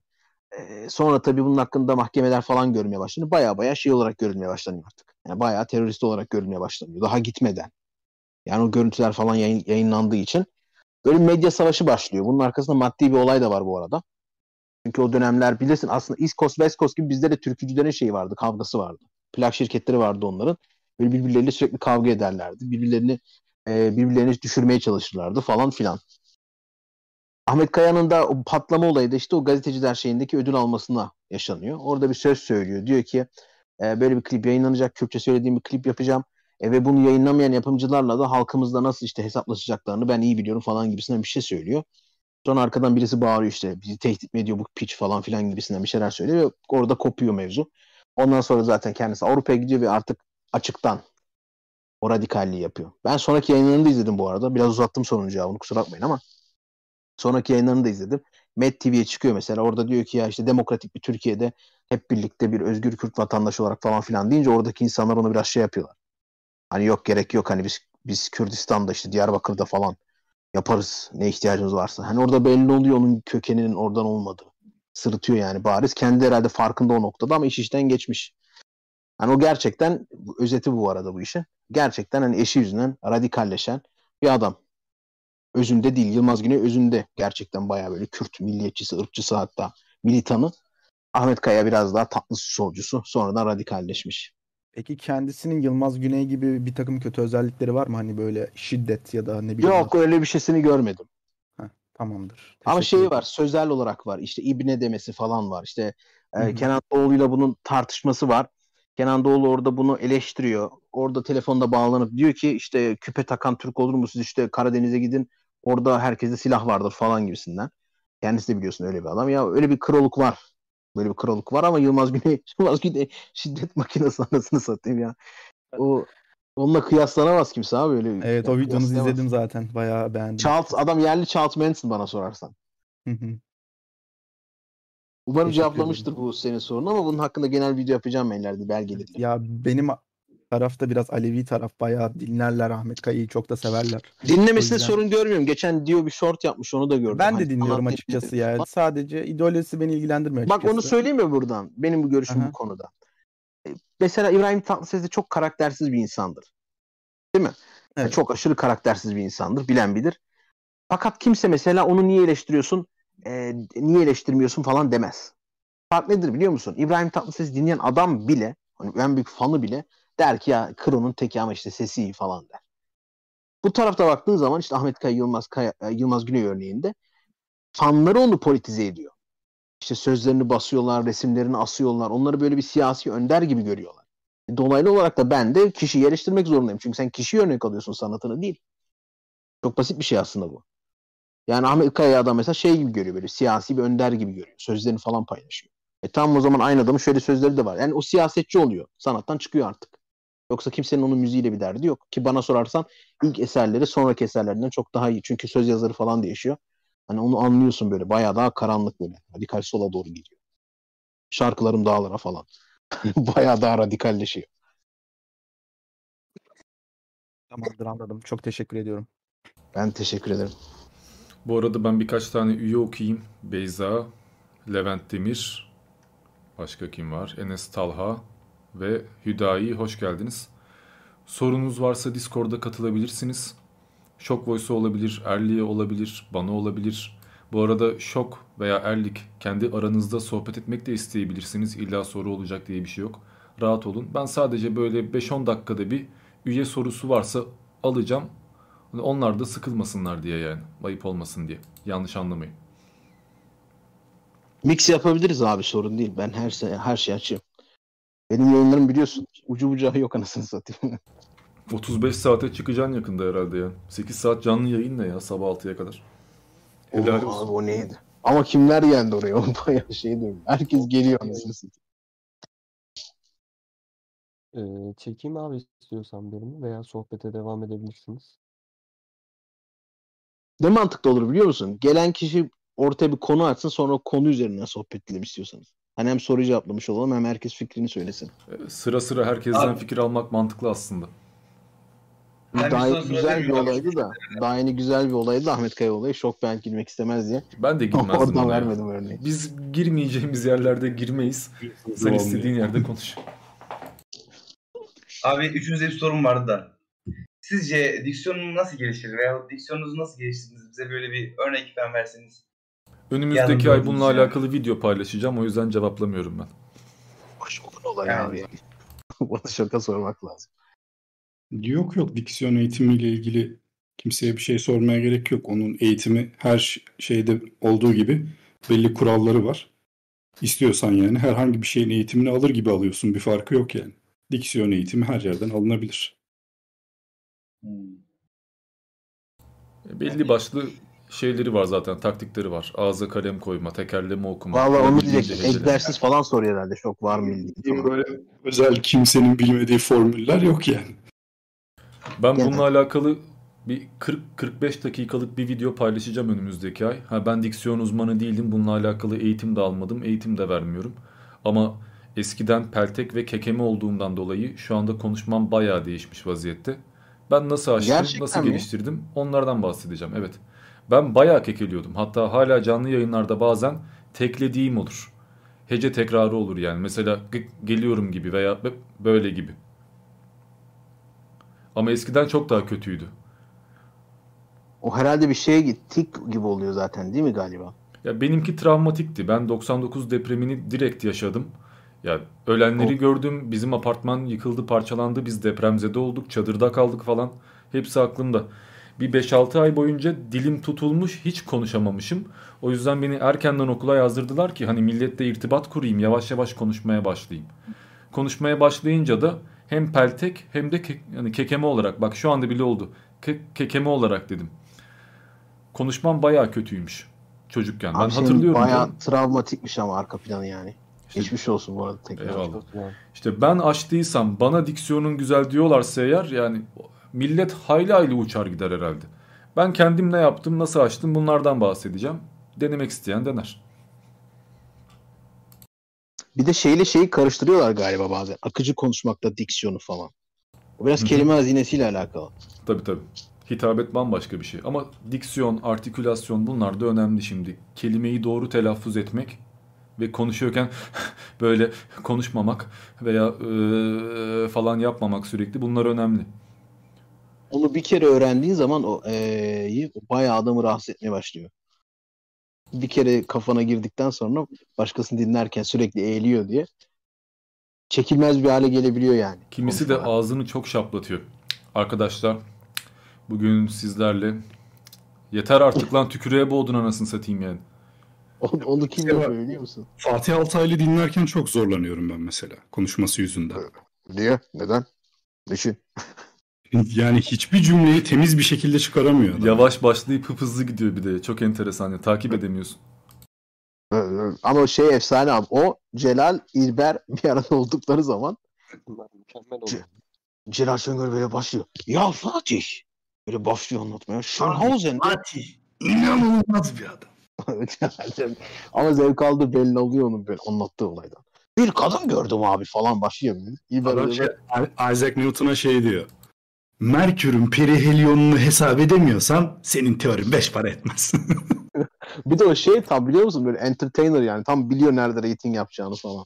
Bilerek söylüyor bazı şeyleri. Hegel'e geri zekalı falan Celal'in diyor. olayı adam. vurgu ve tonlamaları çok yüksek perdeden yapıyor. İzleyici de ulan çok mu önemli bir şey söyledi acaba algısına düşüyor. O tip insanların şeyi o yani etkileyici Ama şeyle seviyor. kontrast da var bayağı İlber Ortaylı'yı da. Fark ettin mi onu? Celal Tabii. Şengör anlatıyor böyle. El freni Var- çekiyor bazen. Valla Warmhausen'da bir kadın gördüm Fatih. Böyle bir bacak yok falan diyor. İlber Hoca'ya deniyor. Ya şimdi bacağı, bacağı direkt konuşmaya gerek yok ama işte falan diye. Oradan devam ediyorlar. Al oradan el frenine asılıyor böyle. Evet bir de şey İlber Ortaylı konuya gelmiyor biliyorsun. Bir noktaya varmıyor. Tam siyasetçi adamdır yani. Hiçbir noktaya varmaz fark ettiniz mi? Ne sorarsan sor. O kadar ucu açık konuşuyor ki. Hiç. Adama de ki Atatürk nereli? Bak Atatürk'ün babası nereli mesela? Bunu sor.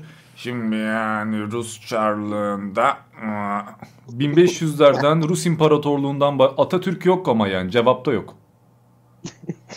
Anlatıyor yani neticede Barbaros Hayrettin. Ya şimdi de öyle dememek lazım falan İlber de dipsiz kuyu pezevenk her şeyi biliyor. Bazı, bazı yerde bilerek yapıyor ama. Hani böyle çok şey bir soruysa e, yakacak bir soruysa falan onu fark ettim birkaç kez. Herkesin istediğini söylüyor. Ama tarihçi hastalığı, hastalığı mıdır o bilmem. Öyle öyle. Her tarih Tarihçi kitabı olduğu için öyle her zaten. şeyi söyleyeyim diye düşünüyor. Ki Enver Paşa konusunda mesela net bir cevap vermiyor. Hani dolandırıyor lafı, ne hakaret ediyor ne de şey yapıyor. gömüyor adamı ya da yüceltmiyor da. Hep bir orta Ya anlayan gidiyor. alıyor ama oradan. Anlayan alıyor istediğini de şey. Şimdi mesela genç biriysen ve onu soranlar genelde şey bilirsiniz kendileri okumayan. E sen ne diyeceksen artık onun görüşü olacak falan. Vardır bu tipler. Bana da mesela sorarlar. Bu nedir yani? Bu onu sen ne diyorsan o olacak onun için artık. Bitti. Öyle kişiler sorduğu için belki de şey yapmak istemiyordur. Yani insanlara şey yapmak istemiyordur. Görüşleri dayatmak istemiyordur. Belki de ondandır bilemiyorum. Celal Şengör direkt abi kanuniye şey aptal demişti. Salak mı demişti, aptal mı Celal demişti? Şengör de herkese aptal diyor, salak diyor. Yani onun akıllı bulduğu insan yok yani. Var canım Popper. Karl değil mi? Onunla tanışmış, bir çay içmiş. Ya o da çok enteresan değil mi? Bak Stephen Hawking'le falan böyle oturmuşlar, bir yemek yemişler. Benim yemek arkadaşım falan diyor. Bir kere gördüğü insanı babasının oğlu gibi anlatması da enteresan mesela. Fazla heyecanlı bir adam. Çağrıştırdı bu Diamond. It's huge. Mesela şu Optimus belgeselinde konuşma şekli falan çılgın bir herif ya. Sempatik adam ya, ben sempatik evet. Sempatikliği var gerçekten de. Gerçekten yakınlığından mı yapıyor onu bilmiyorum. Ona şey derler. Asperger var der onda der, derler onun için bilirsin. Adam kendisi söylüyor zaten. Ben Asperger sendromluyum ve bende empati yok diyor yani. O yüzden ağzından işte bir çıkan cümleyi tezat abi. Tezat ya. Düşünmüyor Anlat ya. mesela. Yani- Birini yakın görmesiyle tezat. Asperger bir söylediği şey esnada yapamaz. düşündüğünü zannetmiyorum ben onun hiçbir söylediğini. Söylediği anda düşündüğünü zannetmiyorum. Ağzından çıkıyor böyle sonra belki düşünüyor. Asistanının Ama bak eteğini kaldırıp şaplak atma mantığını yani sence düşünerek mi anlatmış? Düşünerek söylenecek bir şeye benziyor mu? Bence kendini haklı görüyor orada. Yani yoksa anlatmazdı zaten. Yani klasik de bence kendini haklı görüyor orada. Bir sıkıntı olduğunu düşünmüyor. Hayır işte empati kuramıyor diyorum ya toplumu anlamıyor şimdi. Böyle bir şey söylediğinde nasıl bir karşılık bulacağını o kendini böyle arkadaş sohbeti esnasında gibi zannediyor onu söylerken. Yani Etrafında ondan sonra şey yakınları var oldu, zannediyor yani, yani sadece. şey diyebilirdi. Tamam işte bu şahstan özür diliyorum elimden geleni yap ama böyle black şeye alınması böyle blackliste falan alınması tamamen herifin ortadan kaybolmasını absürt buluyor. Sonuçta adam zaten bu örneklerin çok çok daha uçları var. Bizim o zaten yurt dışına girersek abi neler var. alışık olmadığımız için tuhaf geliyor topluma Ama aslında. o adamın dünya görüşü farklı. Hani bugün daha konu oldu. Karl Popper'ı sürekli söylemesinin bir sebebi var. Bilmeyenler için. Popper'ın bilimle ilgili bir görüşü vardır. Yanlış Ee, yanlış tüme varım vardır, bir tüme varım vardır, bir de tümden gelim vardır. Popa'ya göre tüme varım sadece bilimi belirler. Tümden gelim de tümden gelimli bilim sadece ilerler. Tüme varım da sadece bir illüzyondur yani felsefecilerin boş yapmasıdır falan ona göre. Zaten oradan da hemen Hegel'e çakar falan bilirsin. Direkt oradan Hegel'e çakar. Belli yani Schopenhauer okumuş. Direkt Hegel'e çakar. Hegelay. Hegelay derler. Şey Diamond daha, daha iyi bilir. Şey felsefe onun şey olduğu için. Schopenhauer şey He- Hegel için Hegelay der. Yani zırvalama, boş yapma gibisinden. O da herhalde abi temel olarak öyle bir görüşte olduğu için onun için her şey zırva. Yani felsefe içeren her şey zırva. Salt bilime dayandırıyor adam. O yüzden felsefeden, bilimden bahsedeceğinde de tutturmuş bir Thales Anaximandros. Aynı hikayeyi 95 kere Takıntılı. anlatmıştır yani. Takıntılı biliyorum ben de fark ettim. Ama şey için söylüyorum onu. Anlama, arkadaşlar anlaması için. O adamın temel bir bilim görüşü var. O da Karl Popper'ya ki Karl Popper da bir azınlıktır bu konuda. Yani akademik olarak genel kabul görmüş biri değildir yani. Tabii canım ona bir sürü itiraz yapıldı yani. Ama işte Kesinlikle Celal tartışılan bir konu mesela. %100 gerçek artık son nokta bu gibi anlatıyor ya o enteresan. Yani adam Evet, kendi görüşünü Yani toplumsal gerçeğe dönüştürüyor. Çok te- temel bir şey ama yani indüksiyon bir de endüksiyon dediğimiz şey olayı var. Ee, e, bilime bakış açısı var. Normalde ta Aristoteles'den beri baktığın zaman ikisinin bir arada olması gerektiği falan söylenir. Karl Popper da oradan sert bir çizgi çizip demiştir ki hayır arkadaş bu illüzyondur. Ee, ihtiyacımız olan sadece tümden gelim. E, e, tüme varım. Türkçe şeyi de pek hakim değiller bana. Endüksiyon, düksiyon demen lazım. Tüme varımdır. Gerisi illüzyondur diyor. Yani Karl Popper sert bir çizgi çiziyor. Ondan sonra Hegel'i falan da geçiriyor. Celal Şengör de o radikal bir çizgide gidiyor. Ama işte öyle anlatırken insanlar şey sanıyor. Hani salt gerçek bu.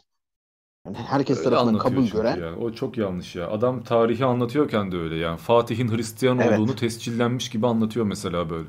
Evet evet. Sonra Nerede İlber şey, diyor ki öyle bir şey yok yani. Türkler Romalıdır çıkış falan vardı o Değil mi? mesela. Osmanlı ordusu Bizans ordusudur falan. O ba- bayağı radikale gidiyor bazen. Bilmiyorum bilerek mi yapıyor? Çünkü yani bayağı aslında televizyon tecrübesi falan var adamın kaç yıldır. Televizyonu seviyor bence. Olay bu. Bak dikkat et. Biz bunu Hakan'la falan da çok konuşuyoruz. Din, bilim, Darwin'de o kadar pasif bir ateist görmedim. Adamlar her şeyi söylüyorlar. Abdülaziz Bayındır vesaire. Yani Celal'in gol atacağı, laf sokacağı milyonlarca pozisyon var. Hiçbirinde ağzını açmıyor. Ve Celal'le sürekli alay ediyorlar. Sürekli dalga geçiyorlar. Her seferinde alttan alan mütevazı ateist ayağını yapıyor. Ama sonraki programlarda hardcore ateist kimseyi sözünü esirgemiyor. Herkes aptal, herkes cahil. Dönem Türkiye'si farklı ya abi de. O dönem Türkiye'si gerçekten farklı. O da açıldı bence. Programlara çıka çıka biraz daha 2010'lardan rahatladı. sonra 2010'lardan sonra bana sorarsan 2008 dedim o o şey. Hmm, din bilim ve Darwin. Ben 2011 mi 13 mü öyle hatırlıyorum ya. Ben bayağı şey hatırlıyorum onu. Yani 2010'larda falan hatırlıyorum. Ondan Türkiye internet giriştikten sonra bayağı insanların şeyi değişti. Yani çok insan daha felsefeye ulaştı. Türkiye'de biliyorsun bu edebiyat bas, bas, e, baskıyla yayılmadı. Yani şeyle basımla yayılmadı. Kitaplarla falan yayılmadı. İnternet üstünden yayıldı. İşte insanlar videolar izleyerek, okuyarak internet üzerinden o- bu bilgiye ulaştılar. Türkiye'de pe- patlama yaptı. Felsefi görüşler, dini görüşler. Çünkü yabancı literatüre de erişebiliyorsun. Türkiye'de bir literatür yok. Ondan sonra insanların bakış açısı değişti. Daha rahat konuşabiliyorsun. Yani eskiden çok daha sıkıntılı şeyler vardı. Tanrı kelimesini kullanamıyordum mesela. Askerde Yani hala işte- öyle ya. Yemek duasında falan Tanrı denmesi gerekiyorken duvarda Tanrı yazıyor. Allah diye bağırıyorlar mesela. Komutan Ama Tanrı öyle deyin yıllarca diyor. şey yaptılar diyorlar. abi. Yıllarca gündem yaptılar biliyorsun onu. Tanrı'yı. Spesifik olarak oradan askerde özellikle. Millet açılıyor zamanla işte. Yavaş yavaş. Bazen de geriye gidiyor. Yani ilerliyor muyuz yoksa yerimizde mi sayıyoruz? Daha mı kötü oluyoruz? Yerden yere Gençler değişiyor. ilerliyor. Sen şey katılıyor musun mesela bunun bir şeye dönüşeceğini? Bir jenerasyon çatışmasına. Yok zannetmiyorum. Bence Jenerasyon arasındaki jenerasyon fark felaket var. açıldı yani. Hangi? Normal bir jenerasyon farkı yok şu anda. Normalde Ben her genç- dönem çocuklar Evet. babalarından daha ileri görüşlü olur. Babalar her zaman geri kafalı sayılır. Her jenerasyon arasında bir 15-20 yıl oynar. Hep böyle olmuştur yani. Hep babam beni anlamıyor. İşte gençler çok bozdu. Ne olacak bu dünyanın hali? Ama şu internetle, sosyal medyayla, şu medyatik kuvvetle beraber son kuşağın bizim kuşaktan bile farkı çok fazla. Aramızda 10 yaş oynuyor ama sanki 50 yıllık bir fark var. Şimdiki bir gencin 50 yaşındaki bir adamla aynı kafada olması çok zor. Kendini yetiştirmiş bir adam olacak. işte Cem Yılmaz gibi olacak falan yani. Dünyayı bilecek, medyayı bilecek. Aksi halde 20-30 yıl olması gereken kuşak farkı şu anda bir asıra çıkmış vaziyette. O yüzden bu kuşağın herhangi bir grupla çatışmasına veya uyum sağlamasına gerek yok. Z kuşağı diyelim istiyorsan. Apayrı o zaten artık. Joker yani. Bunlar bambaşka bir dünya yaratacaklar baktığında. Türkiye demek daha doğru. Dünya çünkü zaten bazı şeyler aşmış. Yani evet Çünkü bizde şey- çok fark var. varacağım. Doğru. Biz Şeye. Amerika'nın Bu da normal abi. 1950'lerdeki versiyonlarıyız işte. Yani böyle yavaş yavaş bazı şeylerin atıldı. 70'lerdeki hippiler gibi falan. Oradaki e, fundamentalistlerle kavgaya tutuşmaları, tabuların yıkılması falan. Bunlar yeni yeni oluyor bizde. Hani hesap yapsam belki 30, 40, 50 yıl falan vardır. Batı ile aramızda. Var 50 yıl vardır mesela. İnternet 50 o farkı hızlı bir şekilde kapatmaya başladı. Buna uyum sağlayamıyoruz. Halk boomerlaştı işte. işte. Onu diyecektim. Belki de işte o Celal Hoca'nın oradaki şeyine baktığın zaman, kitlesine baktığın zaman onlar daha farklı bir Türkiye temsil ediyor. Yani o zaman da çok daha fazla şey tartışıldı abi. Çok daha fazla da komplo teorileri vardı yani. Bu ülkede bir nesil kola içmedi. Tersten okuyunca Allah yok yazıyor diye inandığı için. Böyle bir ülkede yaşıyoruz biz ya. Kola Anlatabiliyor satın muyum? alıp döken millet var ya. Ulan o şekilde İsrail'e zarar verecek yani. Parayı verdikten sonra bir de. Ya öyle yayıldı abi. Ben Irak Savaşı'nda başladı bu. Çok spesifik hatırlıyorum internet üzerinden. Müthiş görüntü e, geliyordu ve bilgi kirliliği çoktu. Ve komplo teorileri öyle başladı. Orta Doğu'dan çıktı aslında bu fazla komplo teorileri. Zaten biliyorsun bu e, Coca-Cola olayını bunu konuştuğumuza inanamıyorum ama Coca-Cola olayında biliyorsun bu Amerikalılar Orta Doğu pazarına girmek istiyorlar. Fakat Araplar ve İsrailler çok kavgalı oldukları için Araplar diyor ki siz işte İsrail'e satarsanız bizim düşmanımızsınız. İsrailler de bunun üzerine diyorlar ki ya siz bize satmıyorsunuz siz antisemitiz misiniz? Hani Yahudilere mi satmıyorsunuz? Bize mi garediniz falan diyorlar. Kola da kendine bir çözüm yapıyor. Filistin'de açıyor fabrikayı. Yani hem İsrail'e veriyor ama işveren oluyor orada da bir noktada. Güya çözecek kafasınca. Sonra tabii bu iş istediği gibi gitmiyor ve Arap dünyasında böyle yoğun bir propaganda başlıyor Coca-Cola'ya karşı. Bizim ülkemizdeki aslında mevzu da o. Yani biz tamamen alakasız, hiçbir haddimiz olmayan, bizim alakamız olmayan bir şeyin içine girmişiz. Bir propaganda olayın içine, savaşın içine girmişiz kolaya karşı. Ondan sonra barıştılar. Biliyorsun Kuveytli hissedarlar Coca-Cola'nın en büyük sahibi. Kuveytliler yani. Her şey barış, her şey süper, her şey güzel. Coca-Cola satılıyor Orta Doğu'da. Bizden gitmemiş bu. Kalmış. Bizim milletin bilmiyorum ya gülünecek ağlanacak çok tarafı var. Mesela kola zararlı diye Fanta içirenler var ya. Portakal var ya içinde C vitamini falan verir. Sarı kola. Onu da Almanlar buluyor aslında. O da enteresan bir hikaye de. Yayını bulaklandırmayalım. Bir soru alabiliriz aslında. Hem de konuyu değiştirir. Tabii abi. Kola hakkında mı konuşacağız yarım saat? Yoksa değil mi yani? Almadan- İçinde fare varmış, Yani- ko- kokoa böceği varmış falan. Ben onu diyecektim. O böceği hatırlıyorum. Onun resimlerini falan bile yapmışlardı ya. Night Online'da bile vardı lan. Oyundan semboller çıkarıyorlardı. Oyunun böyle mason, illuminati oyunu olduğunu, dünyayı bölmeye çalıştığını falan söylüyorlardı yani. Bu Abi yüzden Brown'un bırakan bir nesil var. verecek. O Dan Brown'un Allah belasını verecek. Yaktı milleti. Yani tüm dünyada o şey başladı biliyorsun. O kitaptan sonra. Her yerde böyle sembolizm, masonlar, Melekler gizli ve şeytanlar ne hale geldi yani. Kafayı mısın? Bir video vardı. Dünya çapında viral olan bir video vardı. Ee, hatta Türk basınına bile yansımıştı. Ee, bir gece böyle yeşil kamera bu şey etkisi, paranormal activity kamera etkisi hmm, de çekilmiş bir görüntü. Yolda bir adam var. Kamyonuna çarpmak üzereyken birisi geliyor onu ışınlanıp böyle başka bir yere Aynen. Teleport ediyor. Bunun üzerine dünyanın her yerinde böyle herkes kendi inancına göre, kendi kültürüne göre çıkarımlar yaptı, yorumlar yaptı. Komplo teorisyenlerini biliyorsun böyle bir şey bulduğu Hızır, zaman. Hızır aleyhisselam. Saldırıyorlar yani. Peygamber denildi, elçi denildi, işte Hızır denildi. Bizim ülkemizde, yurt dışında da çeşitli çeşitli söylentiler. Abi neymiş biliyor musun olayın aslı? Kore menşeli bir oyun firması, bir online oyun yani. Oyun için bir viral reklam e, şey yapıyorlar. Başarılı olmuşlar. Ve şeyde oyunun logosu var aslında o videoda. Asfaltın ortasında. Orijinal videoda da video bittikten sonra oyunun logosu geliyor ekrana. Fakat kesilmiş kırpılmış o şekilde yüklenmiş internete. Bir dönem onunla geçti. İşte o Kur'an yırtan kız şeyi gibi, olayı gibi. O meşhurdur bizim ülkemizde. Birkaç Bal tane daha var korktuk ya ulan.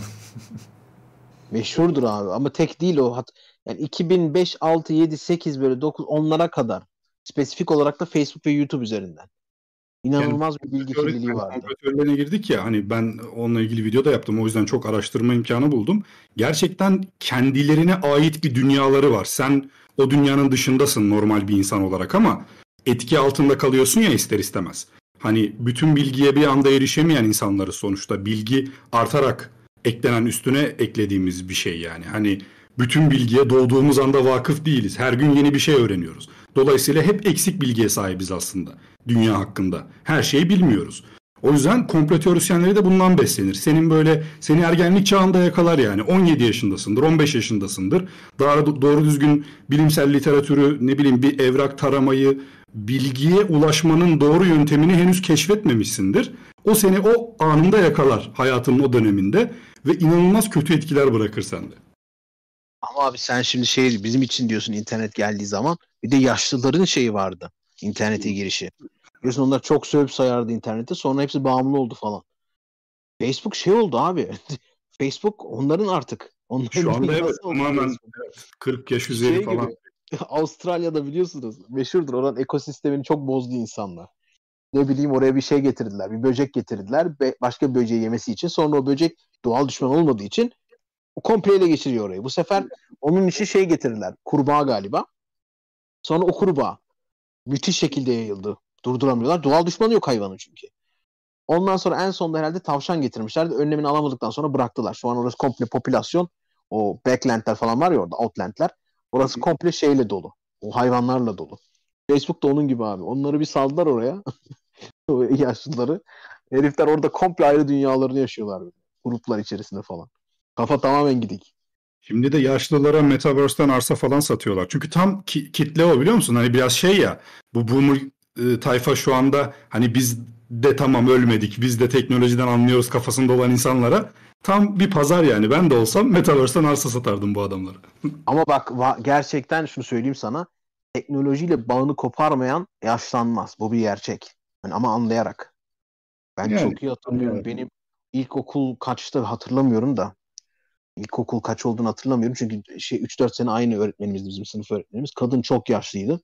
Müthiş yaşlıydı yani. Şey 2. Dünya Savaşı'nı falan görmüştü yani. Anlatırdı sürekli. Ve bilgisayarla o beni tanıştırmıştı yani özel. Sonra hatta kadın demişti Windows 98'di galiba o bilgisayar ilk. Hani bizim eve göndermişti falan. Al bunu götür işte bu okul bilgisayarı falan. Bizde var götür. Tabi bu Almanya'da oluyor bu arada. Şey yapmayın. Şaşırmasın insanlar nasıl öğretmenmiş o diye. Kadın göndermişti abi bilgisayarı benimle. Demişti ki bak şurada şu program var, şurada şu var ve aşırı yaşlıydı kadın. İnanılmaz yaşlıydı ama sürekli takip ediyor ve diyordu. İşte bak böyle bağlantılar olacak işte internet şeyleri falan var. Gelişmekte bilmem ne falan. Ve kadın aşırı dinçti. Yani benim annem babamdan dinçti zihinsel olarak.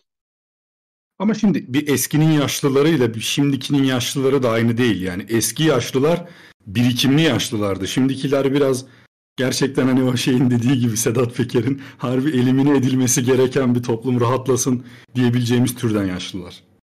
Evet evet benim de çok şeyim var, söylemlerim var. Türkiye'de özellikle çünkü Türkiye'de bir nesil şey yetişti. Sıkıntılı yetişti diyelim. Çok değişik bir dünya görüşleri falan var. Adapte edemiyorsun adamı gerçek dünyaya. Çünkü 60'lara 70'lere falan bakıyorum. Ee, özellikle de şu an işte videosunu hazırladığım konuyla ilgili biraz araştırma şansım oldu yine o yılları. Ee, globalde de mesela hani büyük icatlar ortaya koymuş heriflere bakıyorsun ve şey sektöründe böyle hani entertainment sektöründe hani gençlerden beklersin ya normalde böyle şeyleri. Adam bunu 60'larda falan 70 80 90 yaşındaki herifler yapıyor, mümkün kılıyor. Gençlerin e, ulaşabileceği bir medium'u yaratıyor. Ama Murat Zeitgeist diyorlar. Bunun da bir şeyi var herhalde.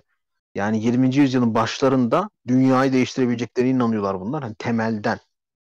Temelden böyle harbi temelden. Baya böyle komünizmdi, şuydu, buydu. Temelden. Bir devrimle falan. O yüzden her şey çok açıklar.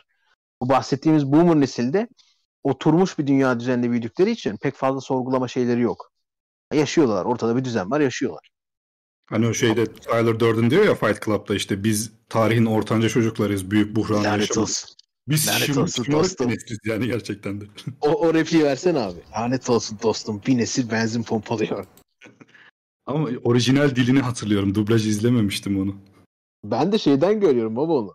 Facebook'ta sürekli mimlerini yapıyorlar bunu. Lanet olsun dostum bir nesil benzin pompalıyor. Kase atıyorum bu ya. arada. Yasin Burak Özbaş favori animeleriniz neler diye sormuş. Bana da The Crow hayranı mısın diye sormuş. Evet. Hatta The Crow cosplay'im var. Instagram'da görebilirsin. Anime izliyor musun Erlik? Evet abi geçen şey yaptım. Benim kardeşimden dolayı. o bana sürekli önerir. Ama böyle e, Studio Miyazaki gibi işte e, Death Note gibi klasikleri falan da biliyoruz da Studio Ghibli pardon Studio Miyazaki demişim Studio Ghibli doğru. Studio Ghibli klasiklerini biliyorum. Bilmeyen yok herhalde. Onun haricinde Death Note'u biliyorum ve favorim Sword Art Online. Çok güzel Büyük ya ihtimalle. Hakikaten çok güzel yani. İlk Sword Art Online. Şu sonradan biraz biraz bokunu çıkarıyorlar Japonların öyle bir huyları var abi. Çok güzel başlıyor böyle. Çok iyi gidiyor. Fakat sonradan öğrendim ki bu türle alakalıymış. Hani shounen varmış, Evet. bilmem ne varmış. Doğru. Biraz daha ciddi türleri de varmış. Senin çok en sevdiğin bir anime var mı? Ben dedim ya ben elendim bu konuda. I'm sold. Bir soru alalım Velasco. Bir üyelerden soru alalım. El kalkmış yarım saattir bekliyorlar. diye soracaktım da önce üyeleri şey yapalım. Ve Adminler çok sordu ya. Üyelerden devam edelim. Erlik de bana yaptığımız yayında Stüdyo Ghibli'yi soruyor. Lan ben ne bileyim Stüdyo Ghibli hayatında anime izlememiş adam. Ben çok senin yayında söyledim. Orada da bir şey yaptım. Oradan linç yedirdim bana bir de. Ben onu diyecektim. Orada benim yüzden oldu. Pardon. Bak ben de unuttum şimdi adına. Studio Miyazaki dedim. Yanlışlıkla.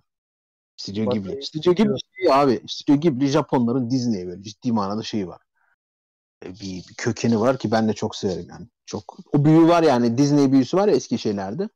Yani onu yakalamış Ghibli gerçekten. Studio Ghibli. O tarafa hiç eğilimim olmadı ya. Çocukken o Japon seviciliğim vardı ama hep bir ninja, karate o taraflarda yani. Abi ben Japonların olduğunu bile bilmiyordum yani. Sadece güzel bulmuştum.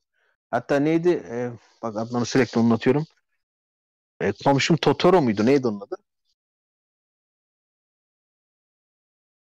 Chat söyler. Ghibli'nin iki tane meşhur şeyi var. Başyapıt. Başyapıt denilen şeyi var. Uzun metraj animesi var. Totoro'ydu herhalde değil mi? Allah soundtrackleri de çok iyidir abi. Komşum Totoro bak. Aynen. Son hava bükücü. Avatar şey abi. Avatar anime, anime kartun diye geçiyor değil mi? Anime değil zaten. Amerikalılar yapmış. Evet anime değilmiş. İngilizce anime olmaz ya. Orada bir Japon sesi duyman lazım yani. Çizim tarzı da zaten anime gibi değil. Kartun zaten ama animeyi kendine ne desek abi ilham olarak almışlar. Evet ilham olarak almışlar diyebiliriz. Şey gibi Matrix yapımcıları bu e, Wachowski'lerin Ghost in the Shell'ı kendilerine ilham almaları gibi. Bu arada izlemiştim onu da evet. Shell'ı izledim bu arada. Yani onu ama işte bir anime sevici olarak değil hani konuyu sevdiğim için izlemiştim. Bu da başyapıt olarak geçer. Çok iyidir. O yıl yani hep şey düşünüyorsun ya bu yıllardan bakarak ulan ta o yıllarda bunları nasıl hayal etmişler kafasıyla izlediğin için sürekli etkiliyor. Benim şeyden abi. Benim Dragon Ball'u izledim evet. Dragon Ball'u çok izlerdim. Bizde yayınlanırdı çünkü o dönemler. Dragon Ball çok izlerdim. Avatar'ı sonradan ben izledim isteyerek. Onu da kardeşim önermişti. Eksiklikleri var ama kötü değil yani. Ön yargıyla yaklaşmaya gerek yok. Avatar iyiydi ya. Last Airbender iyiydi. İlk sezonunda sıkıntıları var. Sonradan açılıyor bayağı dünyası falan. Gayet güzel biraz building falan var. Avatar'ı daha yeni Sword Art Dragon yazmışlar. Ona da abi ön izlemişliğim yargı. vardır. Sword Art Online'a da ön yargılı yaklaşmıştım. Abdullah Var bu bende. arada istek gönderdim. Onaylarsan katılabiliyorsun. Vardı abi bende böyle ön yargı. Diamond senin maceran nasıl oldu? Nasıl tanıştın animeyle? Benim çocukluktan kalma ya. Ben Dragon Ball izliyordum Star TV'de. Çok hoşuma gitmişti. Daha sonra onu bir daha bulamadım. Bilgisayarım olduğu zaman da böyle 13-14 yaşlarında bilgisayarım oldu. İnternetten direkt onu aramıştım. Dragon Ball bulabilir miyim, izleyebilir miyim bir daha diye. Dragon Ball izledikten sonra o da 300 bölüm yani. Z'yi de bitirdim, GT'yi de bitirdim. Toplam 600 bölüm falan gitti. Ondan sonra bu tarz başka anime var mı diye arattım. Naruto, Bleach, var oğlu var. Bin tane anime izledim yani. Var. Zaten direkt Naruto'ya geçiş yaparlar şeyden Dragon Ball'dan sonra. Ben, Ben Naruto izlemedim mesela. Mangalarını okuyordum ben. Sonra baktım bunların animeleri de paylaşılıyor. Aslında en çok manga okuyordum ben. Mangalardan animeye geçtim yani. Okuduğum 100 tane falan manga vardır. One Piece'e girmedi değil mi? Oraya girdin mi abi? One Pokemon orada. anime ama 7 yaş civarına hitap ediyor yani. Çizimleri daha eski tip. Ama ben de o yaşlarda izliyordum. One Piece mi? Yok Pokemon. Pokemon. Ha Pokemon tabii tabii. One Piece de onun biraz daha büyük versiyonu gibi düşünmek lazım. One Piece çok övmüşlerdi abi. İzledi, izle, izledi, izledi. Koca koca adamlar falan böyle. Bin bölüm ya. Uğraşılır. Kaç bölüm diye baktım dedim baba bana göre değil. Sonra Abi beni az kalsın başlatıyorlardı. İndirdim bir de dünya kadar dosyasını falan sonra geri sildim. fillerleri çok bir de onların. Filler episodları falan çok. Bu arada Yedi- Abdullah sorunu 745 alabiliriz. bölüm mü neydi? Mikrofonunu açman lazım tabi. Öncelikle merhaba çok heyecanlandım. Merhaba hoş geldin. YouTube'u izleme sebebim olan 5 kanaldan 3'ü burada. Diğeri Efe değil mi? Evet. Zaten Aydal anasını satayım. Yürü kardeşim ya. Benim sorum Diamond'a hazır efsaneler de buradayken Diamond abi Kurtlar Vadisi izledin mi? Yok izlemedim. İzlemeyi düşünüyor musun? Yok. Çünkü başka bir sürü dizi var şimdi ona başlayamam. Teşekkür ederim iyi günler. Rica ederim. Hayal kırıklığıyla sonuçlandı değil mi? Evet. Oldukça. Ben tahmin ediyordum ama izlemediğini. Kesinlikle ben izledim ama en azından mutlu ayrıldım. Evet, Instagram hikayelerinden farkındaydım. Bu arada Erlik abi bugün attığın için, bugün attığın story için de teşekkürler. Farkındalık yarattığın için. Arkadaşlarımla paylaştım. Ha eyvallah. Doğru. Şey olayın diyorsun. O kız olayın diyorsun. Okulda üzüldüm ya. Yeni okudum ben de. Abi yapacağız bir şeyler. Yapacağız. Ben birkaç kişiyle daha görüştüm. Yani yayıncı arkadaşlarla falan. Herkes ortaklaşa şey yapalım gibisinden. Kısmen ben de aynı durumu yaşıyorum. Aile spesifik. insan karışamıyor da yani. Yok spesifik olarak karışabiliyorsun tabii ya. Kız yardım istedi. Ben birkaç yere ulaşmaya çalıştım. Ona da döneceğim. Yani dedim bir şey olsa bana yaz. O zamana kadar bir rol yap falan böyle. İdare et durumu. Burhi Reis bilir bu işleri. Ona, ona da yazdım galiba ama o da şeydi. Alper Çağlar Efe'nin yayını vardı ya onunla bayağı meşguldü dün. Dün olsa gerek. Yani ben birkaç tanıdığıma da şey yaptım. Yani devlet kademesinden de ulaştım falan ne yapabiliriz falan gibisinden. Reşit olsaydı sorun yok hallederdik de. Ya bunun için ileriye dönük bir şey de düşünüyorum. Bilmiyorum bunu sonradan açıklarım arkadaşlara. Böyle bir platform falan kursak bu şekilde baskı altında olan insanlar için en azından birbirlerini anlayabilen, yaşıtlarıyla görüşebilseler, fikir alışverişinde bulunabilseler. Bana çok kişi yazıyor ya. İntihar eşiğindeyim falan diyor böyle. Hemen örgütlerler. Terör örgütü gibi davranırlar. Yok abi adam diyor intiharın eşiğindeyim falan çok yazan var gençlerden. Tam orası öyle de. Realite öyle de yani. Gerçekte örgüt diyecek. Ya sanmıyorum abi. Yani bir gerçek var sonuçta. Bunun er ya da geç yüzleşecek insanlar. Yani ortada gerçekten bir buhran var gençler açısından. Hani kendileri internette işte Diamond izliyorlar, Efe izliyorlar. Ee, ben Deniz'i, seni beni izliyorlar abi. Ama ger- diğer tarafta da bir aşırı baskıcı birden Anadolu'nun en karanlık noktasından gelmiş bir şey var. Bir gerçek yaşamları var. Herifler bayağı internete kaçıyor böyle escapizm falan. Bayağı kaçıyorlar böyle. Sonra onunla yüzleştikleri zaman da adamların morali inanılmaz bozuluyor. Çocukların. Kötü bir durum ya. Hani Tabii biz tabii de abi, çok olabilirdik. Çok kötü çok. Yani o kızın yazdığını okumuşsundur. Yani babası böyle tekme tokat giriyor falan.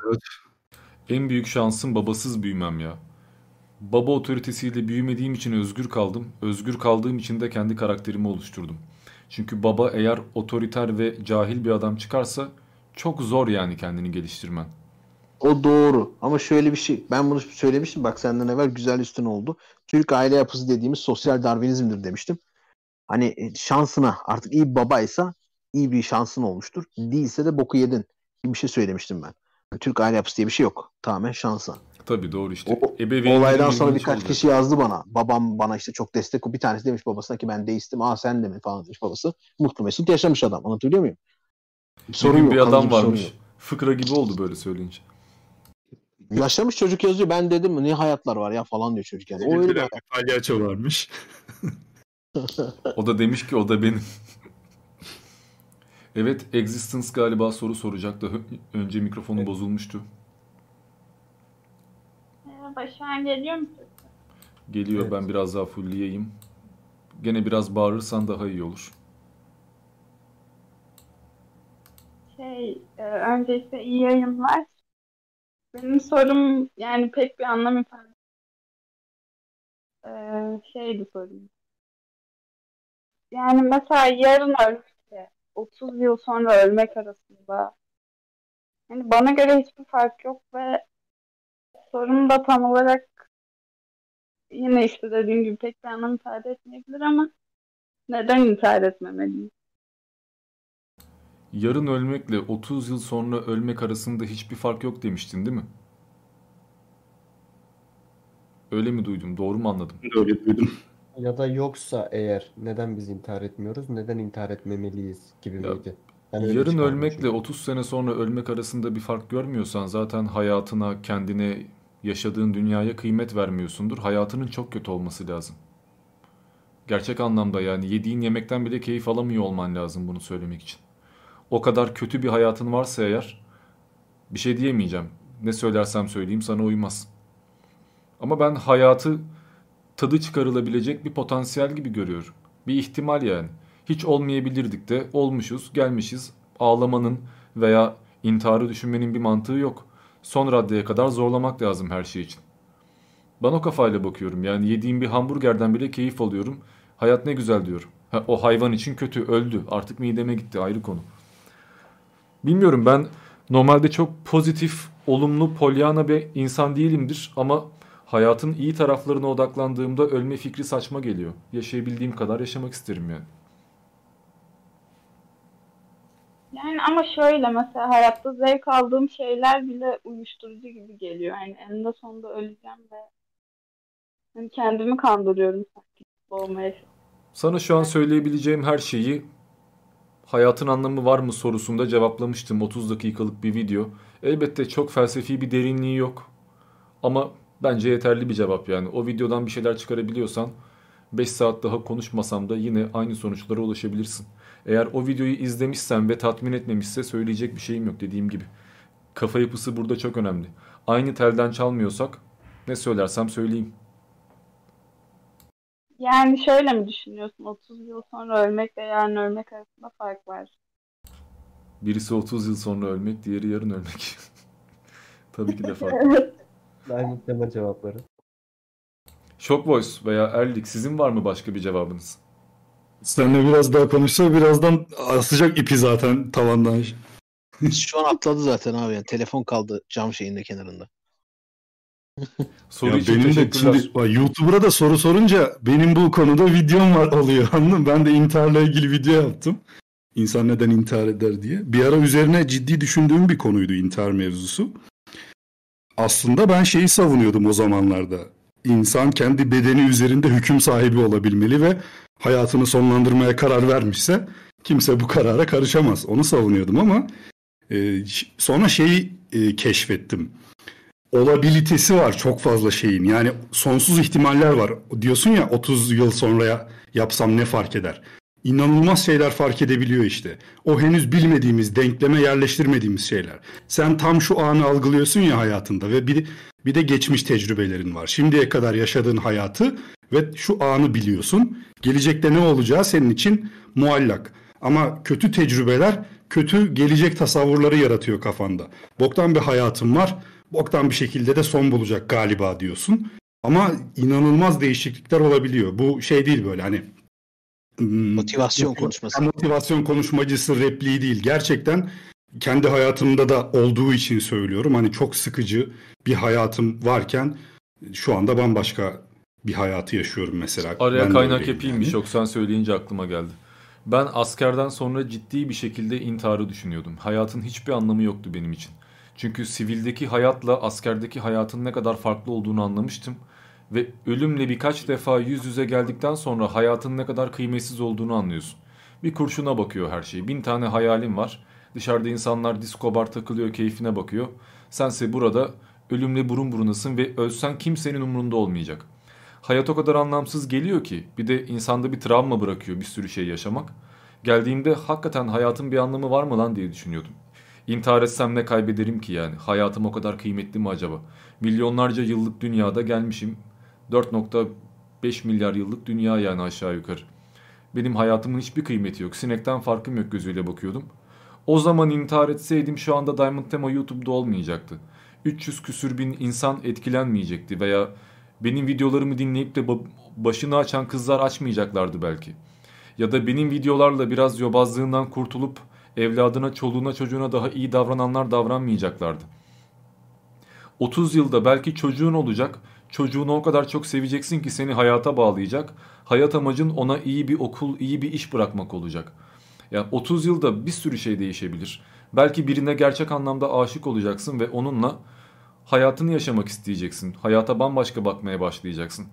Yani önündeki 30 yılın nasıl olacağını %100 bilmiyorsun ya. Geçmişte olan şeyler kadar bariz değil yani. Bir muamma var, ihtimaller, potansiyeller var. Onun için yaşamaya değer bence. Ne olacağını görmek için. Bir dizi izliyorsun, öyle düşün. Şu an bir filmdesin. Filmi bitirmek, bence finali görmek daha iyidir.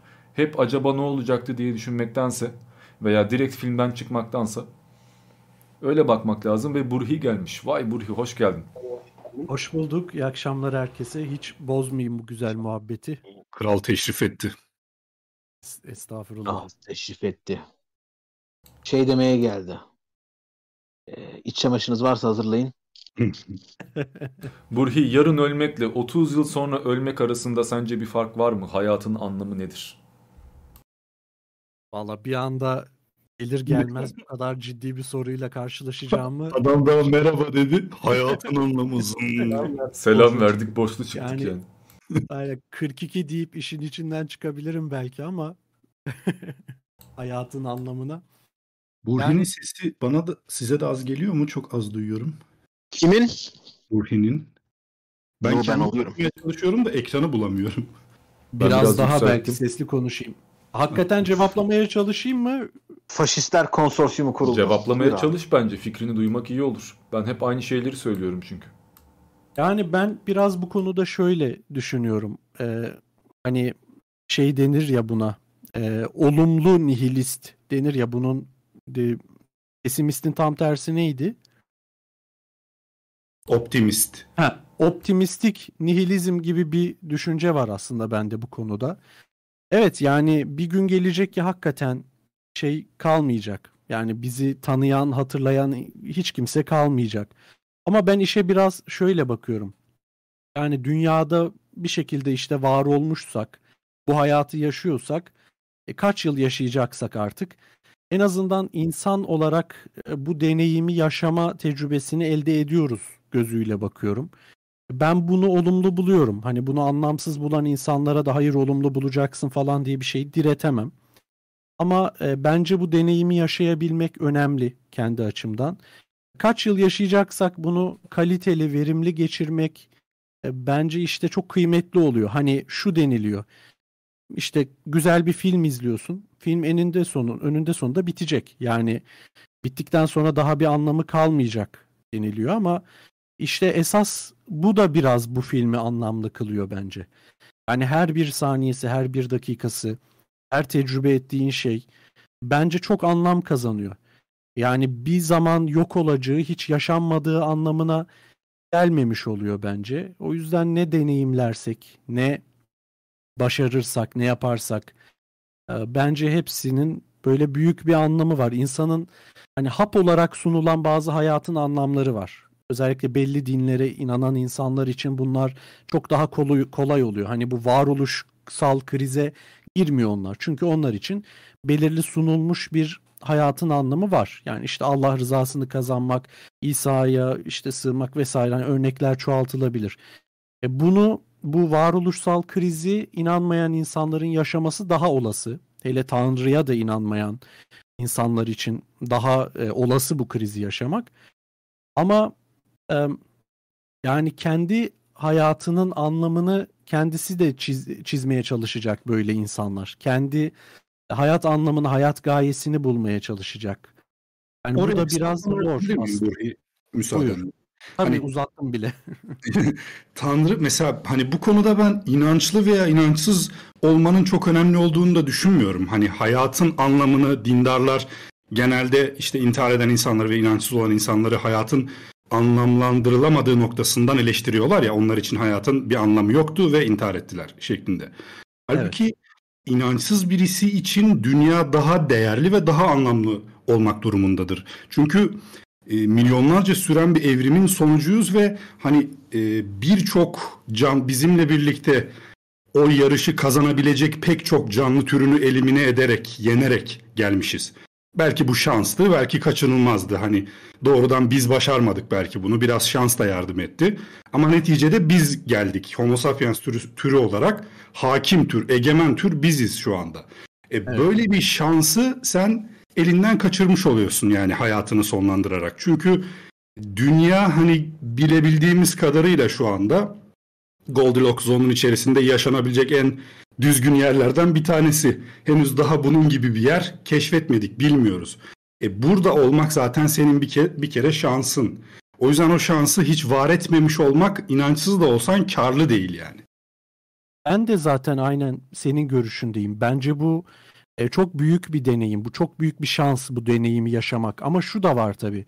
Hani bundan bin yıl sonrasını, iki bin yıl sonrasını şu andan göremiyoruz, kestiremiyoruz.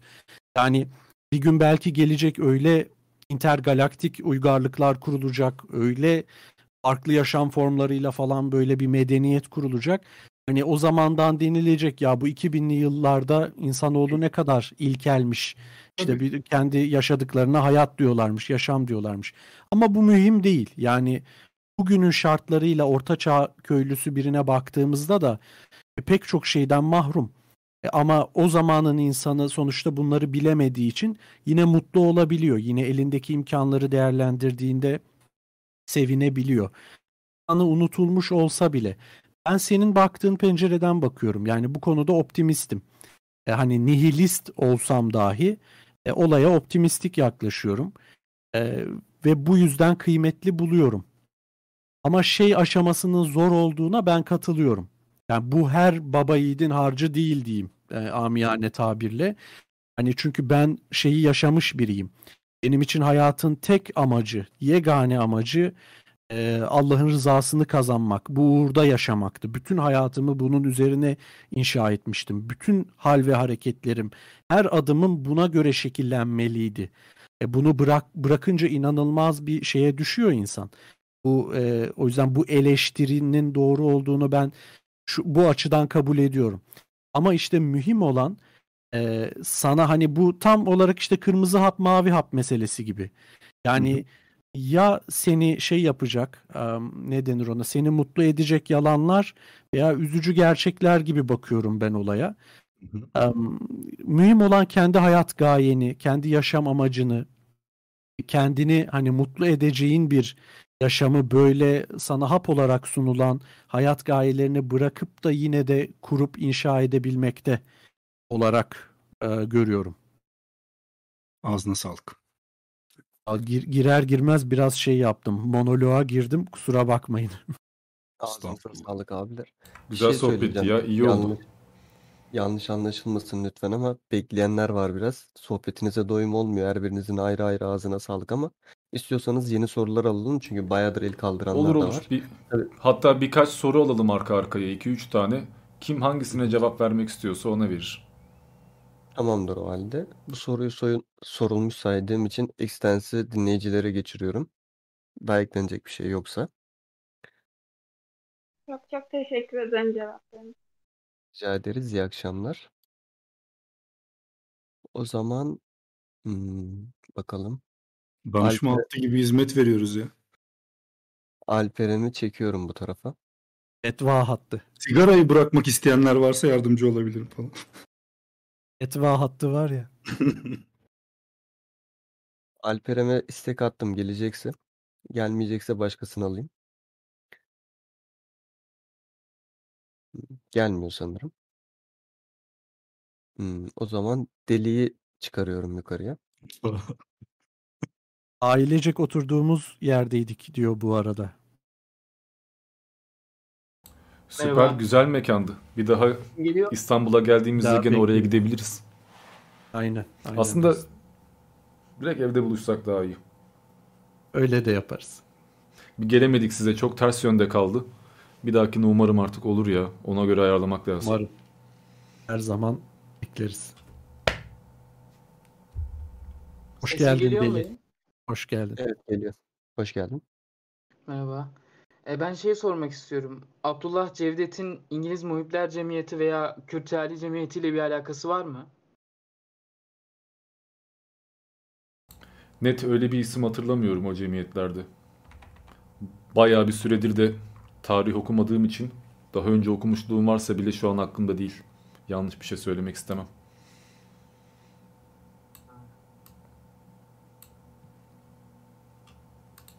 Peki. Daha bir şey yoksa dinleyicileri alıyorum. Yok başka bir şey.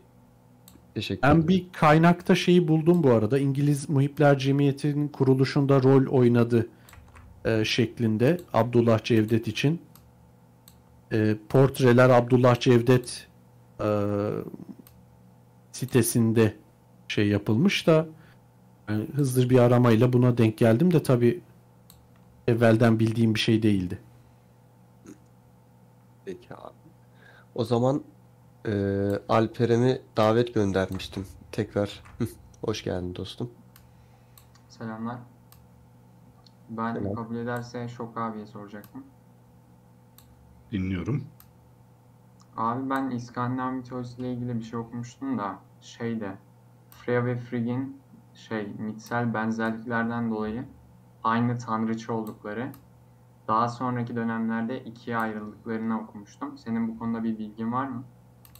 Ee, bu şeyde de var ya Yunan mitolojisiyle Roma mitolojisi çok benzer birbirlerine. Hatta birçok tanrı ve tanrıçaları yani farklı isimlerde, farklı suretlerde ama aynı şeyi ifade eder.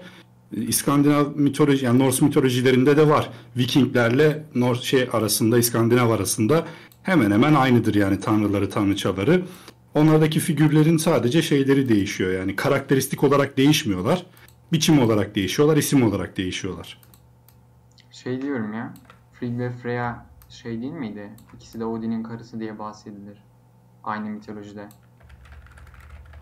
Freya, e, Freya'yı mesela şeyde de görüyorum ben. Viking mitolojisinde de görüyorum. İskandinav mitolojisinde de görüyorum. Birisinde e, kız kardeş, diğerinde eş. Ya şey okumuştum. Aa, ikisi de değerli mücevherler için başkalarıyla birlikte oluyorlardı. Sonra Loki'ye pelerin veriyorlardı. Şahin pelerini. Bu benzerliklerden dolayı daha sonradan ikiye bölünmüş tek bir tanrıça olduğunu okumuştum da. Bir bakmak lazım tabii tekrar. O kadar spesifik hatırlamıyorum şu anda. Ama zaten şey de oluyor. Farklı anlatımlar da oluyor. Mitolojilerde çok olur bu. Hani bir tane anlatım olmuyor. 3-5 farklı versiyonu oluyor. Bir tanesi kabul gören oluyor anlatım. Ama neye göre kabul gören işte? Bir de bir soru daha sorabilir miyim? Tabii. Şey, e, mitolojilerde böyle izole de olsa bayağı benzerlikler oluyor. Özellikle de mesela ben Yunan'la İskandinav arasında bazılarını ayıklamıştım. Bunların kültürel etkileşimler haricinde evrimsel bir nedeni var mıdır acaba? Evrimle değil de ben daha çok jeolojiyle çok paralel gittiğini şahit oldum mitolojilerin. Ya öyle tabii hani çevreyi anlamlandırma ilişkisi kuruluyor. Fakat şey yani bayağı bir benzerlik oluyor. Mesela şu Yunan mitolojisindeki ölüm, doğum, işte o süreçli üç tanrıça aynısı İskandinav'da da var mesela. Bunun çok da bir böyle jeopolitik konumla bir alakası yok gibi. Tabii bu insanlar sonuçta hani dünyadan bağımsız bir şekilde bu hikayeleri oluşturuyor değiller. Hani bilim de bunun içerisinde, jeoloji de bunun içerisinde, kültür de, sanat da. Her şey jeolo şeyin e, mitolojinin oluşmasına etki ediyor. Yani toplumsal bir kültür oluşturuluyor aslında. O, o kültürün içerisinde dönemin bilimi de var tabii ki. O dönemdeki kozmolojik bilgi neyse evren modelini ona göre inşa ediyorlar mesela. Gökyüzü yani gökyüzü tavan şeklinde mi yoksa kubbe şeklinde mi tasvir ediliyor? Dini anlayış o dönemde nasılsa kozmolojik bilgi ne seviyedeyse mitoloji de ona göre şekilleniyor. Çok teşekkür ederim abi. Rica ederim. Teşekkür ederiz. O zaman tekrar sıradan eee Maeve, Maeve varmış. Arada reklam yapayım. Neden bütün dinler birbirine benziyor videosunda muhtemel sebeplerden bahsetmiştim. E, merhaba, benim sorum Erli'ye olacak. Bir dakika sesini yükselteyim az geliyor şu anda. Şu an nasıl geliyor? Şu an daha iyi. Kaydını izleyenler de böylece duyarlar. Böyle de mikrofonu kapandı ve şey e, kapatınca bir daha sesim açılmıyor demişti ama. Şimdi e, geliyor mu sesim? Heh, geliyor. Aa, evet. Geliyor. Yok şu an sesim gelecek. Benim sorum e, Erlik'e. Alternatif evren teorileri hakkında ne düşünüyor? Kendisinin sosyalist olduğu bir evren var mıdır acaba? Oralarda bir yerde.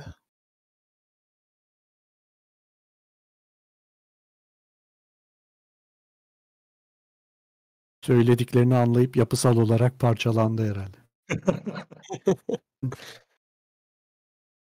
Doctor Strange gibi şu anda search ediyor tabi. 5 milyar ihtimalden birinde varmış. Mikrofonu muhtemelen gene şey oldu. Bir geri çek yaparsa alırım. Kaderinde yokmuş adamın ne yapalım. De uzun uzun anlatmışmış. Ve o güzel erlikler güzel atlara binip gittiler. Yazık oldu. Ben Nihat Doğan'ı kullanıyorum bir binek olarak. Burak. Benim sosyal mümkün abi yani sosyalizm karşıtı biri değilim ama Türkiye'deki komünistlerle aram iyi değil sevmiyorum. Bu iktisadi bir şey değil. Tamamen onların kültürel yapılarından dolayı. Olabilir. Yani gerçekten alternatif bir evrende sosyalist bir erlik, yoldaş erlik olabilir. Halkların Çantandan kardeşliği da erdik çıkıyor ama değil mi? Che Guevara gibi. Halkların kardeş Guevara. Bak şimdi onu sorarlarsa %90'ınız konuşacak yine ben konuşacağım. Guevara hakkında ne düşünüyorsunuz diye soran olursa. Teşekkür ederim. Soran olursa duyurmuş olalım yani. Sosyalist erliğin çantasından kavgam çıkıyor ama o kadar tezatlık var. o kadar da nutuk değil kavgam böyle tam tersi. Bir de o var, bak, komplo teorisi dedik ya. Kavgan okuyor falan. komplo teorisi dedik ya daha yeni. Bu da onlardan biri işte internet üzeri yayında. Nutuk çıkmış Che Guevara'nın çantasından. Hayır çıksa ne fark eder paylaşılırdı bilmiyorum. yani. Yüz binlerce şey alırdı böyle. Alırdı. Atatürk'ün de komünist olduğunu söylerlerdi. Amasya Nutku'ndan falan bahsederlerdi. Evet ya bir de yani adam görüp görebileceğim belki de büyük anti komünistlerden biri. Yani ben bütün nutuklarını falan okudum. Bu konuda ve ben hangi konuyu araştırırsam araştırırım. Bu Kubilay olayıyla ilgili video yaptım ben mesela. Belki görmüşsündür. Öğretmenler günüyle ilgili. Burada mesela gün bir gün bütün işte haberlere bakıyorum. Abi her gün bir komünist tayfa yargılanıyor. her gün bir komünist davası. Adam dehşet bir antikomünist ama ne hikmetse adamı devrimci olarak yutturmaya çalışıyorlar. Şeyi paylaşırlar bazı- mesela. Hı. Kür- kürklü bir fotoğrafı var böyle. Ee, onu paylaşıp da işte e, Rusya'nın dostuydu. Aslında sosyalist bir cumhuriyet kuracaktı falan diye o fotoğraf paylaşırlar. Bu da inanılmaz bir rezillik. Ee, Atatürk pragmatist bir adamdı. İhtiyacı varken herkesle iyi ilişkiler içerisindeydi. Bu doğru. Fakat ne bileyim fabrika açılmış iki tane ve silah alınmış. Vay anasını satayım. E düzinelerce başka ülkeyle de bu, bu tür anlaşmalar yapıldı. Yani çok büyük bir dostluk varmış gibi sunuyorlar Sovyetlerle. Türkler ve Türk-Sovyet dostluğu Mustafa Sufi ile Karadeniz'de boğulmasıyla birlikte o dostlukta boğulmuştur abi. E, sıcak bir ilişki yok orada anlatıldığı gibi. Atatürk'ün Sovyetler siyasi Buyur abi. zekasını şöyle özetleyelim. Yani adamın net bir görüşünün olması veya 20 yıl boyunca aralıksız hep aynı fikri savunması gerekmiyor. Bu adam kuvveti eline geçirene kadar herkesi kullanmış bir yerde. Ama kuvveti eline geçtikten sonra da insanları kullanmış. Şöyle yapmış mesela. Çok partili sisteme geçişi muhalifleri elemek için kullanmış. Tek parti CHP ve Atatürk'ü sevmediği halde milletvekili olan veya partiye katılan bir sürü insan var. Sabah akşam muhalefet var. Çok partili sisteme geçelim diyor. Muhalif bir parti kurulmasına izin veriyor. Bütün muhalifleri orada belirleyip ondan sonra hepsinin bir yerde ayağını kaydırıyor yani. Bu da siyasi bir zekadır. Ya örnek bir örnek daha vermek gerekirse daha yeni Efe diyor ki küs müsün diyor. Herkese cevap verdin. Bana vermedin. verdim boş verdim rahat ol. Şey herkese el etmesi konusunda Mustafa Sufi Bey mesela iddiaçılara ve sağcılara hallettiriyor. Ondan sonra da böyle işte Topal Osman'ı da hallettiriyor. Yani sağcıyı solcuya kırdırdıktan sonra Aynen Topal sağcıyı Osman muhabbeti biraz mesela. Çok da eleştirirler bu yüzden. Yanındaki adamları bile işte şey yapıyor diye de Atatürk'ün yanında adam yok. Bunu anlamak zor. O adam tek bir adam hakikaten. Şevket Süreyya'nın kitabında olduğu gibi. Zaten Allah. politikacılar eşle dostla yürümezler. Eş dost yarı Kendini olur. siyasetçi olarak görmüyor ama bunu da söyleyeyim. Çünkü bir nutukta çok net şekilde söylüyor. Ben e, konvansiyonel siyasetçiler gibi işte günübirlik siyasi şey düşünen biri değiliz falan filan böyle bir nutku var yani. Devlet adamı olarak görüyor kendini. Tabii siyasetçiyle devlet adamı arasında büyük bir ayrım var. Bunu anlamak lazım. Bugün mesela devlet adamı yok ülkede. Siyasetçi var. E, siyasette iki yüzlü olmayı veya yalan söylemeyi gerektiriyor. Zaten bu yüzden hepsi birbirinin kuyusunu kazıyor. Ya şeye girersek şimdi senle çok partili dönem işte Türkiye'de demok- demokrasinin Türkiye'de etkisi falan. Oradan bayağı şey çıkar. Konu çıkar. Ben Burhi'nin yayınında konuşurken abi bayağı millet nefret etmeye başladı benden o yüzden. Hani o zaman konu değişelim, soru alalım. Yoksa bu sabaha kadar devam eder yani. Bir de Atatürk Yazılar. Ee, o zaman kalemsiz yazarı ben davet ediyorum. Daha önce sorusunu almadığımız insanları alalım. Zaten bu kişiyi almamıştık. Bundan sonra alacağım Öyle kişi de yapıyorum. daha önce almadığımız birisi olsun. E, Hep öyle yaptım ya. Bir iki kişi falan. Hatta hiç hatırlamıyorum ben sor, ikinci kere gelip soran. Bir kişi olmuştu evet bir kişi. Geneli ilk defa el kaldıranları almaya çalışıyorum. Tamamdır. Soruyu alabiliriz. Mikro. İyi akşamlar. Hepinize teşekkür ediyorum böyle bir ortamı oluşturduğunuz için. Özellikle başlıca üçünüze e, gerçekten teşekkür etmek lazım. Türkiye'de yani Türkiye'nin böyle ortamlara ihtiyacı var. E, bunun dışında soruma gelirsem e, ben İlber Ortaylı'dan bahsetmek istiyorum biraz. İlber Ortaylı'nın e, FETÖ ile ilgili birkaç e, demeci var. Hatta Fethullah Gülen'le yüz yüze konuştuğunu söylüyor. Sonra işte bu olaylar çıkınca hocam onunla görüştünüz mü deyince de e, bir orada biraz sinirleniyor açıkçası. Görüştüm ne yapacaksınız? Bunun dışında Fethullah Gülen cemaatinin, yani Nur cemaatinin e, Milli Türk Talebe Birliği ile bağlantısını, Necip Fazıl'ın bu Milli Türk Talebe Birliği ile e, birliği e, işte derneğin nasıl nasıl denirse artık ona bu kuruluşun Necip Fazıl'la bağlantısını Bunun dışında Komünizmle Mücadele Derneği'nin yine e, Fethullah Gülen'le bağlantısını öğrenmek istiyorum ve buraya üye olan bayağı başbakanlar var yani. Bu hani bu dernek hakkında ve Milli Türk Talebe Birliği hakkında e, bilgi edinmek istiyorum açıkçası. Eğer sor. Bana mı sordun? Evet. Mr. Erlik. Vallahi bana soracağını tahmin etmedim. O yüzden dinlemedim falan diyor.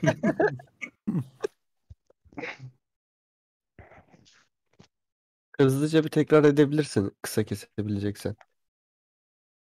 Soru biraz uzundu. Çekirdek çitliyorsun değil mi orada arkada? Ee, İlber Ortaylı'dan bahsetmek istiyorum. İlber Ortaylı, öncelikle İlber Ortaylı'nın iki demecinden bahsetmek istiyorum. Ee, birinde henüz Fethullah Gülen bu darbe girişimi ortaya çıkmadan önce e, kendisiyle görüştüğünü falan söylüyor. Ondan sonra bu iş ortaya çıkınca işte yine başka bir programda bu sefer e, Fethullah Gülen'le görüştünüz mü diye sorulunca e, sinirleniyor açıkçası. Sinirli bir şekilde cevap veriyor. E, ondan sonra bunun dışında İlber Ortaylı'nın hani bir e, Kutlu Doğum Haftası'na katıldığı bir e, videoyu da gördüm daha önce. E, bu da biliyorsunuz bir FETÖ geleneği. E, bunun dışında yine FETÖ'nün e, Nur Cemaati ile bağlantısını, e, yine Fethullah Gülen'in Komünizmle Mücadele Derneği ile bağlantısını ve Milli Türk Talebe Birliği ile bağlantısını öğrenmek istiyorum. Ayrıca Necip Fazıl'ın da soru Türk Talebe 15 tane soru soruyorsun dostum. var. Yani hangi birini hatırlayacak bu adam? 15 tane isim sayıyorsun, çok fazla soru var. Her birine Tamam. tek tek 10 O dakika zaman- cevap vermek gerekir. Tamam biraz e, kısayım o zaman.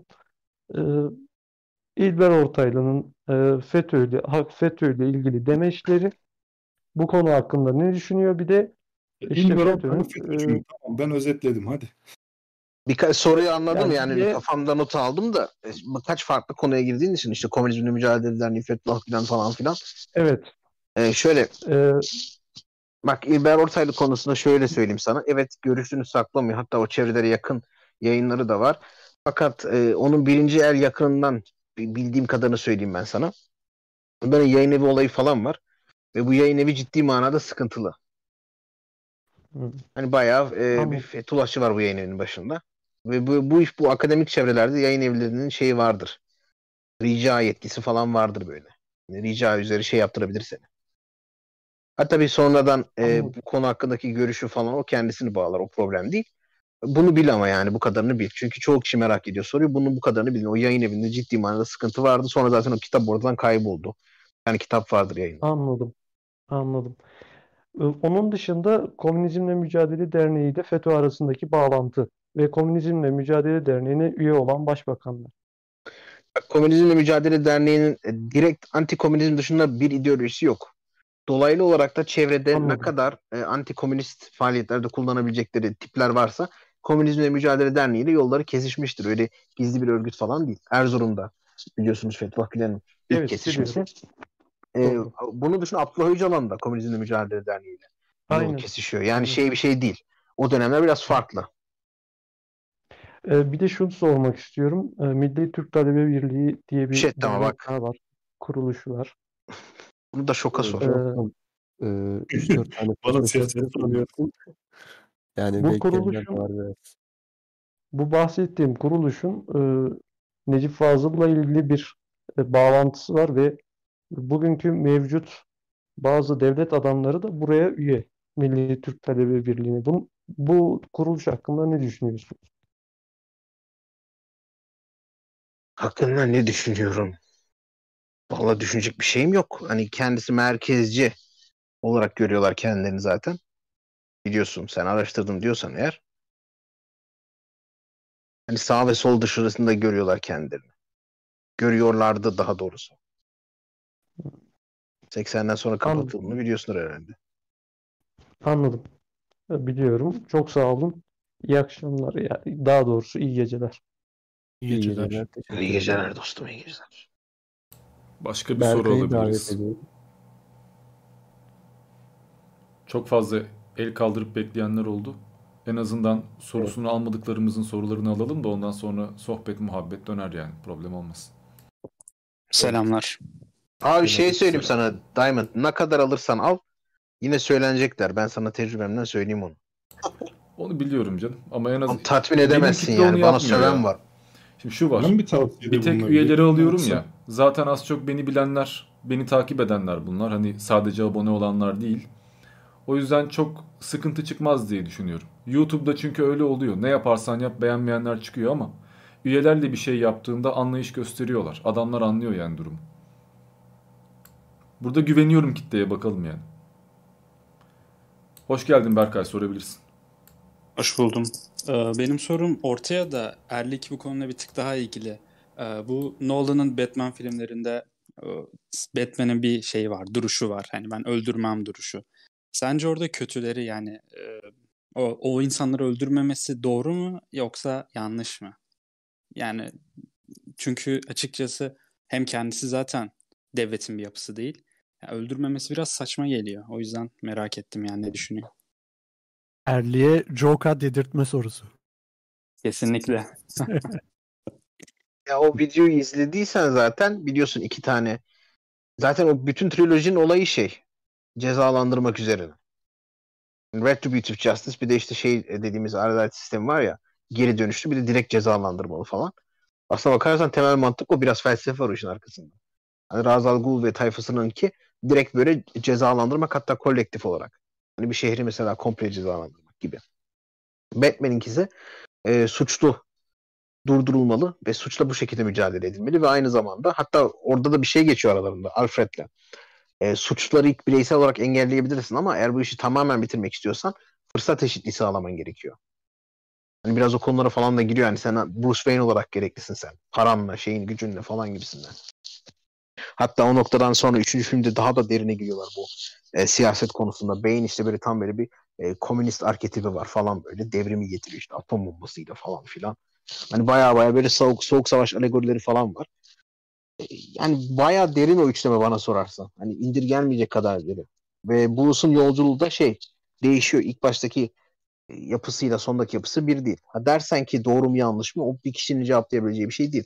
Herkes kendine göre belirleyecek. Yani senin adalet anlayışın nedir? Joker demeden bitirmeye çalıştım ama. Ee, güzel yani tatmin olduğum cevaptan ama şey e, peki senin görüşün ne? Hani o kötüler ölmeli mi yoksa hani evet hapse atılıp hani devletin e, vatandaşların vergisi bu şekilde harcanmalı mı? Şöyle vergi harcama derken büyük bir vergi harcanması yok ortada. Yani oradaki suçlular için. Bana sorarsan da e, ben idam cezasına falan karşıyım. Bana sorarsan suçlunun tekrar entegre edilmesi gerek topluma. Ya bu da kendi içine çelişki getirmiyor mu sonuçta o suçlu yani bir katilse ne kadar entegre olabilir ki? Tabii bu katilliğin de sebepleri var. Yani nefsi müdafası falan Sebeplere bakıyor tabii. Ee, Yani şöyle bir şey var. Bak terörizm hariç yapan. terörizm o zaten psikolojik bir sorun. Yani onun tedavisi başka. Yani Yani evet on, bir sorundan ne bileyim adam şimdi mesela yıllarca mobbinge uğrayıp patlayıp okulunda bir shooting yaptıysa böyle Amerika'daki gibi. Şimdi bununla başka şeyleri kıyaslayamazsın mesela. Değil mi? Yani sebepleri farklı bu olayın. Kesinlikle. Peki bunlar halka kazandırılabilir mi? Yani benim demek istediğim şey buydu zaten. Batman'in orada halka kazandırılamayacak kişilerin öldürür ya öldürmesi doğru E kim var ki olmaz mıydı? halka kim var ki halka kazandıramayacak? Ya şöyle Ya halka olsun. kazandırmak demek mü, bir müebbet diye bir şey de var. Yani halk arasına e, tekrar girmiyorsun. Herkes girmiyor yani. Her suçlu tekrar girmiyor. Bizimki bahsettiğim şey daha çok maddi şeyler. Hı, tamam, tamam. Teşekkürler. Bana bana sorarsan ben dediğim gibi idam cezasına yana değilim. Ee, Yani tabii ki sonuçta hangi hükümetin başta olacağını bilemezsin. Buna da güvenemezsin. Hükümetle alakası yok genel olarak. Yani geri getirilemeyecek cezaların verilmesi taraftarı değilim. Ha şimdi diyeceksin ki adam hapiste yattığı zaman işte zamanından da şey yapabilirsin ama o da biraz detayda boğulmak olur. Evet, teşekkür ederim cevap için. Ben teşekkür ederim soru için. ederiz. Hmm, o zaman Artist Yusi'yi davet ediyorum.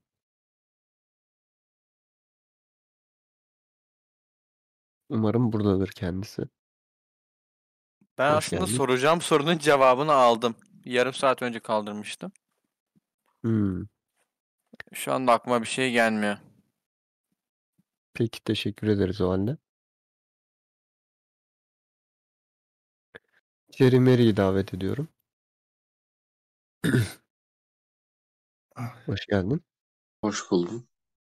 Aa, öncelikle selamlar. Sorum Diamond abiye. Aa, güçlü bir agnostik veya güçlü bir ateistin felsefe yapmasının herhangi bir anlam var mıdır? Sonuçta bunlar öteki tarafa inanmıyorlar ve elinde sonunda bir gün öleceğiz mantıken. Hani bu tür düşüncelere girmemize veya herhangi bir şey yapmamızın bir anlamı var mıdır? Şimdi felsefenin amacı öteki dünyayı, ahireti öğrenmek olsaydı sorun anlamlı olurdu. Ama felsefenin amacı bu olmadığı için sorduğun soruyu şöyle cevaplamak da mümkün. Eğer durum buysa tam tersi ahiret inancı olan insanların felsefe yapması veya kafayı çalıştırması imkansız olur. Çünkü adam zaten hakikati bulduğunu düşünüyor ve bu dünyadaki hiçbir şeyin önemi yok. Ahlaktır, gerçektir, bilimdir, insandır, felsefedir hepsi önemsiz. Çünkü en önemli olan şey ahiret ve onun varlığından eminsin. Bu yüzden inançlı bir insan felsefeyle uğraşmak durumunda değil. Zira felsefe her daim inancıyla çelişecektir. Ama inancı olmayan bir insan istediği kadar sorgulayabilir. Ha, dünyanın bir anlamı yok, Tanrı zaten yok, inanmıyorum. Nereye kadar öğreneceğim, öldükten sonra ne anlamı kalacak? İyi de bir tek Tanrı'yı sorgulaman gerekmiyor. Bilim ne kadar güvenilir? Tarih gerçekten sağlam bilgi verir mi? Tarih objektif midir? Ahlak nedir? Niçin buradayım? Hayatımın bir anlamı var mı? Hayatımı daha iyi nasıl yöneltebilirim?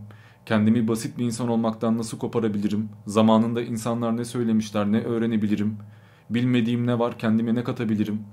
Yani hayatını Burhin'in de az önce söylediği gibi tek bu hayattan ibaret gördüğün için dolu dolu en iyi şekliyle yaşamak istersin. Mesela Yani- dindar bir adamın en büyük amacı para biriktirem de umreye gidem olur. Ama eğer öyle bir derdin yoksa belki o parayla dünyayı gezmeye çalışırsın. Dünyadaki güzellikleri kafirin yaptığı şeyler diye görmezsin yani mesela. O yüzden dinsiz Türkiye'de- olmak felsefede daha özgürlükçü bence. Hani şimdi diyeceğim şey saçma bile gelebilir ama herhangi bir bilgi bilmenin bile bir anlamı var mıdır mantıken? Hani sonuçta faydasını göreceğimi bile düşünmüyorum ben bunu. Şimdi faydayı soruyorsan olay pragmatizme falan gidiyor. Yani her şeyin bir çıkarı olması gerekir o zaman. Bir de sonuçta hayattasın, yaşıyorsun. İstesen de istemesen de her saniye bir bilgiyle karşı karşıyasın. Bilgi sadece... Yani faydadan çok anlam demek istedim. Yine aynı cevap. Hayatta olduğun ve aklın çalıştığı sürece ne yaparsan yap, anlamla, bilgiyle, varlıkla karşı karşıyasın. Elinden başka türlüsü gelmez. Uyuyayım desen rüya görüyorsun. Bilinçaltın çalışmaya devam ediyor. Hayal gücün çalışmaya devam ediyor. Kendimi izole edeyim, tek başıma dağ evinde yaşayayım desen yine hayatta kalmaya devam etmen lazım. Ya bu sorduğun soru yine az önceki hayatın anlamı ne, niye intihar etmiyoruz sorusuyla aynı. Verebileceğim cevaplar da aynı o yüzden. Ama hani ateist birisi veya güçlü agnostik birisi felsefe niye yapar veya yapmalı mı? Hardcore yapmalı bence. Tamamdır. Çok teşekkür ederim yanıtladığınız için. Rica ederim. Başka bir cevabı olan varsa içinizden arkadaşlar söz alabilir. Ya hayat amacı arayanlar Zima Mavisi izlesinler. Bölüm yeterli bence. Peki Tunceli Dağları'nda askerlik yapmamız yok mu? Kurşun attık, kurşun yedik. Benim neydi? Asteğmenim şehit oldu. Wow, müthiş rezillik ya. Hep de böyle el- ellerinde şehit olur. Ya bak Cem Yılmaz'a geleceğim gene ama Cem Yılmaz diyordu ya herkes bazukayla fotoğraf çekiyor. Kimse böyle patates soyarken fotoğraf çekmiyor veya paspasla. Gerçekten bu var ya. Bak adam geliyor Şırnak'ta askerlik yapıyor. RDM olmak için yalvarıyor. Yapmadığı şey yok. Nöbete çıksa dahi çelik yeleği yere seriyor üzerinde yatıyor. Nöbet tutmuyor.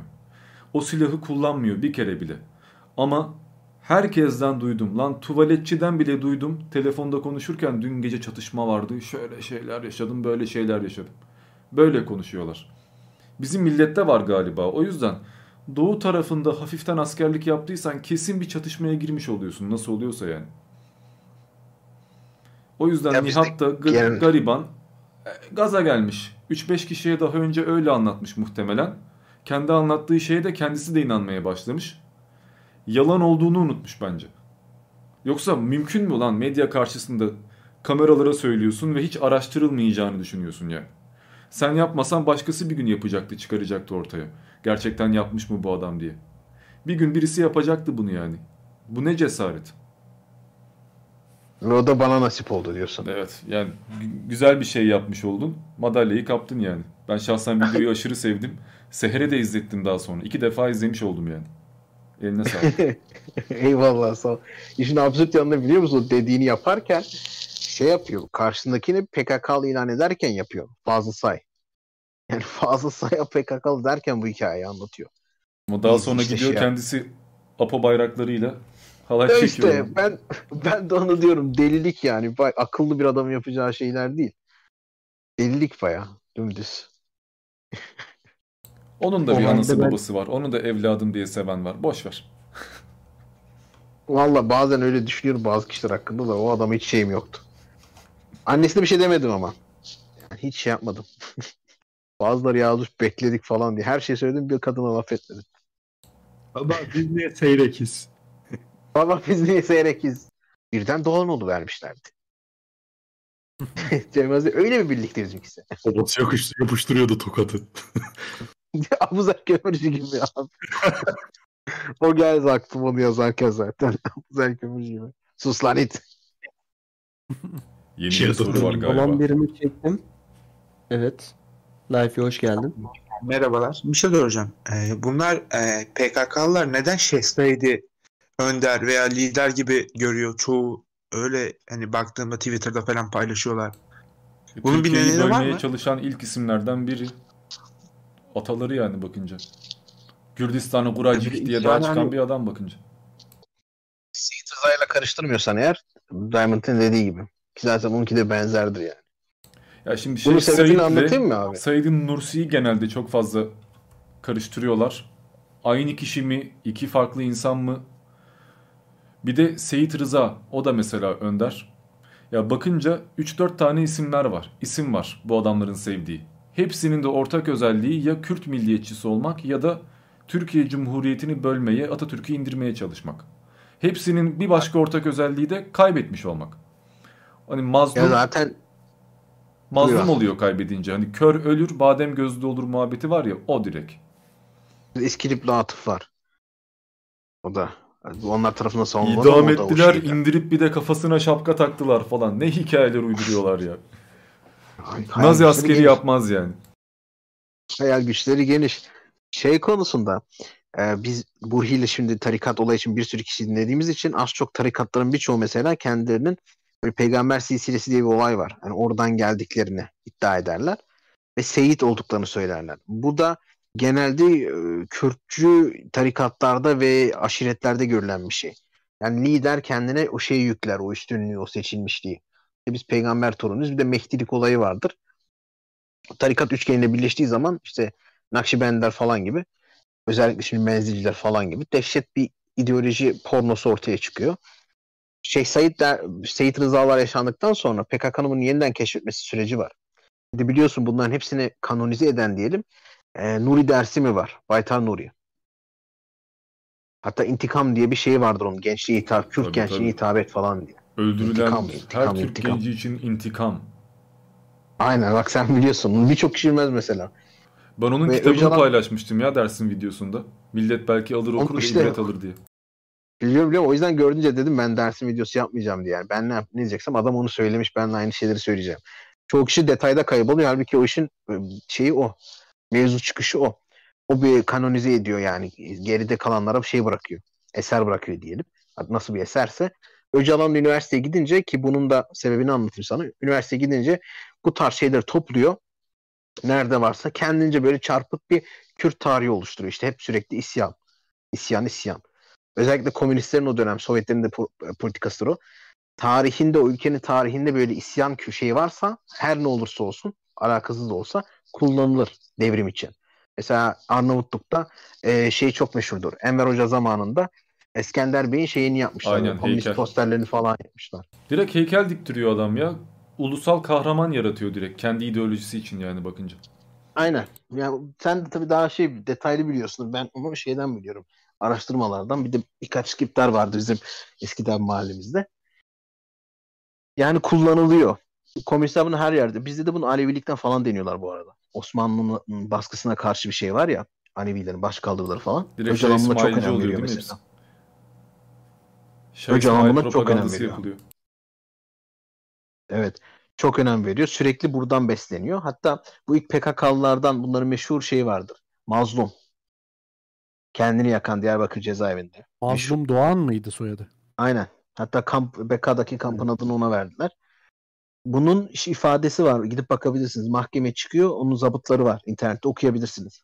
Hakim de böyle biraz anlamaya çalışıyor. Yani PKK'nın olduğunu anlamamış 12 Eylül yönetimi. O da çok belli. İşte soruyor ona siz nasıl bir görüştesiniz? Bu, bu tekrarlıyor işte Özgür Kürdistan falan filan. Adam anlamıyor yani hakim böyle. Baya böyle iyi niyetli babacan bir tavırla soruyor. E diyor siz Kürtler diyor "ne- nereden geliyorsunuz senin ideolojine göre? İşte İskandinav bölgesinden falan diyor. Odin'in soyundan geliyoruz. Vallahi abi o da öyle deyince şaşırıyor. Hepimiz yani. sarışın Nasıl diyor? mavi Hakim de- gözlüyüz değil mi? Ama hakim de merak ediyor abi yani nasıl diyor falan. Onu diyor Abdullah daha iyi bilir diyor. Ona sormak lazım ama işte falan ezberlemiş yani belli. Yani çevresindekileri ezberletmiş Öcalan. E bunun içinde birkaç Rus tarihçi var. Bir iki tane Kürdolog var Avrupa'da. Yani çok değil sayılır aslında. Bedel Boselli gibi adamlar var. Onlar da tarihçiliği bunun üstünden yaparlar. Bunların uçuk iddiaları vardır. Türkler için de vardır o uçuk iddialar bilirsiniz. Türklerin soyunu Yafes'e dayandırmak falan. Ta Nuh'un üç oğluna. Ya her millet kendi ırkının tarihini böyle 55 milyon yıl geriye götürmeyi seviyor yani. Ortada daha dünya yok ama onların milleti ırkı var. Her yerde var bunlardan. Ama işte bir milletin tarihinin Geri ne kadar geliyorlar. Diamond geldi gitti? mesela. Şimdi girer. Bu şey meselesine e, benim belki ekleyecek bir şeyim olabilir. Hani PKK'lılar nasıl Şeyh Said'i falan dahi Ben koptum galiba. anabiliyor. Hani e, güya işte e, sosyalist falan bir e, örgüt olmasına rağmen şeriatçıyı dahi anabiliyorlar. Diamond he- alsanıza bu arada. Bekliyor aşağı. Davet attım. Ben davet attım da. Kim çıkardı lan beni? Sen devam et abi. Bir sorun oldu abi herhalde. DC gitti. tamam o Aynen zaman. bir gitti geldi. Şeyi diyordum. Yani e, aslında hani HDP e, göründüğünden çok daha fazla şey bir parti. Ne denir ona? İslamcı. Irkçı, ırkçı bir parti. Yok şey anlamında. Yani e, şimdi Öcalan'ın yazdıklarına falan baktığınızda e, böyle Muhammed'i yerdiği yerler de var. Övdüğü yerler falan da var. Her ne kadar genel itibariyle sosyalist bir ideolojiyi benimsemiş gibi gözükse de e, övmeleri için bir şeriatçının Kürt olması yeterli. tabii tabii. e, bu arada abi şey- şey bir de Öcalan ideoloji orospusudur biliyorsun. Tabii tabii Yani biliyorum. her okuduğu kitapta şey değiştirir, ideolojisini değiştirir kökten. Evet. Yani Şeyh Said'i de bu yüzden anarlar. Çünkü isyan etmiş bir Kürt. Hani şey anlamında diyorum. Tabii. Burada e, herhangi bir etnisiteyi, bir topluluğu böyle tahakküm altında bırakıyormuş gibi konuşmak istemiyorum ama adamların hani zihniyetini şey açısından görün. Irkçılık e, açısından görmeniz için bunu dile getiriyorum. Hatta e, şey var önümde onu açtım soruyu duyunca. 1 Eylül 2021'de e, Şanlıurfa e, milletvekili HDP'nin Ayşe Sürücü'nün e, meclise e, verdiği bir soru önergesi var.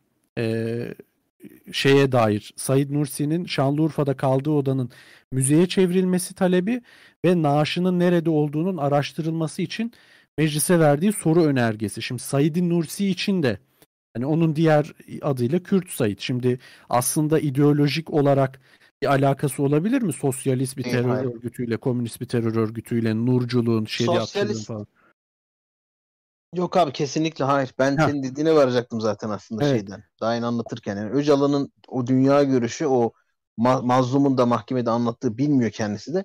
Hani adam okumuş abi ne kadar Kürt kelimesi varsa tarihte hepsini bir toparlamış. Kendini bir silsile yaratmış orada. İşte Cumhuriyet'in başından beri isyanlar vardı. İşte biz de bunun doğal devamıyız gibisinden. Klasik komünist taktiği aslında. Çok da şey bir Evet. şey değil. Yani orada isyan eden şeriatçıyı da, orada isyan eden hani vatandaşlık kanunuyla beraber elinden oraya ayası alınacak olan feodal beyleri falan da sadece Kürt olduğu için e, bu HDP'de, PKK'da savunur, şey yapar, e, Evet, evet. anar yani. Çünkü bu kadar Karanlık, bir koyu parti. koyu bir Kürtçülükler vardır ya. Kürtçülükleri vardır. Hatta şeyi bile yani daha lafı uzatmak istemiyorum ama e, mesela Sırrı Süreyya Önder Adıyaman e, kökenli bir Türkmen olduğu söylenir. Hasip Kaplan acayip itiraz etmiştir. Sırrı Süreyya'nın HDP'nin başına geçeceği veya zamanın adıyla işte BDP'nin başına geçeceği. Evet, PKK ancak HDP Kürt şey şey diyor. yönetebilir diyor. Biliyorsun PKK HDP şey diyor. Atatürkçü bunlar. Kemalist ajan diyor. Uymadığı Evet, evet. için. Sonra Öcalan İmran notlarında diyor ben diyor PKK'yı devletleştirmeye, devleti de Kürtleştirmeye çalışıyorum falan diyor. Pervin Buldan'a diyor ki sen işte Alevisin sen oku şu notları. Sırrı Süreyya'ya diyor ki sen geç başa. Hani imajımız daha böyle törpülensin gibisinden. Bunlar bilerek yapılan şeyler. Evet. Bu arada isimlere bakıyorum da Vekili Mutlak Burhi Hazretleri, Vezir-i Azam Şokvoys Hazretleri, Sultan Diyohan Hazretleri, Serasker Velasco Paşa, Vezir Erlik Paşa. Tam bir muhteşem yüzyıl yani şu anda. Senin DC o temadı zaten fark ettim. İstediğime ulaştım ya. Devleti diyor iyiye. Burada birini banlayınca tez kellesi vurula falan diyoruz yani. O moda girmiş. Sen de salça satıyor musun abi? Ama bu Süleyman imparatorluğu ben yönetiyorum. Bak kaç ayda neler yaptı. O moddayız yani. Sultan Süleyman çok akıllı. Bak kaç ayda neler yaptı. Abi Aslan gitti. ya. Yerine kuzu geldi. Shock Voice Kavalalı mı oluyor? O Pargalı İbrahim ya. Umarım sonu benzemez. Ha pardon pardon doğru pardon. yorgun demokrat. Velasco da Rüstem Paşa. Eyvallah. Sonraki Bir vezir-i soru azam alayım. oğlum işte 14 yıl başta kalmışsın daha ne istiyorsun? 9 mu 14 mu Teşekkür. uzun süre. Teşekkür ettim abi zaten. Bir şey demedim ki. Eyvallah iki anlamlı ya her ihtimale karşı ben gideri yapıyorum. Yok abi. Boynum kıldan ince hünkâra karşı. Hünkârım. Muhteşem izlediniz mi siz? Tabii bitirdim. Tabii. Vay vay muhteşem fan club ile karşı karşıyayız burada. Ben izlemedim ya. Ben de izlemedim. Annemler Muhteşem bir dizi. Çok Ben güzel dizi ya. O kadar ya. manipülasyon var ki mesela bir Osmanlı elçisi gittiğinde böyle Macar kralına falan krala gider yapıyor. Öleceğini bildiği halde artistlik yapıyor. Sıfır. Hiç umurunda değil yani. Durduk yere kendini öldürtüyor adam. İnsan gibi bir rapor vermektense artistlik yapıyor. Yabancı bir elçi geldiğinde eller bağlı, ağlıya zırlıya böyle çok ezik. Veya Osmanlı'ya bakıyorsun. Sultan Süleyman her daim savaş masasında yumruğunu vuruyor böyle. Şurayı fethedeceğim. Kafirin kalbine İslam sancağını dikeceğim. Macar krallarını gösteriyorlar. Adam üzüm yiyor böyle rahat. Süleyman kim lan falan. Bu kadar olmaz yani. Kadın. Sonra gülüyorlar böyle. Süleyman mı gelecekmiş? Gelsin bakalım. Merak etme Aleksandros daha yakınlarımızda değil falan. Okulda da öyle sonucunda ben- öğretiyorlardı. Baya diziyi de öyle çekmişler yani.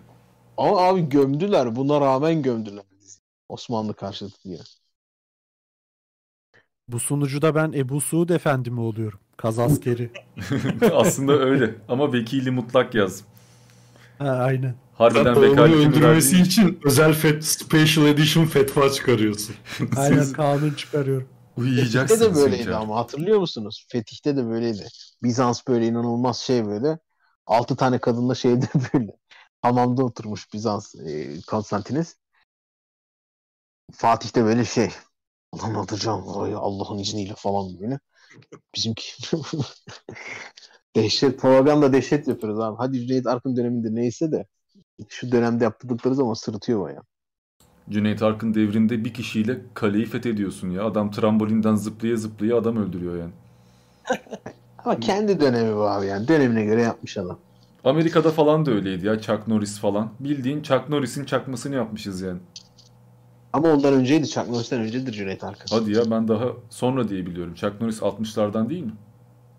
Yok abi ben benim bildiğim Cüneyt 70 ve 80'ler e, Chuck Norris. Esas 80'ler Cüneyt Arkın daha eski herhalde. Hadi lan. O Daha zaman eski. bütün teorim çöktü şu anda.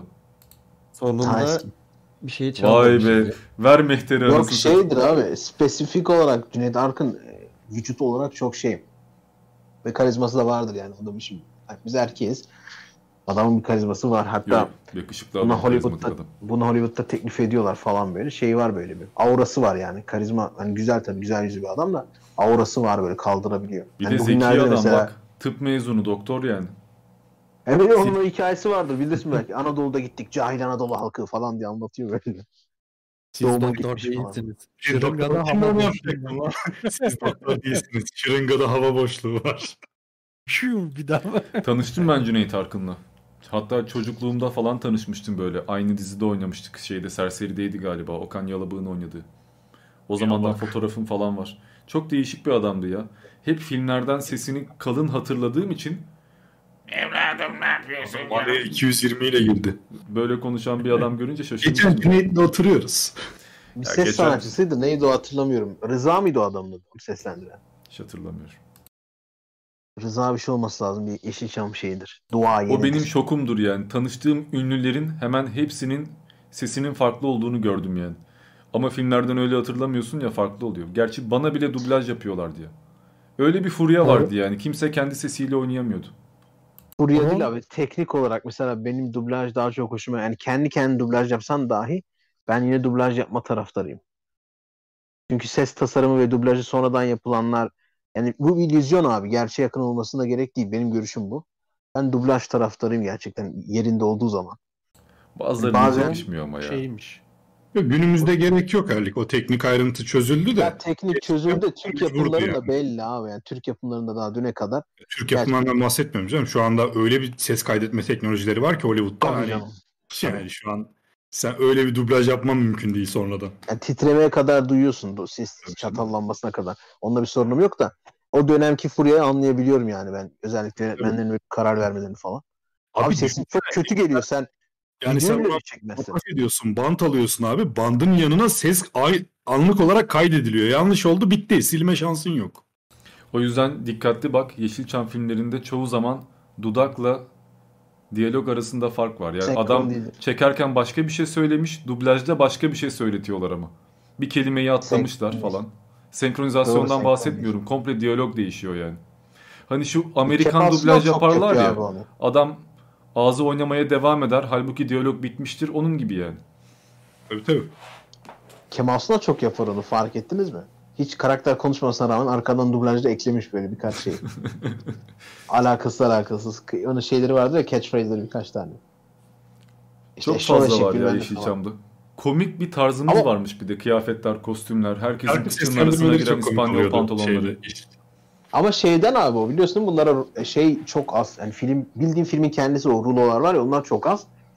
Dolaylı olarak adamlar 100 kere belki de tekrarlıyorlar bazı şeyleri, sahneleri. Çekmeden hemen. Çünkü bir kere çekebilirsin. Tabii çok prova var. O yüzden mesela hani tek kamera kullandıkları için her hareketi kamera görmeli. Kamera hareket edemeyince Aynen. onlar ediyorlar. Beraber E, sonda şöyle kameraya ya zaten. dönmeler falan. Aynen diyalogda çok dikkat çekiyor değil mi? Böyle dört kişi kameraya dönük şekilde konuşuyorlar. Adam arkasını Sonra- dönüyor böyle. Oradan naralar atıyor. Kameraya bakıyor ama o esnada. Zoom zoom alıyor böyle iki kişi. Onlar ayrılıyorlar gruptan ama hep şey kameraya dönük şekilde yapıyorlar bunu. Çok Hiç var ya, Tatar Ramazan'da bir sahnede eline sazı alıyor. Arkadan Ahmet Kaya giriyor şarkıya. Ama şey Kadir İnanır ağzını oynatıyor. O dönemler öyleymiş abi. İnsanlar inanıyormuş yani o, o sanatçının onu seslendirdiğine falan.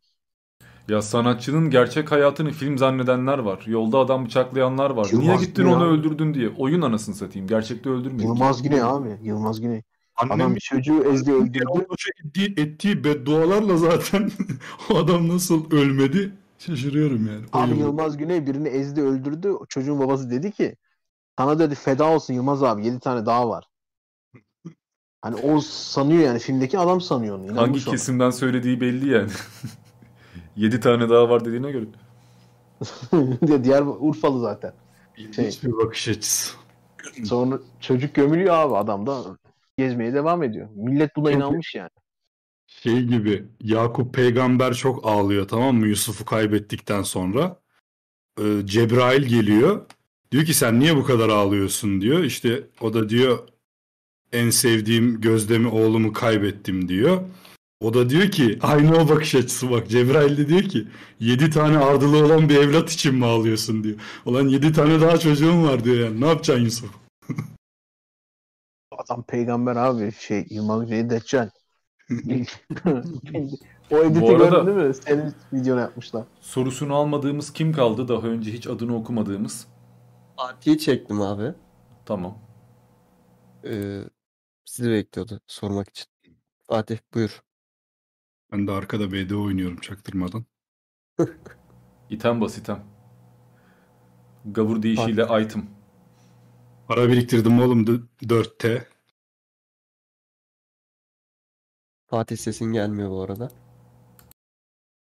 Makbul Hasodabaşı Fatih. Gelenler de aynı tarzda yani. Bu bizden ya. Gladbach'ta bir kadın gördüm Fatih. Mikrofonu çalışmıyor herhalde. Başka birini alabiliriz. Admin zaten Öyle bir şey çalıştığı yok. zaman girebilir. Böyle yapalım. Ee, Lumos'u davet ediyorum. O da bayağıdır bekliyor. Aslında biraz soruları hızlı hızlı alsak. Şimdi sohbetinizi bölmek istemiyorum. Ağzınızdan bal damlıyor ama. Ee, chat'te de ufak bir kızışma gördüm. Oğlum bizi niye almıyorsunuz lan? Evet evet biraz öyle. Bu arada şöyle bir şey var. Benim bilgisayar bazen kendi kendine saat 2'de güncelleme yapıyor. Kapanıyor. Otomatik güncellemeyi kapattığım halde yani. Kapatabileceğim bir seçenek bulamadım. İnternetten bin tane şey okudum. Bugün yapar mı bilmiyorum. Haftada bir, ayda bir kendi kendine yapıyor çünkü. Olur da 2'de ben bir anda koparsam 2-3 dakika içinde geliyorum haberiniz olsun. Şimdi bak hemen kafamda bir senaryo oluştu. Sen bunu söyledin ama tam 2'de başka bir şey oldu. Daha ciddi bir şey. Ama herkes senin bu hikayene inanacak ve ciddi bir şey olmadığı için seni merak etmeyecek. Ama sen ölümle burun buruna gelmiş olacaksın mesela. Oğlum adam evli karısı var olmadı o paylaşır. Benim paranoya Ve ölümle burun buruna gelmişken Adam- canlı yayında olmak istemem ya. Diamond Tema ölüyor. Şimdi ben Yani. challenge'a girme şimdi. Hani onu da hikayeye dahil ederim. İkisi de zor duruma düşer. Öyle olabilir abi. Yardıma Şey, gelen en ambulansla çok yolda kaza yapar düşün. gelemez değil mi? Her şey kötü gidiyor ama ya. Son, Son durak gibi. Kanatları koparsa falan diye öyle var ya. Evet, Lumos. Işık. Ne olsun istiyorsun lan sen? Merhaba sesim geliyor mu? Geliyor. Geliyor. Ee, sorum Diamond'aydı benim. Sorum şu. Felsefe alanında herkesin ezberinde olan isimler vardır. Neden günümüzde e, o tür çok fazla bilinen isimler ortaya çıkmıyor? Sorulacak tüm sorular sorulduğundan mı kaynaklanıyor acaba bu? Biraz öyle. Son 100 yıldır felsefe bir iki isim haricinde işte anlam felsefesi, dil felsefesi haricinde daha önce söylenmiş olan şeylerin tekrardan, tekrardan yorumlanmasından ibaret. Platon şunu şöyle söylemişti ama bugünden bakınca aslında böyle bir cevap getirmek de mümkün gibi. Adamlar hakikaten hemen her şeyi söylemişler yani. Sen öncekilerin söylediğinden hareketle yeni bir şey çıkarmaya çalışıyorsun. Bu yüzden de sürekli onlara referans veriyorsun. Hiçbir filozof isminden bahsetmeden, hiçbir fragmente gönderme yapmadan felsefe yapmak imkansız. Çünkü Teodise konuşacaksın mesela. Bir iki tane yeni argümanın var. Güzel fikrin var. Yine de başka bin tane argümanı söylemiş insanlar var senden önce.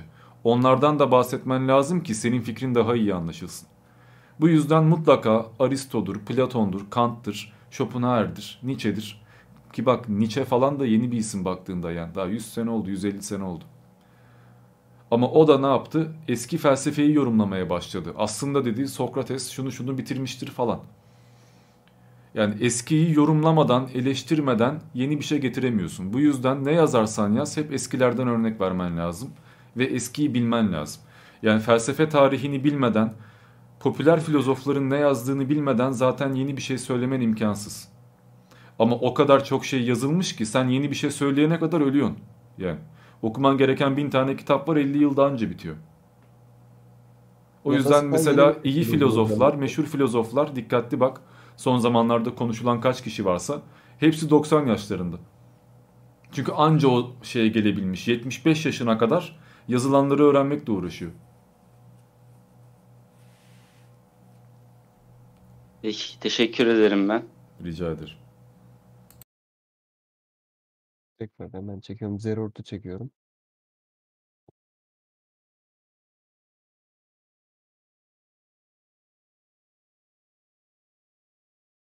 Buradaysa hoş geldin dostum. Alo, e, sesim geliyor mu? Geliyor. Hoş bulduk. E, benim sorum şu olacaktı. Eğer yapabilseydiniz, özellikle e, Diamond'a sormak istiyorum. Eğer yapabilseydiniz, e, antik Yunan'da yaşamak ister miydiniz? Çünkü birçok basit fikir bile o zaman bulunmuş ve şu an bulduğumuz karmaşık fikirler bile bir değer sahibi olmayabiliyor. Ben istemezdim. Ben bu dünyadan memnunum ya. Elimdeki teknolojiden, yaşadığım hayattan, şimdiki bilgilerden, konfordan, rahattan. İyi yani. Antik Yunan'da ne yapacağım? Çok zengin olman lazım hayatın rahat olması için. Çünkü köle olmak gibi bir ihtimal de var. E çok zengin olsan dahi bu dünyayı görmüşken, bu refaha ulaşmışken orada elektrik yok.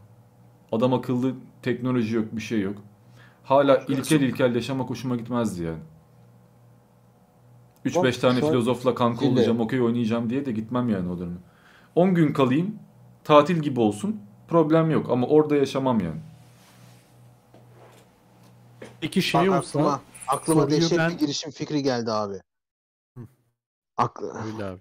Zaman makinesiyle tatilcilik. Böyle bir hafta seni Sokrates'in yanına gönderiyoruz Doctor falan. Who işte o. Bir hafta antik Yunan falan. Tur rehberi falan var böyle. Muhittin abi. Bir filmde vardı ya öyle Doctor. Who direkt öyle. TARDIS'li adam istediği yere gidiyor, 3-5 gün kalıyor, her türlü çağı yaşıyor sonra dönüyor. Sen ne diyecektin Burhi? Ben şeyi diyecektim. Soruyu şey olarak değiştirsek. şeyde şu vardı. andan şu Total. andan gitmeyeceksin. Yani şu anki hayatınla bir anda orada olmayacaksın. Baştan itibaren hakikaten orada doğmuş gibi yaşayacaksın. Onu ister miydin? Hani şu anki teknoloji imkanları görmeyeceksin. Aynen bu soru Yok, daha iyi olurdu. Çünkü sonuçta bu kararı verecek olan ben şu anki imkanları görmüş ya. Ne diye daha kötü bir Aynen. hayat yaşayayım diye düşünüyorum. Bir de şu var. Ben kendimi filozof olarak görmüyorum. Ben birçok şeyi bu adamların kitaplarında keşfettim, öğrendim. O döneme gitsem bir şey keşfedebilir miydim acaba? O dönemde bir aristokratın çocuğu olacağım. Muhtemelen yani Sokrates'in peşinde falan koşardık, öyle gezerdik yani. Önemli bir şahsiyet olur muydum? Bak o döneme gitmemin tercih edilebilecek bir sebep olması için tek bir özelliği var. Belki o döneme gitseydim çok meşhur bir filozof olurdum. Bu amaç. Bunu olabilecek olma ihtimalim için o çağda yaşamak isterdim. 3-5 tane filozofu tanıyacağım diye değil yani. Ama bu çağda bile ünlü olmak mümkün. Yani Plantinga gibi bir sürü insan ünlenmiş, isim yapmış. Veya Bertrand Russell daha genç baktığında yani bir önceki yüzyıl. Bu çağda niye çıkmasın? Ha, benden çıkar mı zannetmiyorum. Çünkü Türkiye'den filozof çıkmaz. Bu toprakta büyüyen, burada yaşayan bir insandan olmaz yani. Burada kitap yazmak, burada eğitim almakla Avrupa'da almak arasında felaket fark var. Ya burada eksi 10 başlıyorsun hayata. O yüzden ben bu budur yani. Bu kadar. Benim yapabileceğim en fazla ne var?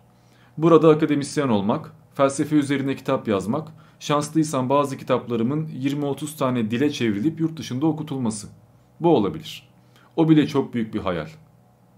Zannetmiyorum olur mu olmaz mı. O yüzden hani filozof olma uğruna sırf isim yapacağım diye antik çağa gitmezdim. 3-5 tane adamı tanıyacağım diye de buradaki hayatımdan vazgeçmezdim yani. Çünkü kitaplarını okumak güzel ama karakterleri bok gibi.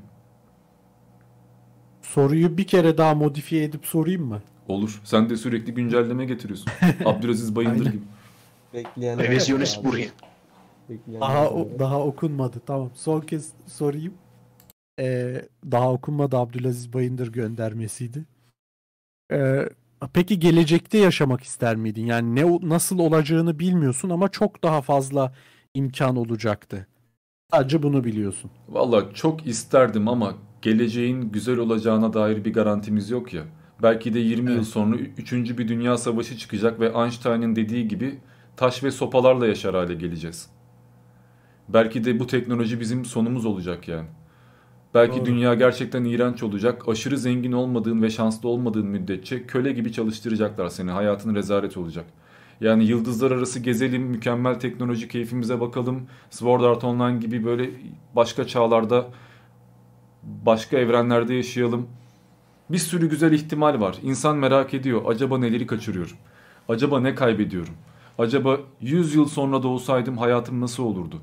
Bilmiyoruz çünkü. Bir fikrimiz yok. Hep hayal kuruyoruz. Bizim şansımıza bizim şansımıza yine AKP dönemine denk geldik ama. Muhtemelen. Bak 80'lere bak. Back to the Future'da 2014 mü 2016 mı ne? Bu yıllara geliyorlar. Adamlar uçan kaykaylarla komple böyle alüminyum folyo kıyafetlerle geziyorlar.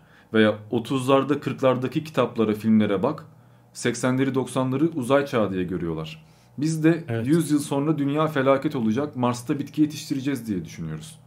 Ama nasıl olacağı belli değil. Çoktan distopyaya geçmişiz abi değil mi? O var yani. Ya belki de direkt işte distopya olur söylediğin gibi. Kıyamet yaşanır, kıyamet sonrası çağda kalırız. Dini kıyamet değil tabii işte kendi apokalipsimiz yani. O yüzden bilmiyorum. Gelecek riskli. Ben yavaş yavaş göreyim. Bu hayatımı böyle yaşayayım. Mümkünse biraz daha param olsun, keyfime bakayım. Gelecek kaygım, ev kirası derdim olmasın. Başka bir şey istemiyorum yani. Günümüzden memnunum diyorsun. Memnunum. Sadece fukarayım, biraz daha para lazım. Başka bir şey yok. Erlik geçmişe gidip Yılmaz Güney'i bayıltmak mı günümüzde Nihat Doğan'ı bayıltmak mı yazmış bir chatte. İkisini de yaptığım için. Bir sorun yok. Şu an arka planda Kurtlar Vadisi çalıyor resmen. Adam direkt yaptı yani oldu. Vardı o trofiler asılı. Yılmaz Yaptı. Kafaları, kafaları aslında böyle şöminenin üstünde. Camlar kırıldı bir anda böyle. Şu anda Yılmaz Güney'in fotoğrafı duvardan düştü ve yerde parçalandı yani.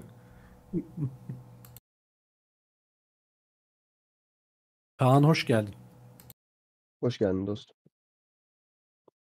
Ee, merhaba, iyi akşamlar. İyi akşamlar. İyi akşamlar. Ee, ben fanatizmin saçmalığı üzerine konuşmanızı istiyordum da bunun hakkındaki düşüncelerinizi merak ediyorum. Neyin saçmalığı ben anlayamadım. Şey, fanatizmin. Ha. Mesela benimsediğimiz bir ideoloji oluyor. Sesim geliyor mu şu an? Geliyor geliyor anladık. Yani mesela benimsediğimiz bir ideoloji oluyor. O ideolojiler yüzünden sınırlarımızı aşamıyoruz. Ve insanlar da bunun yüzünden kendilerini keşfedemiyor. Sizin bunun hakkında bir tavsiyeniz olacak mıydı? Belli bir ölçüye kadar fanatik olmak iyidir.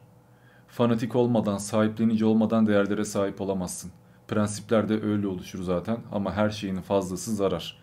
İdealizm olarak fanatizmden bahsediyorsak yine püf, onun sonu Nazilli'ye gider. Onu da Velasco'nun konuşması lazım ama olmaz. O biraz ucunu kaçırıyor. Başkası cevaplamak isterse tabii. Şok, Burhi, Erlik. Siz bilirsiniz. Ayaküstü laf yedim ya. Senin de ama 3 muhabbetinden ikisi LGBT veya Nazi yani. Nazi Ne? tarihine mi merak? Evet ya biraz hem o var hem benimsiyorum da. Zaten senin Discord'da da biraz konuşmuştuk hatırlıyorsan gece 4-5'ti be- gerçi ama. Ha doğru. Doğru Evet. doğru. Ben sana demiştim ama tehlikeli sulardasın diye. Evet evet hatta dedim ban atacak şimdi de. Evet, Yok çok ya, da bağlı, yat. girmeyelim istersen. Diyor da bayağı çabaladı. 400 bine yaklaşıyor. Ondan sonra Yok girme, girmeye şey yok gerek yok da e, fanatizmden bahsediyor ya. Şöyle toplumsal fanatizmle bireysel fanatizm arasında biraz bence biraz fark olmalı. Yani fark olmalı derken fark var. Bunu bilmek gerekiyor. Mesela kere nerede çokluk olarak orada bokluk. Her şey bireysellikte güzel ama toplumsallaşınca, bir gruba dahil olunca herkesten Aynen. sorumlu oluyorsun. aynen öyle düşünüyorum. Nazilere baktığı zaman spesifik örnek olarak Albert Speer yine örnek göstereceğim. Benim modlar yine gülmekten yıkılacak. Sürekli örnek veriyorum çünkü. Albert Speer örnek veriyorum çünkü Nazilerin arasından işte yargılandıktan sonra hayatını otobiyografik halde düzgün bir şekilde yayınlayıp da böyle temiz e, bu sistemin içerisinde güzel bir izlenim bırakan tek otobiyografi ona ait. Hitler'in mimarıdır kendisi. Da Germania falan gibi böyle büyük mega mega e, projelerin şeyini o yapmıştır tasarımını. Bu noktadan sonra şöyle bir şey fark ediyorsun onun şeyinde. Kendisi Naziler başa geçmeden evvel normal bir Almanya'da yaşıyor. Burayı anlatıyor. Sonra işte yavaş yavaş nasıl tarikat şekline başladığını bunları anlatıyor. Hani nasıl tarikat gibi işte pikniklerden şuradan buradan yavaş yavaş adam toplayarak giderek büyüyerek ondan sonra toplumdan soyutlanarak toplumsal bir fanatizmden bahsediyor. Adamın kendisi mesela fanatik biri değil. Sonra soruyorlar nasıl oldu diyor. Ben de bilmiyorum diyor yani. Hitler diyor benim katalizatörümdü. Onun yüzünden öyle oldu diyor. Anlatabiliyor muyum? Yani toplumsal fanatizm olduğu zaman bir tane fanatik başta yeter ki patlaması için. Bununla alakalı aklıma iyi örnekler geldi aslında bir yerde. Biraz şey yapalım ya madem psikoloji deneylerinden gidelim. Toplumsal fanatizmle bireysel fanatizm arasındaki fark. Niye bireyselden bir anda toplumsala kayıyoruz? Şimdi arkadaşlar Ash Conformity diye bir experiment var. Bir deney var. ASCH diye yazarsanız çıkar. Birkaç öğrenciyi topluyorlar bir araya. Bunlardan mesela diyelim ki 5 tane öğrenci var. Bunların 4'ü ayarlanmış.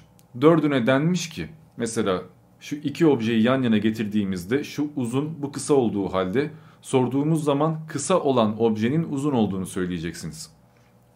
Gelen diğer bir kişi de olaydan habersiz. O bir deneye katıldığını zannediyor ve ona para ödüyorlar yani geldi senle bir sosyal deney yapalım diye. Her seferinde şöyle gösteriyorlar. Bir kısa kalem bu kalem değil ama işte anlayın. Bir de uzun kalem hangisi daha uzun diye soruyorlar. İlk 2-3 seferde hep bu katılan misafir uzun kalemin uzun olduğunu söylüyor. Ama diğer herkes kısa kalemin uzun diye gösteriyor. Bir bakıyor olan bir tek ben böyle gösteriyorum. Bunların hepsi diğerini söylüyorlar. Bende mi sıkıntı var? En son kendinden şüphe ediyor ve topluma uyum sağlamak için 3. 4. sorudan sonra kısa kalemin uzun olduğunu söylemeye başlıyor. Bu neredeyse %100 sonuç veren bir şey. Hani bazen çok iyi bildiğimiz şeylerden bile emin olamayız ya. Bu arada 59 geçiyor. Eğer bir dakika sonra yayın kendi kendine kapanırsa merak etmeyin 2-3 dakika sonra geleceğim. Kaldığımız yerden devam ederiz. Ben şimdi anlatmaya devam edeyim. İnsan başkalarının hareketlerini kendi hareketlerine tercih eder. Başkasının iddiasını kendi iddiasının önüne koyar. Çok iyi bildiğin bir şeyden bile vazgeçmen mümkündür yeter ki kalabalık istesin. Bu şey gibi. Benzer deneyler mesela doktor bekleme sırasında olur. 10 kişi bekliyor odada. İçeri her birisi girdiğinde herkes ayağa kalkıyor. Sen dışarıdan gelmiş birisin. Kimsenin niye ayağa kalktığını bilmiyorsun. Birinci, ikinci seferden sonra artık üçüncüye sen de kalkmaya başlıyorsun. Herkes kalkıyor lan ben de kalkayım.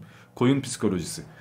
Bireysel fanatizme dahil olan birisi de eğer aykırı görüşleri varsa veya heyecanlıysa anında bir gruba dahil olmak istiyor. Topluma dahil olmak istiyor. Sağcısı, solcusu, millet kendi akrabasını, kendi çocukluk arkadaşını nasıl öldürüyor, bıçaklıyor? Bir ülkü uğruna. Bu yüzden işte. Toplumdan kuvvet alıyor. Yine benzer bir iki örnek vereyim. Mesela enteresandır. Kalabalık ortamlarda yerde yatan yardıma muhtaç birine yardım etme ihtimaliniz çok daha azalıyor. Siz bir sokakta böyle 2-3 kişi olun ve bir kadının dayak yediğini görün veya bir çocuğun yerde yattığını görün. Kendinizde daha fazla sorumluluk hissediyorsunuz ve yardım etmek istiyorsunuz. Çünkü yapmazsanız direkt suç sizde. Ama etrafta 50 kişi varsa başkası yardım eder zaten diyerek yardım etmiyorsunuz. Bu şekilde birçok deney var. Adamlar yerde yatıyor, ya, yardım dileniyorlar. Kimse yardım etmiyor. Ama bir kişi bu toplum baskısını kırıp da yardım ettikten sonra 10 kişi 20 kişi gelmeye başlıyorlar. Herkes bir anda ilgileniyor. Herkes iyilik timsali oluyor. Başkaları yardım etmeye başlayınca yine vicdan azabı çekip topluma dahil olup siz de yardım etmeye başlıyorsunuz. Bu şekilde 20-30 tane şey sayılabilir yani. İnsan kendi başına bırakıldığında eğer bir sorumluluk almak zorunda hissetmiyorsa kendisini, birisi yargılamayacaksa, eleştirmeyecekse başkalarına kıymet vermez, kendi hayatına bakar. Ama bir grup halinde yardımlaşma başlıyorsa iyilikse iyilik, kötülükse kötülük. Kötülük yapmaya da yardım edebiliyorsunuz, iyilik yapmaya da. Enteresan varlıklarız ya. Koyundan farkımız yok yani. Güzel bir özetleme oldu. 9-10 tane daha örnek var da lafı alıp böyle kendi kendime saz çalmak istemiyorum. Yok baba devam edebilirsin de dedim gidecek mi gitmeyecek mi onu bekliyorum. Gitmedi. Bu saatten sonra daha gitmez. Bir denedim. Olmadı rahatız. Sabah 6'ya kadar, sabah ezanına kadar gidebilir yani. Niye sabah ezanlı camiye mi gideceksin? Sabah ezanında bilmiyor musunuz? Cinler artık gidiyorlar. Gece onların, gündüz bizim. Gece vakti musallat oluyorlar. Sabah ezanından sonra rahatlıyorsun. Bu yüzden sabaha kadar her türlü riski alıyoruz burada. Challenge yapıyoruz. Sabah ezanından sonra risk almadığı için. Ne korkutuyorlardı çocukken ya. Ulan okunmuş su mu içmedim, muska mı takmadım? Yani akşam yolda Çok köpek işte. gördüğünde, kedi gördüğünde korkuyorsun. Bu cin mi hayvan mı diye yani. Bir de tabii hayvan düşmanlığı da sevk ediyor bazıları. Yayın 5 saate geliyor bu arada. Biz de bir rekor yapıyoruz galiba. Ama kalabalığız, sohbet abi. güzel. Böyle gidebilir ya. Benim için sıkıntı yok. Bence güzel gidiyor. Shockvoice şey. Shockvoice'un şey kondisyonu düşük yayın konusunda. Hı? Ben şu anda uyanmış Fogan şefi kesiyorum. O şu an oyunda Ya. umurunda değil. Ben bugün çok yoruldum ama ya. Yani Spor değil mi? bayağı yordu bugün beni iş. Hani Yeni bir soru alayım mı? konuşmaya takatim yok denir ya. Olur. Peki oğlum. Erlik zaten Adam bu değilsin. 24 saat challenge yapabiliyor. Burhi de genelde 6 saatlik canlı yayınlarıyla ünlendi. Adamın ufak canlı yayını yok yani. Benim yüzümden nasıl satayım? Bilal Alperen hoş geldin. Hoş bulduk, iyi geceler. Ee, benim geceler sorum aslında odadaki herkese. ee, tarihin en büyük 3 komutanı sizce kim? Yani böyle çok ayrıntıya girmeden kısaca sadece isim vererek geçebilirsiniz. Burhi'den başlayalım. nasıl topu? Türk Ceza Kanunu'na göre en büyük 3 komutan. Şöyle, bunun için bir çalışma vardı aslında. Ee, hani farklı farklı açılardan değerlendirmek gerekiyor. Bir kere e, tarihteki bütün büyük komutanları e, aynı kefeye koyamıyoruz. Her biri farklı başarılarıyla öne çıkmış. Kimisi gerçekten büyük taktikler geliştirmiş, e, sa- savaş meydanlarında stratejiler geliştirmiş. Kimisi ordularını çok hızlı hareket ettirmiş, lojistik konusunda aşmış e, falan filan. Yani kimisi çok az asker sayısıyla çok büyük ordulara karşı işte bir mevzi bir yeri korumuş vesaire. Bunun için böyle profesyonel bir araştırma yapılmıştı. Ben onu okumuştum. E, yani neye göre değerlendirmişler işte her şeye bir puan vermişler. Belli bir katsayı vermişler diyeyim ya da hepsini mümkün olduğunca çarpmışlar ama hani sonuçta sosyal bilim olduğu için hani fizik gibi, matematik gibi de bir sonuç ortaya çıkmıyor elbette. Yani yine e, tartışmaya açık ama bana en mantıklı gelen araştırma oydu. Ondaki sonucu şu an hatırlamıyorum. Onu söyleyeyim. E, galiba HistoryNet'te yayınlanıyordu ve şu anda açtım. E, ama yani benim en başarılı gördüğüm e, generalleri ben söyleyeyim. Eee, Bir kere Cengiz Han'ı hem sevmemden dolayı hem de insanoğlunun ulaştığı böyle en büyük imparatorluklardan birine ulaşmasından dolayı Cengiz Han'ı çok başarılı buluyorum. Bir de dededen olmasından dolayı tabii. Ol olmandan dolayı. Yani ondan ayrı bir sempatim var kendisine ama gerçekten çok büyük bir alanı, çok fazla yani büyük bir alan hani her ne kadar ardından çok gelişmiş bir medeniyet bırakamasa da e, o şekilde görüyorum. Julius Caesar'ı çok başarılı buluyorum. E, Galya'nın fethinde özellikle Galya seferinde. Ya bunlar haricinde e, Napolyon da bence e, başarılı ama hani e, tabii kaybettiği şeyler falan var. Savaşlar elbette var. ama Celal hani, Şengör'e sorsak e, be- Napolyon Cengiz Han'ın ordusunda yüzbaşı bile olamaz. Yani o yüzden zaten Napolyon der demez amasını da getirmek istedim. Yani ben de şaşırdım biraz Napolyon'a. Yani o biraz da şey e, ya belli konularda dediğim gibi ama silebiliriz de ya tamam Tabii canım, itirazlar da Napolyon- haklı. Napolyon'u niye gömdünüz abi? Adam Yani koskoca Napolyon'u iki dakikada sildi lan. Resmen Napolyon'dan bir anda vazgeçti eski sevgili gibi yani. Silebiliriz ya. Tam da niye gömüldü abi? Niye gömdünüz şimdi birden Napolyon'u? Celal Şengör Adamın gömdü. gayet iyi bir skoru var yani win-lose oranına baktığın zaman win rate'i çok yüksek. Sadece ondan değil abi komutanı komutan soruyoruz değil mi? Bir orduyu komanda eden e, sadece politikacı olarak değil yani Sa- sırf savaş olarak mı bakıyoruz stratejik olarak mı yoksa kişisel olarak mı böyle de- her şeyle bütün paket. Abi yani bu kadar karmaşık şey yapmayın. Basitleştirin yani. Win-lose. Hani Ben kaç söyle savaş yok kazanmış, öyle değil. kaç savaş kaybetmiş. Yani o- Savaş söyleyeyim. Bak subjektif. Subjektif. Bir numarada İskender, Büyük İskender. Tamam, onu diyecektim İki, ben numara- iki numarada Napolyon. 2 numarada Napolyon. 3. sırada da Hannibal. Kase atayım mı gene araya? Bakın şimdi her komutanın yaşadığı şartlar farklı ya Burhi'nin de söylediği gibi. Aynı savaşları, aynı orduları kullanmıyorlar. Aynı zorluklardan geçmiyorlar. Belki birisinin Evet. başarısız olduğu bir savaşı diğer komutan rahatlıkla yenerdi. Bununla alakalı bir anime var. Fate Zero diye. Orada tarihteki büyük karakterler bir şampiyon gibi kendi aralarında kapışıyorlar. Büyük İskender de var. Herkes var yani. İzlememiş olanlara öneririm. 3 sezonluk bir animeydi. Gayet de güzeldi. Herkese yer vermişlerdi. Benim açımdan durum şöyle. Şimdi mesela Napolyon çok genç yaşlarda, 20'li yaşlarda Mısır'ı fethetmiş, generalliğe yükselmiş bir adam. Enver şey gibi, Enver Paşa gibi yani. Hızlı yükselmiş, hızlı çökmüş. Ama askeri başarı olarak baktığımda yani elindeki onca imkanla yaptığı şeyleri Moğolların yaptığı şeylerle kıyaslayınca Moğollar çok önde geliyorlar. Yani Timur, Cengiz. Bu adamlar gerçekten savaş dehası. Yani onların denginde adam bilmiyorum. Ya dünyadaki bütün komutanları inceledim mi? Herkesin hayatına, askeri dehasına kullandığı taktiklere baktım mı? Hayır. Bilgim kısıtlı. Bildiğim kadarıyla, gördüğüm kadarıyla Cengiz ve Timur mutlaka ilk ikide var. Yerleri değişmez. Üçüncü kişiyi istediğin gibi oynat. Yani üçüncülüğe koyacak çok fazla insan var.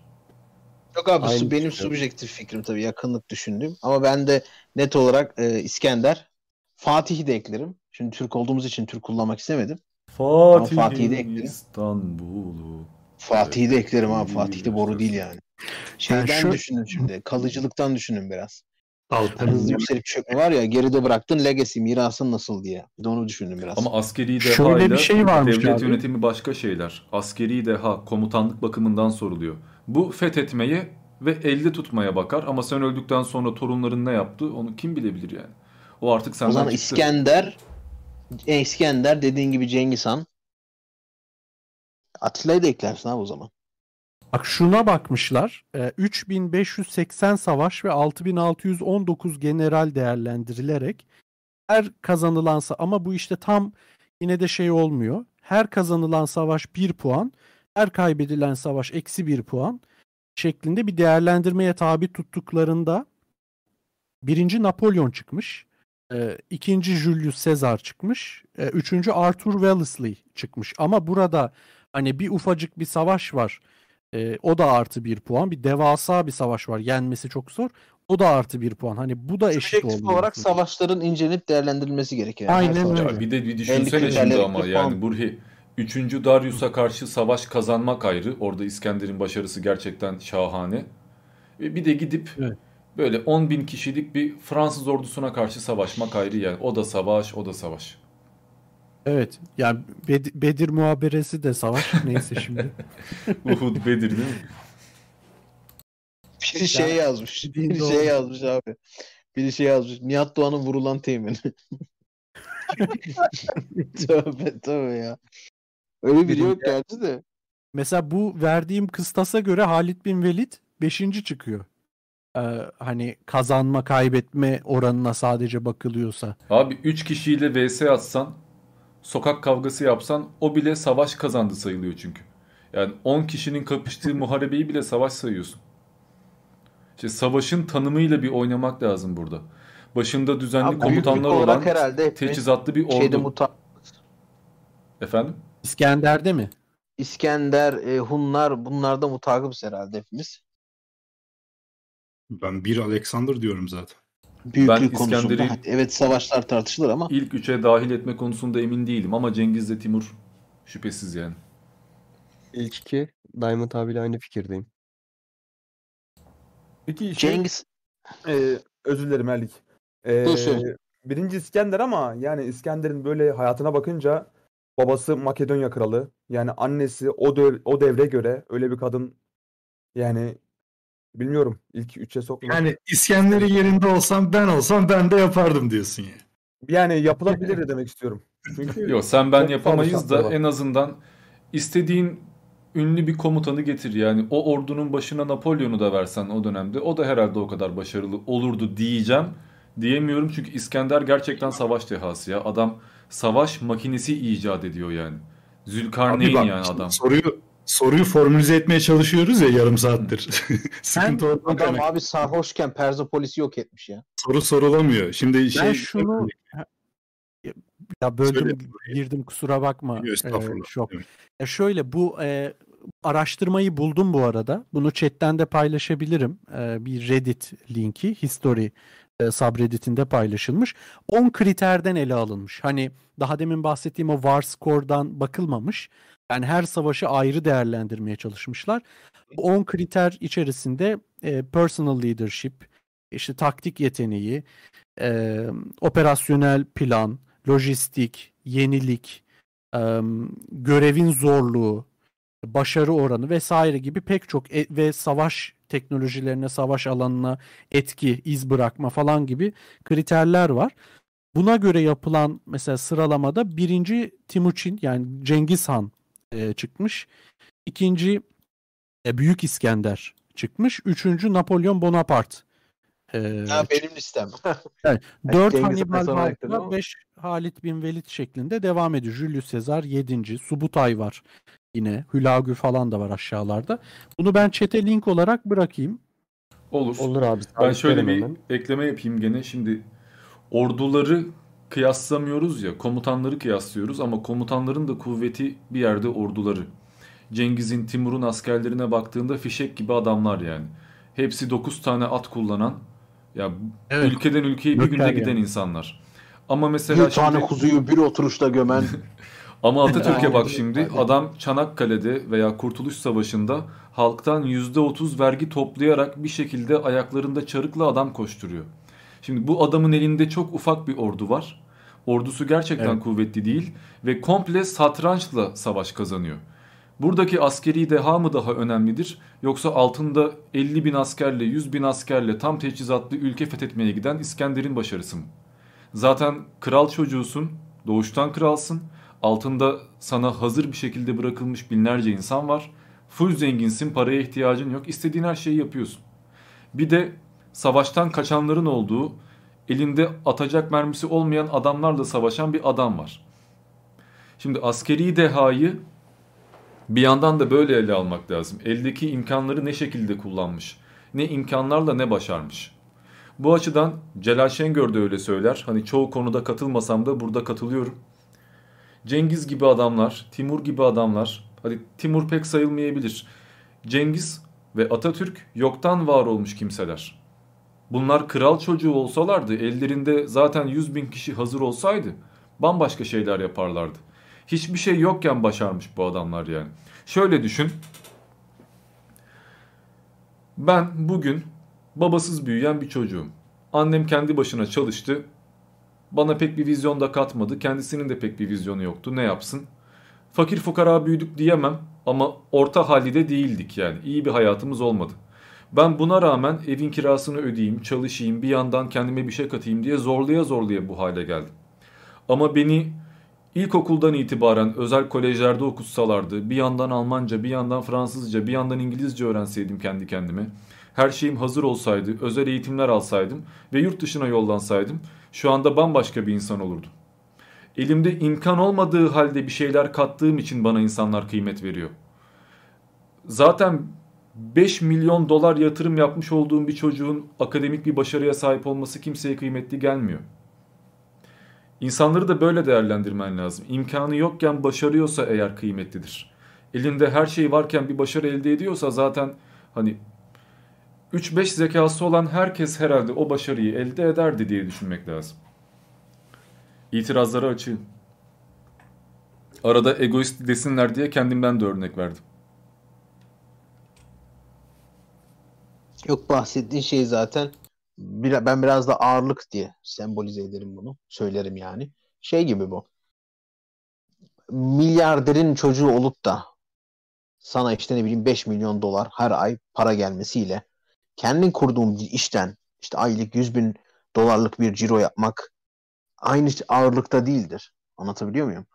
Yani onun tadıyla, onun bıraktığı şeyle, onun senin gayrettiğin eforla e, şey bir değil. Bu arada keseceğim. Özür diliyorum. değil. Özür diliyorum keseceğim. Uçaktaki ateist de Ahmet abi de şu an chatte. Elle kaldırıyor. Dilerseniz. Tamam ça- çağırın Efe'yi ka- şey yapalım artık. Topla Voltran toplansın amına koyayım artık. Tamam. Davet Hemen ediyorum. hemen şey Evet burada burada. Davet ettim ben. hemen Efe'ye Alper Çağlar, Jahreyn git git. Jaho Jaho gelir de. Bir dakika Tarkan'ı falan arayayım dur. Efe gelebilir ama diğerlerini de bilmem de Efe gelebilir. Ama gelmiyor. Ben geçen ben de çağırdım gelmedi. Ahmet abi hoş geldin. O sizin onda şeyiniz var değil mi onlarla? verecektim bu savaşta. Araya kaynadı gitti bak. İtiraz ediyorum. Hoş geldiniz Ahmet Bey. Hoş bulduk. Bölmek istemedim konuşuyorsunuz diye. Hoş geldin Ahmet. Faşizm Ee, konsorsiyumu hoş toplandı. Komutanları konuşuyordunuz. Dinledim dinledim. Biraz dayanamadım dedim. Bari gideyim söyleyeyim. Şeyi Hannibal'ı niye Atatürk. hiç hesaba kat... Yok Atatürk'ü değil. Ben Atatürk dedim. zaten onu Hannibal'ın belki adı liste dışı, geçti ya. liste dışı Ben dedim. bırakırsınız diye düşünüyorum da Hannibal ama dedim? Hannibal'ı Ha Hannibal yani bence bir numara. Yani Timur Cengiz Han'dan daha önce Hannibal çünkü Hannibal'ı Hannibal'ı bir tek kendi taktiğiyle yenebilmişler. Adamı başka türlü yenememişler. Ee, ve Hannibal Yenilmiş orada ama. biraz efendim? Yenilmiş ama kendi taktiği ben Ha, taktiği yenilmiş. Kendi taktiği yenilmiş. Ee, Afrikanus Scorpio tarafından yenilmiş ama e, Hannibal'ı kendi taktiğini öğrenerek yenmişler ancak. E, ve Ha, önden Hannibal öğrenerek. elin- ha, elini ayağını bağlayan bir de onun elini ayağını bağlayan e, Kartaca'nın şeyi olmuş. e, senatosu olmuş. E, adamı resmen Roma'dan geri çekmişler. Pö- İkinci Pön Savaşı'nda geriye işte ordusunu elinden almışlar. Birçok komutanı elinden almışlar. Ve en sonunda öldürmeye çalışmışlar biliyorsunuz. Adam en sonunda e, şeye kaçmış. Bitinya'ya kaçmış. Yani e, bence şeyde hiç atlamamak lazım. Başarılı adam da bir E, numara Ben demek. saydım baba, ben Cengiz'le falan saydım. yani Cengiz'in üstüne koymak katılmıyorum yani. Ben bir ben bir İskender dedim abi. İki e, Napolyon dedim. Üç Hannibal dedim. Hatta e, Napolyon'u sonradan Cengiz'e değişirim diye dedim. Yanılmıyorsam. Ha, ya da Fatih'le. Ama saydım yani. Benim o attığım listede de yine be, ilk beşin içerisinde yer alıyordu Hannibal Barca. Ya hemen hemen aynı abi. Soru biraz genel. Evet. Şunu sorsan Aynen, stratejik aynen. olarak stratejik olarak en iyisini dersen onun mesela o düşünülür. Hani işin strateji kısmı. Mesela adam savaş kaybedebilir çokça ama stratejik dehadır mesela. Böyle de vardır. bir, bir komutanı iyi yapan özelliklerden birincisi bence lojistik desteği çok iyi sağlayabilmesi. Mesela biz Kurtuluş Savaşı'nda bu sayede kazandık. Yunanlar lojistik desteklerini sağlayamadıkları için kaybettiler. Biz e, Sakarya'nın doğusuna çekilince onlar dağıldı aslında. Bunu fark Yalan etmeleri- söylüyorsun. Yalan. Kurtuluş Savaşı yaşanmadı. Öyle bir şey yok. Tek bir kuruş, kurşun atılmadı. Şimdi bu konuda iki komutan bence öne çıkıyor. Yani Atatürk'ü saymıyorum. Hiçbir zaman saymıyorum. Çünkü onu listeye koyunca o hep bir numara oluyor. Onu saymayınca iki komutan ön plana çıkıyor. Biri İskender. Ee, Hindistan seferindeki lojistik desteği çok önemli. Özellikle ee, şey kayıkları parçalara ayırıp e, Darius'a karşı ada üzerinden geçiş yapması ve süvarileri o şekilde kullanması mükemmel bir taktik. Birincisi o bence. İkincisi e, Hannibal Barca. Çünkü Hannibal Barca 37 fili e, Alp dağlarından geçirmeyi başarabilmiş. Bunu yapabilecek komutan yok. Yani Barka'dan sonra bile yapabilecek komutan yok. Napolyon yapamamış. E, Sibirya topraklarına Rus Rusya'ya girdiği zaman biliyorsunuz e, Rusya'da birçok askerini kaybetmiş. Nitekim Waterloo'da yenilmesi sebebi de yine taktiksel. Yani Napolyon'un bence ilk ona bile girmesi bile acayip. Çünkü e, Napolyon'un yenen e, Waterloo'da yenilmesine sebep olan şey taktik hatasıdır. E, herhangi bir şekilde e, lojistik destek vesaire bile değil. Yani çok küçük basit bir hatadan dolayı yenilmiştir. Ama Hannibal Barca ve İskender bütün komutanlar yapamadığı bir şey başarmıştır. Lojistik desteği sağlayabilmiştir savaşın sonuna kadar. Bu çok önemli bir şey. Bütün ordular genelde bakın yenildi- yenildiklerine bakın. Genelde bu şekilde yenildi. Mesela Almanlar bile İkinci Dünya Savaşı'nda Stalingrad'a saldırdıklarında bu, bun- bundan yenildiler. Lojistik desteği sağlayamadılar. Tankları tanklar var. Bir sürü tankın var ama benzinin yok. Yani bu çok önemli bir şey. Bir komutanı bence e, yani tarihin başından beri e, zafere sürükleyen en önemli şeylerden bir tanesi budur. E, mesela ikincisi bir örnek vereyim. Yenilen yine e, ikinci Ramses. Kades Savaşı'nda e, lojistik desteğini geri planlı bırak, bıraktığı için aslında e, gerçi yenilmedi o. Berabere bitti maç şey savaş da E, ama eğer lojistik desteğini son ana kadar sağlayabilseydi yani dört orduyu da e, Kadeş'i aynı anda sokabilmeyi başarsaydı Kadeş ordusunu çok rahat bir şekilde şey Hitit ordusunu çok rahat bir şekilde yenebilirdi. Ama bunu başaramadı. Aynı hatayı bu sefer karşı taraftaki Muattalli de yaptı Hattuşili ile beraber. E, o da şeylik e, lojistik desteğini sağlayamadı. Yeniyoruz ayağına dağıldılar. Mesela Uhud Savaşı'nda niye Müslümanlar kaybettiler? Desteklerini kaybettiler. Çünkü onlara en çok lojistik destek sağlayacak e, tepedeki okçularını kaybedince e, savaşı kaybettin. E, işte bu bütün savaşları bakın kilit noktası oradadır. O yüzden ben Hannibal Barca'yı birinci sıraya oturtuyorum. Çünkü o 37 fili Alp dağlarından geçirebilecek başka bir komutan yok. Şey var ama yani troller gibi algılamayın da. Süleyman Aleyhisselam 3000 müydü gelecekti zannettim ben. Ya Ebu Leheb var o kadar fili çölde yürütüp getirmiş falan diye. ya zaten Ebu Leheb gerçekten öyle bir şey yapmışsa bence birinci sıraya onu koyalım. o daha zor Alp dağlarından geçirmekte. Çünkü Alp dağlarında en azından kardan dolayı su e, bulma imkanları var. E, çölde o da yok. Ne su var ne ağaç var. E, fil neyle beslenecek? Alp dağlarını geçti bilmiyorum gittim mi hiç Alp dağlarına da yamaç olan yerler harbi yamaç. Aynen. Yani geçtiği yerlerden geçiş zor olabiliyor bazen. Bir Bir, de de vadi çok. noktada- Vadi olayı çok. Birçok noktada söylenenlere göre Barka'nın kimya bilgisi kullandığı söylenir. Buzları eritmek konusunda e, ve kayalardan yol açmak konusunda kimya bilgisi kullandığı söylenir. Onun da babasından öğrendiği söylenir ama bu ne kadar doğru onu bilmiyorum. Ama Vallahi böyle bir söylenti olsun. var. Bir de Spartaküs var. Onu, hiç, değil onu yani. da hiç onu da hiç listeye kattınız mı bilmiyorum ama Spartaküs de var. O da aynı şekilde. Ama, Ama Spartaküs Ya öyle adamları da savaş dehası isyan- diye birinci numaraya, üçüncü numaraya koymak doğru değil ama yani. Spartaküs'e kadar geleceksek 100 tane isim sayarsın burada. Yakup Cemil Yani de o zaman gelsin birinci olsun. Bence Gelsin. şeydir abi birinci. Ebrehe yani. Adamı anca Allah yenmiş. Başka da yenen çıkmamış yani. Aynen buna katılıyorum. Eğer Ebrehe gerçekten bu hikaye doğruysa adama bir tek Allah yenmiş. yani. Ebabil Ya kuşundan başka Ebu çözüm bulamamışlar yani. Karıştırdım. Ebrehe'ydi doğru. Siz adam değil. bildiği şey yapmış ya. Siz hepiniz plus Allah ben tek yani. Evet dediği gibi şimdi çok fazla etken var. Lojistik bunlardan en önemlisi. Mu- muhabere, haber alma falan da çok önemli savaş gibi durumlarda. Ben şey örneğini verecektim. Burhi'yi anlar şimdi bu vereceğim örnekten. E, Civilization'da mesela birçok lider seçiyorsun. Şimdi orada mantık şey değildir. Hani en güçlü olanını seçeyim ve bu bana savaş kazanma garantisi versin. Öyle bir şey yok. Hani sen teknik olarak en güçsüz görünen liderle de doğru stratejilerle kazanabiliyorsun oyunu ve savaşı. Hani bu soruyu aslında o oyunda test edebiliyorsun girip. Ama ne değiştiriyor orada? Etken ne? Mesela sen orduna savaş sırasında demin anlattığı gibi e, nak şey yapabiliyor musun? Gıdasını tamamlayabiliyor musun? Halk mutsuzluk bu durumları fix edebiliyor musun? Yani bunları halledebiliyorsan savaş kazanıyorsun. Ya da iyi savunabiliyor musun? Savu- savunma savaşı yapabiliyor musun? E, termofilde örneğinde olduğu gibi mesela. Evet. Ya da Ya kar- şey şeyi de düşünebiliriz. Yani bu hani bir savaş simülasyonu ortamı olsa gerçekten böyle bir imkanımız olsa 50 askerlik bir falanks birliğimiz olsun. Yani başına Cengiz'i geçirmem yine de. Yani adamın bütün savaş stratejisine, bütün deneyimine aykırı oradaki o falanks birliği. Hani adam atlı savaşlı falan hep şey bulunmuş. Yani e, belki o sıralamalarda, listelerde daha düşük aşağıda kalacak biri ama daha iyi yönetecek o askerleri. Çok fazla faktör var. Değil mi? Yani Bir de şey dedik yani zamanına ver, göre diye. Oyunda da lejyonla şey yani? vardı mesela. Bazı klaslar e, erken çağlarda, antik çağlarda güçlüdür. Bazısı medieval böyle orta dönemlerde güçlüdür. Bazıları modern teknolojiyle ortaya çıkan güç patlamaları yaşarlar. Hangi zamanda hangi taktikle olduğu da çok önemli. Yani bence en önemli faktör strateji ya savaşta. O dönemin imkanları neyse artık etrafında ne varsa onu en iyi şekilde nasıl diziyorsun tahtada. Evet. Mesela Vallahi Cengiz'in altına örnek- lejyonları verin. Adam yine oradan bir şekilde süvari çıkarır. Beyler siz at olun. Siz de o şekilde düzenler yani. Bazı insanlar gerçekten işte, kendi arabada yükselmiş. değil, arabayı kullanan da.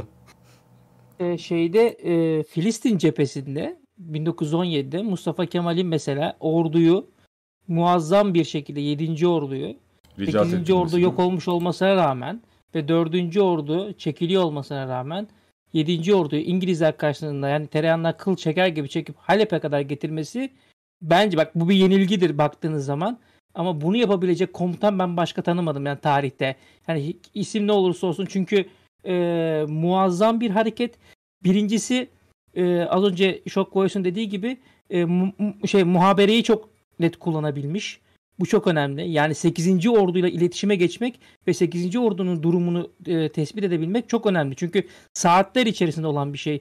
E, Cengiz Han ya da işte Timur zamandaki gibi savaşlar öyle hani meydan savaşı işte olup biten savaşlar değil. Bu savaşlarda e, dakikalar bile çok önemli. Yani ilk 10 dakika, 15 dakika, 20 dakika bile çok önemli. Mustafa Kemal'in mesela burada en büyük dehası mükemmel bir muharebe örneği sergileyip 7. orduyu Halep'e kadar getirebilmesi ve Halep'te durup İngilizleri yenmesi. İngilizler bile şaşırıyorlar biz nasıl yenildik diye. Halep'e sokmuyor İngilizleri. Onlar bile şey, ya biz 3 gün önce yendiğimiz ordu bizi nasıl böyle geri püskürttü diye onlar bile şaşırıyorlar.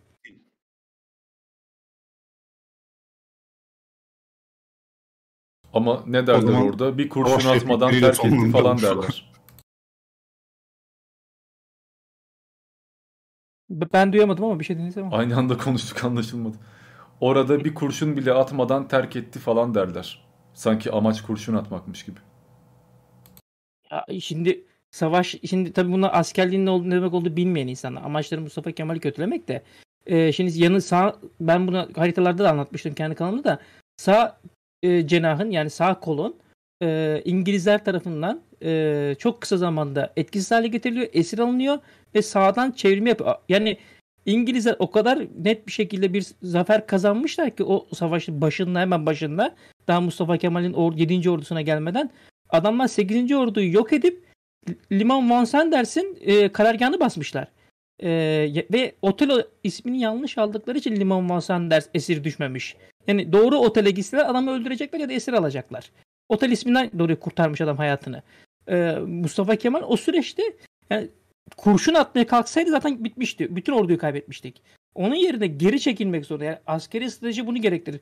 Sağ kanadın ya da sol kanadın ki orta kanat Mustafa Kemal'in ordusu ortada. Savaşın ortasında yani e, cephenin ortasında pardon. Sağ cephenin sağ tarafı ya da sol tarafı düşerse ne kadar düşmüşse o kadar geri çekilmek zorundasın ki tekrar bir siper kurabilesin. Yoksa cephe yarılır ve cephe yarılırsa ordu gider. Yani ordu elden gider. Mustafa Kemal bu yüzden kurşun atmadan geri çekiliyor. Yani kurşun atmadan geri çekilmemesi, geri çekebilmesi başarı zaten. Çünkü kurşun atmaya kalksa yani savaşmaya kalksa orada bütün orduyu kaybedecek. Karşıdaki İngilizler senin her taraftan sarmışlar ya ne yapacak? Süpermen değil ya adam. Yani sonuçta herkesi gözünden çıkan lazerle öldürecek hali yok. Ya da herkesi donduracak hali yok. O yüzden mecburen geri çekilecek. Bunu yapabilmiş bak bu, bu denli güzel bir şekilde geri çekilmeyi başarabilmiş Halep'te ordu kurup İngilizleri durdurabilmeyi başarabilmiş başka bir komutan yok. Bunu yapabilen biri başka yok. Ya bu da Mustafa Kemal'in diğer komutanları çok iyi bilmesinden kaynaklanıyor diye düşünüyorum. Hannibal'ı okumuş adam, İskender'i okumuş, Cengiz'i okumuş, Timur'u okumuş, hepsini okumuş adam. Hepsinin nasıl bir taktik izlediğini biliyor. Askeri şey, e, tarihi mükemmel hakim. O yüzden bunları çok iyi bilebildiği için o o dönemin en üst e, komutanlarından bir tanesi olabilmeyi başarmış. Bugün Mustafa Kemal'in bu taktiğini bırakın başkalarının bilmesi ben az önce size söyledim. Kurşun atmadan çekildi diye eleştirenler bile var. Yani oturup da ulan bu adam bunu nasıl yapmış diye düşünebilen vardır da yani komutanlarımız içerisinde. Ama ne kadar vardır orasını tartışılır tabii ki. Evet Alperen sorunun cevabını bayağı uzun uzun aldın. İstiyorsan aşağı in başka bir soru alalım. Soruydu değil mi? Onu bile unuttuk ya. Bir tane yayın çıktı buradan yani direkt. Şu 45 dakikayı kes yükle yani.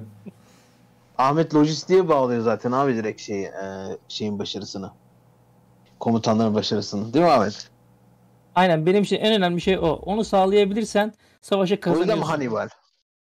Hannibal onun yüzden. O yüzden. E abi kardeşi, Hannibal kardeşi de Alp de- Dağları geçti biliyorsun. Biliyorum, kardeşi de kardeşi Alp çok- Dağları'nı geçti. Sonra da dehşet çekildi, yenildi.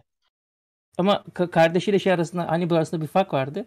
Hannibal ilk gittiği için e, Roma ordusunu çok gafil avladı. Kardeşi geçerken e, önündeki Roma ordusu ve lejyon birlikleri çok daha farklı e, dizilmişlerdi. Çok daha rahat geçebildi arkasından. Doğru. Ama Hannibal'ın Ee, şeyi de şeysiz olmadı abi. Kayıpsız olmadı biliyorsun Alp Dağları'nın geçişi. Çok kayıp veriyor. Hatta oradaki e, Keltlerden şey yapıyor sonra adam toparlıyor. Hatta. Keltlerle de çatışıyor Evet. bazı yerlerde. Tabii ama 37 filin hiçbirini öldürmeden getirmiş biliyor musun? Çok ilginç. Sonraki kış 30 ölüyorlar ama.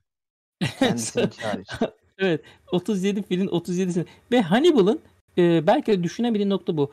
Filler olmadan savaştığında daha iyi savaşabiliyor adam. Filler varken daha kötü savaş. Çünkü fillere güveniyor. Fillere güvendiği için kaybediyor zaten. Scorpio karşısında onu güveniyor. Çünkü Sc- Scorpio onun nasıl savaşacağını biliyor. Filleri önceden önceden filleri sürdüğü zaman e, bütün piyade, Roma piyadesi fillerin geçip gitmesi için yolu açıyorlar abi. Filler hepsi boşa çıkıyor. Yani Roma piyadesi filleri içine çekip hepsini içinde öldürüyorlar. Çünkü e, şeyin Hannibal'ın zayıf noktası filler. Filleri kullanmasa kendi kendine savaşsa daha rahat bir şekilde yenecek. Belki de. Belki de. Belki de. O 300 Ama şey de diğer Serhas'ın diğer fillerini tek mızrakla öldürüyorlardı ya. diğer asker şeylerine komutanlara göre şeyi de önemli ama Ee, bilgi aldığı yardımcıları da önemli. Danışmanlar da önemli. Kurmayları aynen. Ben, yani bana sorarsan bu daha ayrı önemli. Hannibal'ınki bir e, Spartalıydı ama adını bilmiyorum şu an. Spartalı bir savaş şeyi vardı.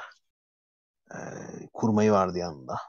Çok etkisi olduğu söylenir kendisine. Bu da önemli bana sorarsan. Peki Atilla hakkında ne düşünüyorsunuz? Atilla bir de bir ben andım herhalde burada değil mi? Diğerleri Cengiz demişti.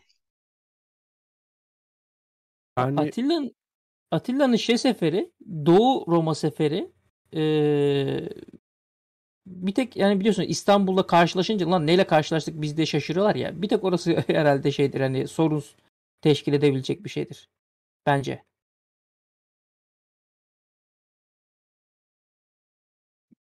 Dur. Başka bir soru var mı üyelerden? Var abi çekeyim hemen. Necmettin'i çekiyorum.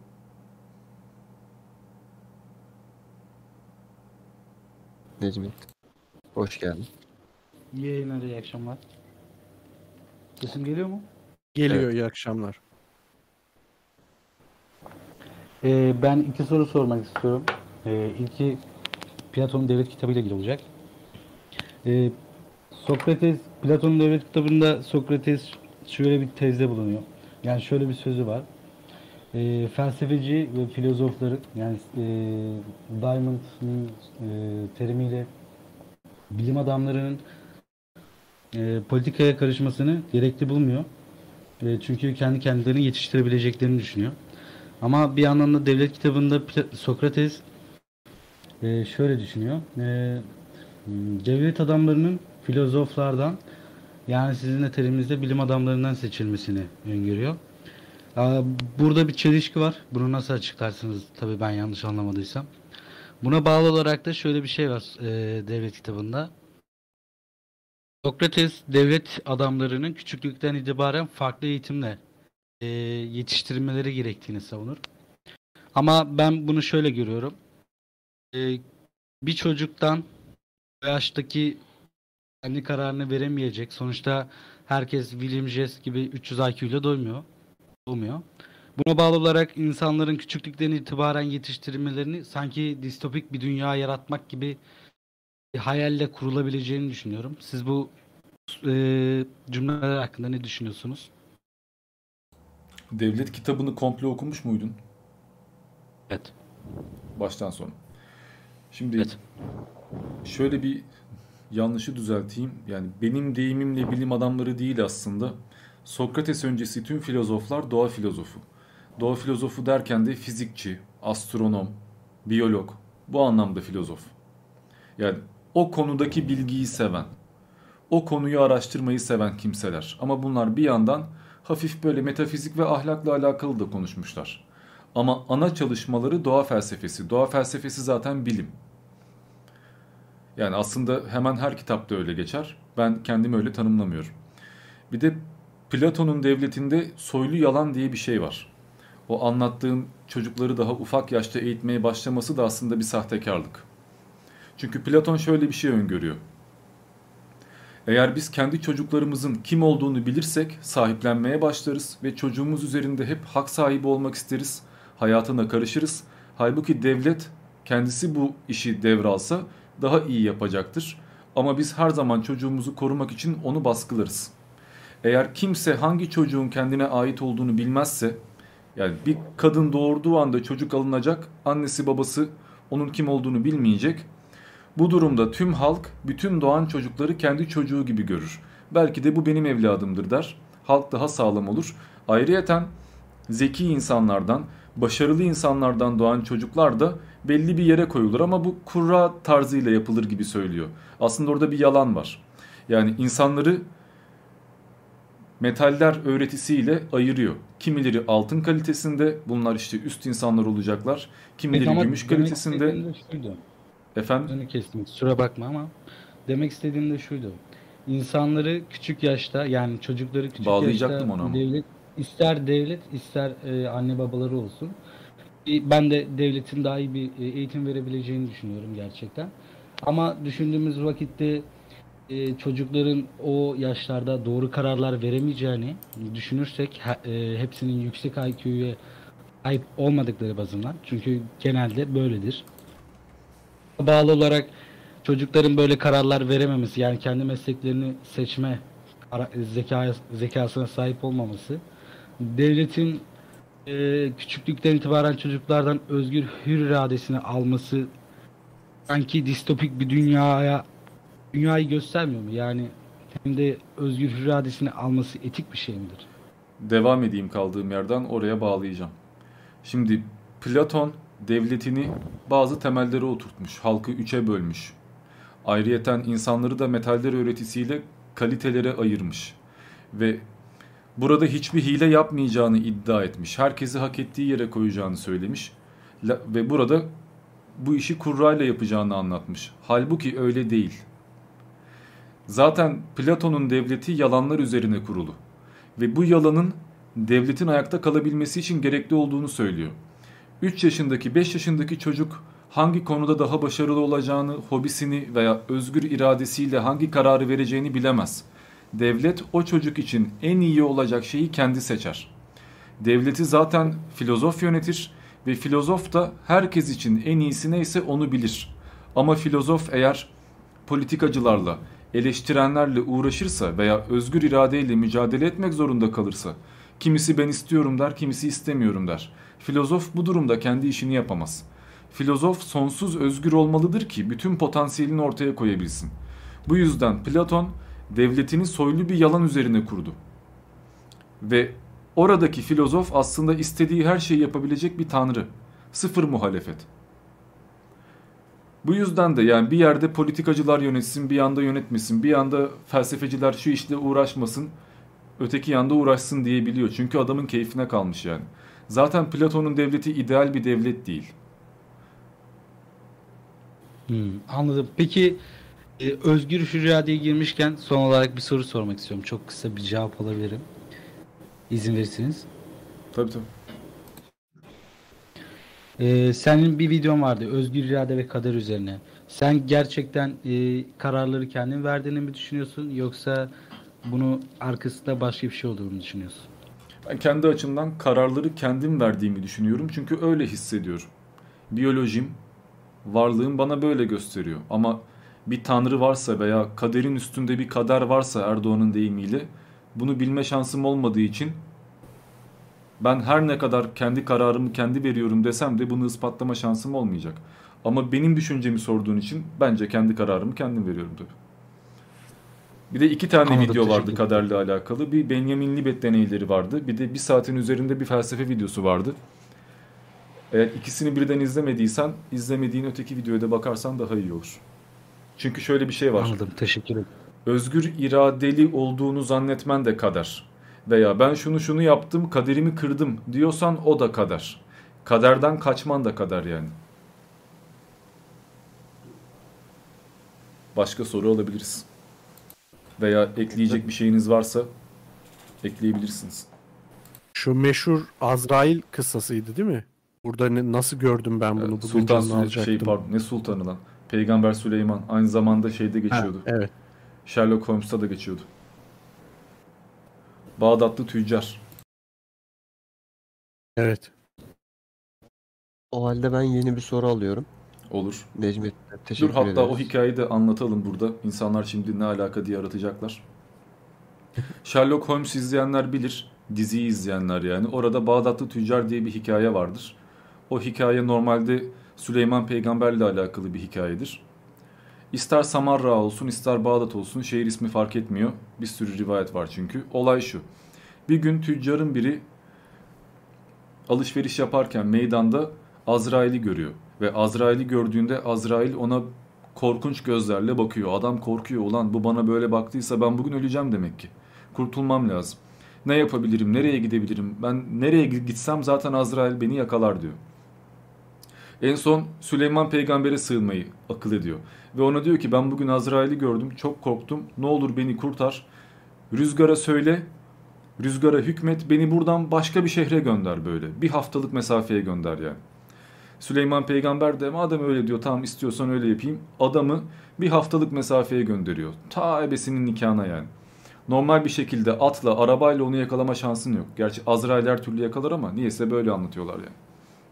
Daha sonra akşam Süleyman peygamber Azrail'i görüyor ve diyor ki ya sen bugün şu tüccara böyle korkunç gözlerle bakmışsın. Ne diye ona öyle baktın korkuttun? Azrail de şey diyor. Ben ona korkunç gözlerle bakmadım şaşırdım. Ben onu Samarra'da öldürecektim. Bu adamın Bağdat'ta ne işi var olayı anlayamadım. Şimdi belli oldu. Demek ki onu Samarra'ya gönderecek olan senmişsin. Yani adamın kaderden kaçmaya çalışması da nihai kaderin bir sonucu çıktı yani.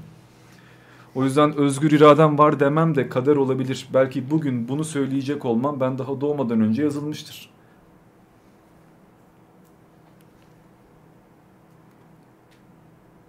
Şimdi Şok'un aklına gelen şey Neo'nun vazoyu düşürmesi. Kung Fu Panda 2'de var ya kaderinden kaçamazsın. film film şeyler o kadar güzel ki abi. Birisi Matrix'ten örnek veriyor. Birisi Kung Fu Panda'dan. Benim, benim her şeyi Matrix'ten örnek vereceğimi öngörüyorsunuz. Belki şeyden soğumuş örnek- soğumuş diyor. Bu soğumuş baba. Kardeşim sen. Matrix sorumlusu değil misin Türkiye'nin? Sen Matrix Türkiye sorumlusu değil misin? Nedir? Böyle en iyi örnek Benjamin Button filminde veriliyor. Oo. Bir gün harika bir kadın evden çıktı diye başlayan hikaye. Devamını anlat. Çok Ama mantosunu unutmuştu. Onu almak için durdu ve birkaç saniye kadar bekledi. Derken telefon çaldı. Böyle uzar gider. Bedavadan hizmet alıyorsunuz bakın. Adam ne güzel hikaye seslendiriyor sizin için. Adam ya şey var bak Murat Bardakçı şiirmatik adam 5 milyon tane şiir ezberlemiş. Shock Voice'da da diyaloglar var. Her filmden, her diziden bir diyalog var adamda yani. Çocukluk hastalığım benim ya. İstemsiz oluşuyordu yani ezberleme. Çok izleyince abi değil mi? Bende de öyleydi. Eski filmleri çok izlerdim. Bir de eski filmlerin diyalogları da iyiydi şimdi. Akılda kalmayacak gibi değil. Aynen öyle. Şimdi bir soru- mesela bana Matrix, yeni Matrix'ten bak şoku yaralayalım daha çok. Yeni Matrix'ten bir tane diyalog sor bana. Bilmiyorum. Hadi yatalım artık. Bir daha da bana bilim kurgu deme. Oraya gelecek. O film yattı Faruk. Yattı. Ben hala inatla izlemiyorum ya Matrix 4'ü. Baba ben de öyle denedim. Bana hatta şok beni uyarmış. Sonra yenik düştüm şeyime merama. İzledim. İzlemez olaydım yani çok kötü. Bozmak istemiyorum aklımdaki Matrix'i ya. Bilmeyeyim. Tecavüz ediyorlar. yani. South Park'ın bir bölümü var biliyor musun? Orada Indiana Jones 4 çıkmıştı o dönem. O bölümde Steven Spielberg ve George Lucas şeye tecavüz ediyorlar. E, e, Harrison Ford'a. Hani güya alegorik olarak işte. Indiana Jones 4'te kafatası. tecavüz Aslında etmişler falan karakter. Çok şey filmdi ya. İnternette meşhur olan ne varsa 51. bölge, yok uzaylı varlıklar. Oraya Evet, evet. bağlamışlar olayı yani. Biraz Indiana Jones havası yoktu. Bayağı yoktu abi bayağı şeydi. Yani en son Alien olayına bağlamaları falan bayağı. Ama o bir de şey e, momentumla alakalı yani gerçekten Zeitgeist dediğim şeyle alakalı. O dönemin sihriyle beyaz perdesiyle bugün, bugünkü şey biri değil. Sahne dekoru falan dahil buna. 2008 değil mi o filmin çıkışı Indiana Jones 4? Yılını hatırlamıyorum da ben geçen yıl izledim. Yani Indiana Jones havası yoktu. Başka bir şey izliyorum gibi geldi. Hani ergenler sevsin diye Facebook'ta ne meşhursa onu yapmışlar yani. 2008'deydi doğru. Şey abi onun yenisi çıkacak. Harrison Ford yine oynayacak şu yaşında tekrar. Bir daha yapacaklar. Orada en absürt şey şeydi biliyorsun değil mi? Yerden yere vuruldu onun için. Yani atom bombası testi yapılıyor. Ee, Indy de şeyin içine atlıyor. Ee, buzdolabının içine atlıyor korunmak için atom bombasından. Buzdolabı koruyor yani. Çok enteresan bir kafa ya. O çok dalga geçilmişti onunla o dönem. Çok kızılmıştı. Radyasyondan koşarak kaçan adam var diyor ya Cem Yılmaz. Ne oldu bilmiyorum abi. Başka Şey soru var mı? geçiyor. O büyük soğuma filmi miydi neydi? 2012 diye bir yani- film vardı ya. Şey Roland Emmerich filmleri o zaten meşhur. Onun bütün Film filmleri şey beğendim, bu para yemerik. Ru- ruh hastası manyak adam. Herifin bütün fi- filmleri dünyayı batırıyor herif yok ediyor. Kimse ayrılmıyor market ayrılıyor ortadan. O adam da sonradan öğrendim şeyini. Gaymiş hatta eee, Almanya'dan geldiği şey bölgeyi falan da biliyorum. Öyle bir. Değişik bir adam. Geldi. Değişik bir adam abi. Ben izledim onun filmlerinin birçoğunu. Zaten filmin konusu hep aynı abi. Dünyayı batırıyor herif yok ediyor. Adam bu, bu- bundan zevke geliyor. Hatta Vallahi o şu- 2012'de evet. Netflix'e gelen son iş vardı ya Don't Look Up. Onda bayağı tatmin oldum ya. Dünya yok oluş senaryolarının en güzel örneklerinden biriydi. İzlemedim abi onu da. Çok övdüler o yüzden biraz soğudum. Çok güzel film ya. Sende de mi ondan var? Övülen bir şeyden soğumak. Abi çok övüldü ya. Çok övüldü ya. Bir kere de izleyin, güzel deyin, geçin ya. Çok gıcık oluyorum şu olaya ama bak var. yani Squid Game veya herhangi bir şey bir şey popüler olacak gibi olduğunda ne kadar YouTuber varsa sömürüyor ya. 5 Abi bir milyon tane şey- reklamını görüyorsun. izleyesin Bir gelmiyor. de şey var ya bu YouTuber'ların böyle çok derin de- derin anlam yükleme şeyleri falan böyle. Şu anlam Dünyanın yükleme. en Lan izle geç şeyini amına en kıymetli şey gibi anlatabiliyorlar yani. Aşırı vurgu, el kol hareketleri. Adam sanki o esnada dünyayı çözüyor yani. gibi bunun gerçek hayatta karşılığı Ece, Ece Üner miydi o kadının adı? Show TV spikeri. Her şu şey e, çıkarımlar yapan bu bir kuru almış psikolojide falan. Abi diye. Facebook'taki o paylaşımları kadın ezberliyor. Sonra çıkıyor abi yayına onları okuyor oradan. İşte haberci şey iticiliğiyle. Spiker iticiliği ve TRT spikeri gibi. Londra'da bir araştırma yapmışlar biliyor musun falan diye başlıyor böyle. Sorsan kim yaptı fikrim yok. Hani hangi üniversite hangi departman falan umurunda belki de öyle bir şey de yok. Araştırma kanser bir şey. Bir ayette yazdığı üzere hangi ayet oğlum bakmaya mı üşendin yani? Veya bir araştırmaya göre hangi araştırma kim yapmış? Böyle bir şeye göre deyip istedikleri şeyi ekliyorlar arkasına. Ondan sonra bir tane fotoğraf koyuyorlar. Oradan oraya yayılıyor yani. En iğrendiğim şey. Bir de öyle kitaplar da vardır. Kitap komple bir kaynaktan bahsediyor ama kaynak yok.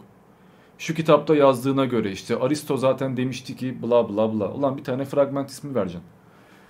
Ya o senin söylediğini Yaşar Nur Öztürk yaptı. Maun suresiyle ilgili kitap yazdı. Kitapta hep hadis var ama hangi hadisleri kullandığını hiç kaynakta yazmadı. Bizim Müslümanların huyu ama o ya. Yani burada tüm Müslümanları tabii bu konuda eleştirmiyorum. İşi bu olanlar var ya adam hoca vaaz veriyor, kitap yazıyor. Ben Arapça biliyorum diyor. Kur'an'ı tercüme ediyor. İşi bu. Ve çoğu zaman de hadisleri de reddediyor ama hiçbir kitabında, hiçbir anlatımında hangi hadisten, hangi muhaddisten alıntı yaptığını söylemiyor. Fakat sen yap aynı şeyi bir tane kaynak vermesen yalancı sahtekar olursun. Edip Yüksel üzerinde 19 var kitabı. Abi Kur'an'a adam dayalı bir kitap. bana cevap çek- çekecek diye kendi mealini reddetti ya. Kendi verdiği meali bile orada cevaplamaya çalıştı yani. Kendiyle çelişiyor. Şey e, Edip Yüksel kitap yazdı. Kitapta Tevbe suresi ait iki ayetin hadislerle sonra eklendiğini anlatmaya çalışacak. Yani başka türlü anlatamazsın çünkü. Sonra eklendirmeye çalışırken kullandığı hadisin bir kısmını Suyuti'ye atadı. Diğer kısmı hiç kaynak vermedi zaten. Suyuti'ye adadığı hadis de e, baktığımız zaman e, şeyin e, Buhari'nin Buhari'nin kaynağını aldı. Kitabında kullandı ama Buhari yazamadığı için çünkü Buhari şeye göre Edip Yüksel'e göre Hazreti Eşek o öyle söylüyor Buhari'ye. O Hazreti Eşek diye yazamadığı için Su, Celalettin Suyuti'yi yazdı adam. Yani kaynak yamultma. Kaynak ve veri yamultma. Araştırmayı kaynak gibi gösterme. Ya da hiç kaynak vermeme. İşte Ali ile ilgili mesela bir ayet hadis söylüyor. Hadisin kaynağı yok. Nerede aldın sen bunu? Yok. Seviyorlar ya işlerine geldiğinde kaynağa dayanmak, yalandan kaynak. İşlerine gelmediği zaman da bir tek Kur'an yeter.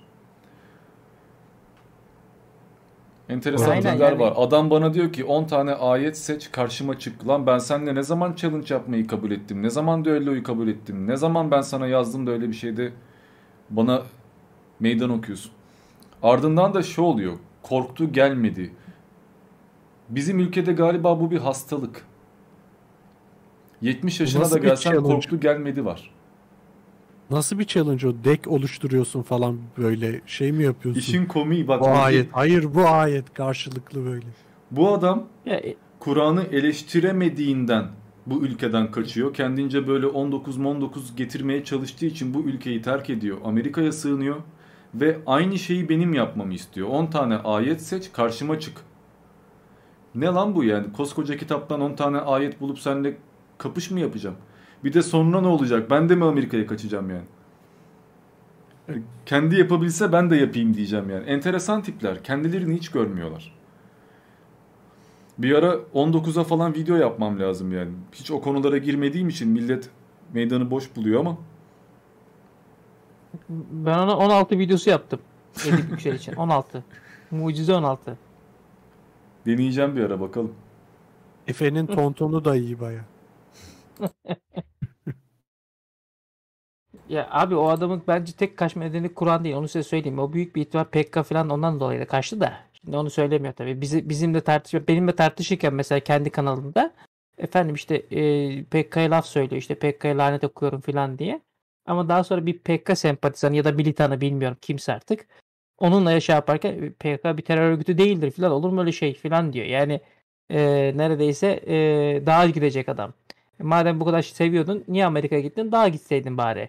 Yani birisi de çıkmış ona diyor ki mesela Edip Yüksel'e biz sizi Birleşik Kürdistan'ın Cumhurbaşkanı adayı olarak görüyoruz diyor. Edip de bir gülüyor bir gülüyor sormayın yani. Çok hoşuna gidiyor. Ee, o adamda başka şeyler var. Bunun için Kur'an'la 19'a falan alakası yok yani. Ya elbette bunların arkalarında neler neler var yani baktığında. Siyasi problemleri, ideolojik problemleri ama sonuçta 19'da ünlenmeye çalışmış. Reşat Halife'nin peşinden gitmiş. Daha sonra kendi peygamberliğini ilan ediyor gibi olmuş yememiş. Bir ara değiniriz zaten bunlara da. Benim 19'da tek alakam Seher'in de yazdığı gibi 19'unda doğmak. Haziran'ın 19'unda doğdu. Belki bu da mucizedir yani. Başka soru var mı? Var var. Başka soru gelmeden ben bu arada bir müsaadenizi isteyeyim. Ben kaçayım. Tamamdır dostum. İyi geceler abi. İyi geceler. İyi geceler. İyi geceler, iyi yayınlar. Kendinize iyi bakın. Sen de. Bay bay. İyi akşamlar. Tamamdır ben konuşmacı davetini attım. Hoş geldin. Hoş bulduk. Ee, iyi geceler, iyi yayınlar. İyi geceler. Ben Ee, çok sesini biraz basit ve bir kısa bir, dakika. sorum. Ah, tabii. Şimdi konuşabilirsin. Ee, çok basit ve kısa bir sorum olacak. Ee, zaman makinesine binip geçmişe gidebilecek olsaydınız 3 tane şey değiştirme hakkınız olacaktı. Bunlar neler olurdu? Teşekkür ederim şimdiden. Ben biraz düşünmek istiyorum. o esnada konuşmak isteyen varsa konuşabilir. Akl- aklıma şey geldi ama bunu espri olarak söylüyorum. Ya yine de bir baksak şu mağaraya falan. E, mimi dönüyor ya. O mağarada ne üç yer oldu? olurdu. yani 3 üç yerden fazla seçemiyoruz değil mi? 3 3 zaman seçmemiz gerekiyor. Mekan fark etmiyor herhalde. Ya şöyle ki herhangi bir şey olabilir. Hani kendi hayatınızdaki bir olay veya ne bileyim geçmişte yaşanan bir Mekan kaza fark herhangi etmiyorsa şey. ilk gideceğim yer Hindistan'da. Ahsoka'nın olduğu dönem olur. Çünkü o dönemle ilgili elimizde çok veri yok. O dönemi araştırmak iyi olurdu. İkinci gideceğim şey yer Muhammed'in yaşadığı söylenen dönemde Arabistan olurdu. Yaşamadığını ispatlamak için. Üçüncü gideceğim yerde Mustafa Kemal Türk'ün herhalde meclise açılışta da İstanbul'dan gidiş tarihi olurdu. Ee, 1918. Benim bu.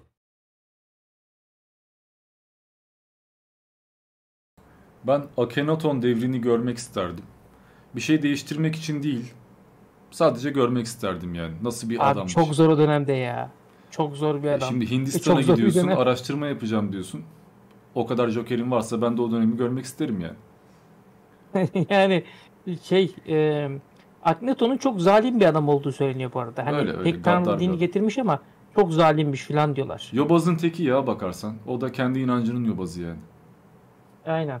Akhenaton enteresan olurdu. Görmek istediğim tabii yine Muhammed diyorsun. peygamber. Bakalım o mağarada ne olmuş görmek isterdim yani. Yaşamadığını ispatlamak için gitmek isterdim. Onlar Meğer şeymiş. Üçüncü Yani bu- olarak emin değilim yani Atatürk'le alakalı olurdu ama onun doğumunu görmek isterdim herhalde. Daha bebekken böyle. Bak bu adam ileride şunu yapacak falan. Enteresan olurdu veya o okuldayken Öğrenciyken onunla tanışıp ona bir sürü tüyo vermek isterdim. Evet ya da şeye Abi- gideceksin. 1937-1938'e gidip şu Celal Bayar'ı lütfen başbakan yapma. Demek o da bak güzel.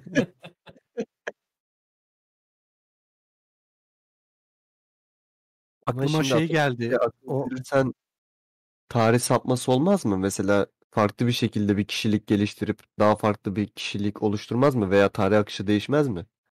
Yok o zaman gerçek tarih o olur zaten.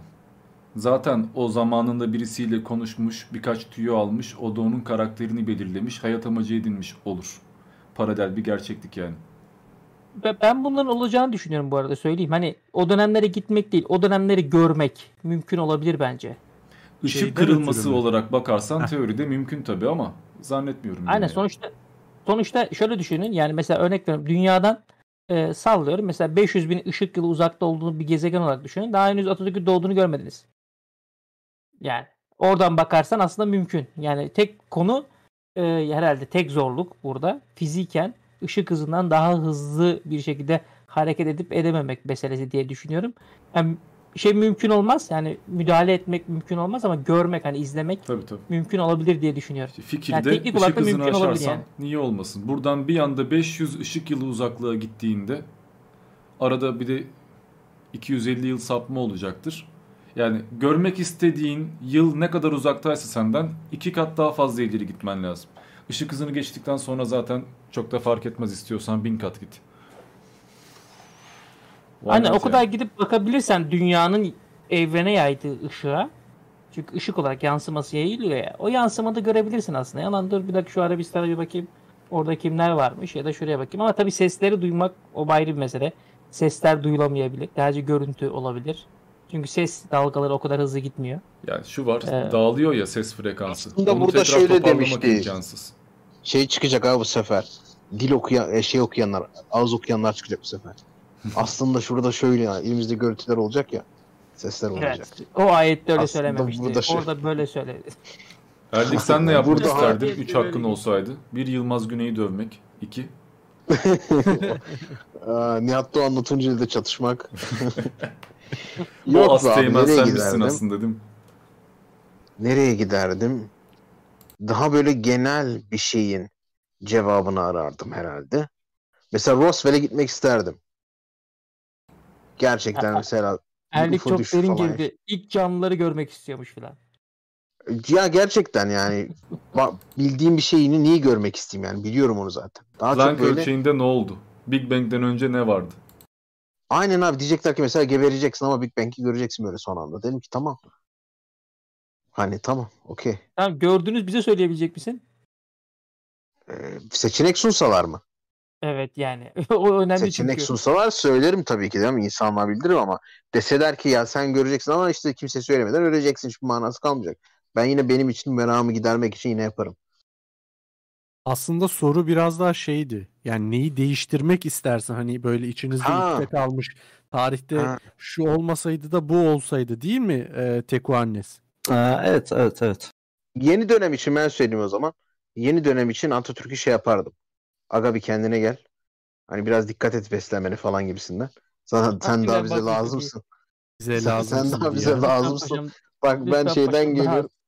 Böyle önce bir ağ- ağlayıp böyle şey yapıp paşam çok kötüyüz. ne yaptınız lan? Kesin ülkenin nasıl şey yaptınız değil mi? Ulan o kadar da övdük Türk milleti zekidir diye. Er- Erlik sen 2000 yılından bu zamana kadar olan Türkiye'nin görüntülerini bile bir dakikalık bir özet olarak göster Mustafa Kemal'e. Düşünsene O, zaten, o anda, o anda bırakır zaten. O anda bırakır Adama zaten. nasıl? Ona... Ben bazen düşünüyorum ya deli işi de düşünüyorum. Yani adamla oturup sohbet ettin diye böyle. Nasıl anlaşalım lan adam onun ne yaşandı diye. Ya da şöyle düşün abi şey diyorlar ya şimdi.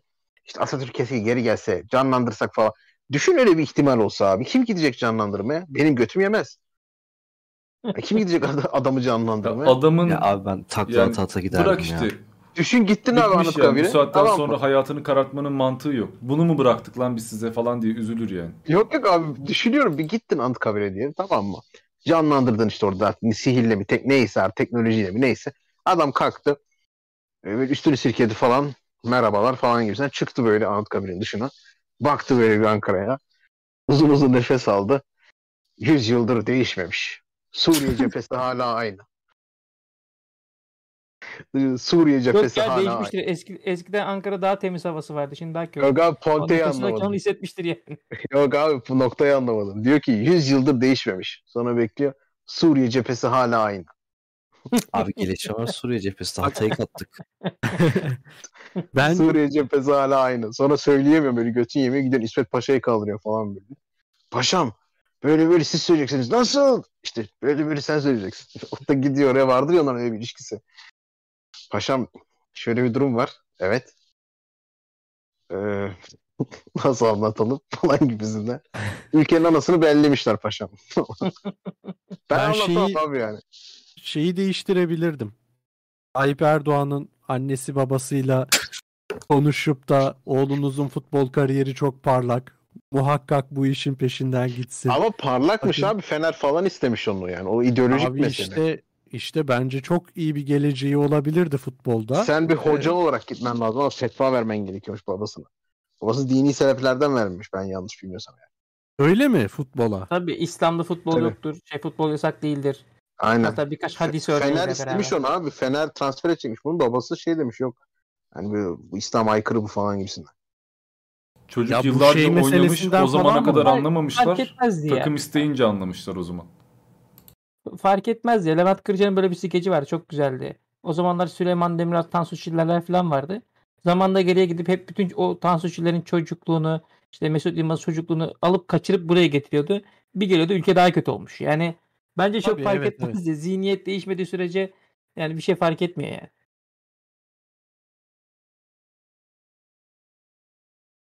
Yani en fazla değiştirebileceğimiz şey belli Kadir- kişilerin hayatını uzatacak hamleler belki yaparak e, verdikleri faydayı arttırmak olabilir herhalde. Kadir Mısıroğlu'nu işte birincisi yollasak Mustafa Kemal. Yunan galip gelsin diye uğraşırdı herhalde.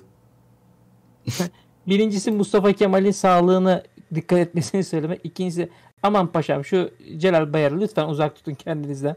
Bu adamı bırakın gitsin bir yerde dükkan açsın, bakkalcılık yapsın falan diye. Ee, öyle bir şey olabilirdi bence. Yani eğer düzeltmek için yapılacaksa. Yok espriyle anlattık da yani ben eee, şey yapmazdım yani insan biraz ar eder. Yani Mustafa Kemal yanına gidip anlatamazdım şeyi. Ya böyle böyle bir şey yaşadık. Adam çıldırırdı abi zaten sinirli adammış. Adam çıldırırdı herhalde. Çok çok sinirli bir adam değil. Eğer şeylerini bilirsen, eee çekincelerini bilir ya da kızdığı noktaları bilirsen eee, çok sinirli bir adam değil. Yani cumhuriyete ve laikliğe karşı çıkma. Eee, yani onun devrimlerini eleştirsen bile çok o kadar sinirli bir adam değil. Ama cumhuriyet ve laiklik adamın şey yani noktası böyle hani sinir noktası. Oraya dokunursan abi hiç hiç yani o hiç yanında durma. E, onların ne hale geldiğini anlatınca ama işte ister istemez sinirlenecek diyor herhalde Erlik'te. Sinirlenir abi. Ben benim okuduğum kadarıyla şey yapıyor adam. Kızlığı oluyor. Şey Yani mesela sen hiç şey ne diyorsun? Onun onun anlattık şey e, Cemal Granda mıydı? Ne diyorsun? Birçok şey şey diyor. Zırva diyor. Cemal Granda'nın anıları var ya. Etrafındaki Başkalarının kütüphanecisinden berberine hakkında. kadar hemen herkesin anıları zaten zırva ya. Ya şimdi Mus- Mustafa Kemal hakkında söylenen anıların çoğu Yok hizmetçisi anlatıyor diye var ya Cemal Granda hakkında. Cemal Granda'ydı adı yanılmıyorsam. At- Atatürk'ün arkadaşları, silah arkadaşları, yanındaki çalışma arkadaşları, hizmetlileri, işte bir şekilde Atatürk'ün yanında tamamına yakının anıları 1950, 46, 50 sonrası. Ve o dönem bu anılar çok fazla siyasi amaçlar için kullanılmış veya yazılmış. Ben birçok e, Mustafa Kemal yanında olan kişinin Mustafa Kemal'le ilgili anılarını o dönemin siyasi konjonktürüne göre yazdığını düşünüyorum. Uygun. Uydurduğunu düşünüyorsun. Yani, yani uydurmasa Doğru, bile o şekilde yorumladığını düşünüyorum. Mesela anıda bir şey var, bir olay var. Mesela Kazım Karabekir'in anıları bana ondan onlardan bile daha samimi geliyor. Niye? Çünkü Kazım Karabekir anılarını yazdığında yıl 1946 değildi, daha önce yazmıştı. Mustafa Kemal hayattayken yazmıştı. Hatta bir, Ya bir de şey radikal derecede kavgalı sanıyorlar ama öyle şey değil. Kırgınlık yani. kavga Büyük değil, kavga bir değiller.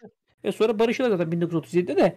Şey Ee, diyor ya e, kızı sormuş Karabekir Paşa'ya da hani çağırsa giderim demiş hemen.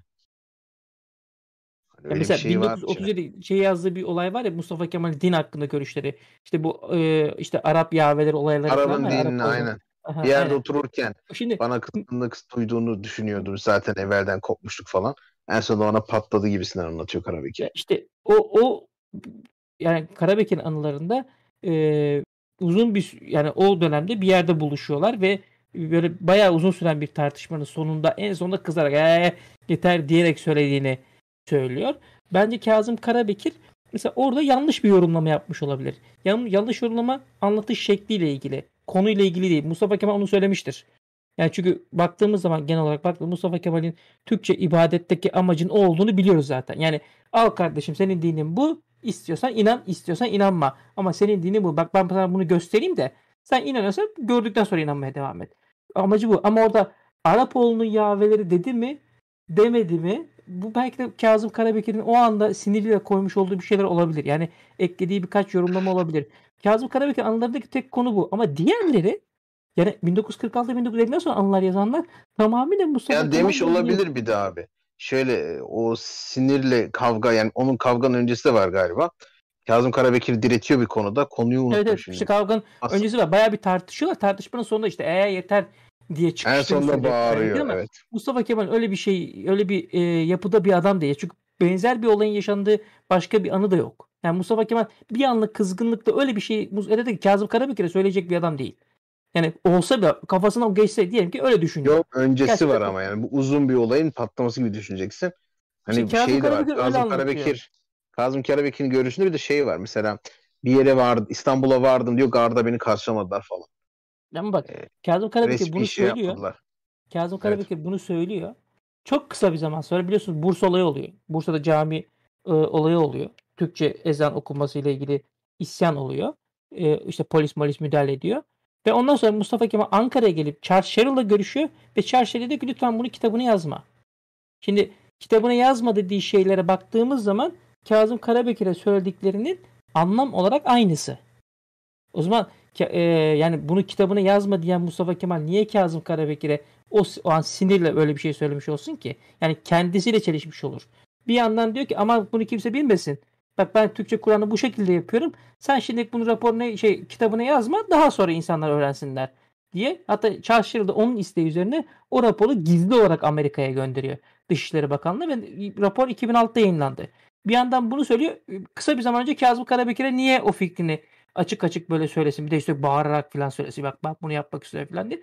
Daha samimi Ama- oldukları için abi arkadaş arasında görmek lazım. Ya o sırada Kazım Karabekir'le çok arkadaş değil. Yani Yok çatışmaları var yani yüksek. abi. Arka arkadaşlıkları var. Şimdi En iyi arkadaşına çatışsan bile arkadaşlık var yani. O samimiyetine var. Ona daha sert çıkabilirsin. Yani Ya en büyük ben- tartışmalar yeni arkadaşlar arasından çıkar sonuçta biliyorsun. Ben- Arkadaşlar ben ben, Karabekir'in o anılarda-. Çünkü bitmeyecek sohbet. Ben de dahil olacağım. Başka konulara geçeceğiz. 6 saati devirmişiz. Saat 3 olmuş. Sabah ezanını bekleyemeyeceğim ben. Ben çıkayım siz takılın diyeceğim. Yay- yayını kim bitirecek? Yok kanal senin. Yok yok boş. Sabah Bir ara 9'da bunu bir geliyorum hala konuşuluyor falan. Konuşuruz Ahmet. Ayrı bir yayın yaparız bu konu hakkında. Aynen. Katıldığınız için hepinize teşekkürler. Güzel sohbetler döndü. Soru soran herkese de teşekkürler. Soru alamadığımız bir sürü insan kaldı. Olur öyle. Bence güzel bir yayındı. Zaten aşağı yukarı sorulacak bütün sorular da cevaplandı gibime geliyor. Hani ekstra ne sorulabilir? Çoğumuzun kendi Sana kanalında, kendi ederiz. videolarında anlattığı şeyler yani o yüzden. Biz sana teşekkür ederiz Diamond. Böyle güzel bir muhabbet ortamı sağladın bize. Spontane Eline gelişti vallahi. İyi oldu yani. Hepiniz geldiniz daha güzel oldu. Planda yoktu. İnsanlar için de sürpriz oldu. Ağzına sağlık arkadaşlar. Aynen. Son sözlerinizi Ben söylemek teşekkür ederim. istiyorsanız. Herkes kendine iyi baksın babuş. Evet izleyenlere teşekkürler, dinleyenlere. Hepinize teşekkürler konuştuğumuz için de. Herkese iyi geceler. İyi geceler. Hatta iyi sabahlar. Velasco veda yap sen de. O kadar adminlik yaptın. Önemli değil ya görevimdir, vazifemdir. Katılan tüm yayıncılara öncelikle ve dinleyen herkese Hayır diyormuş en son. Hayır. Aman.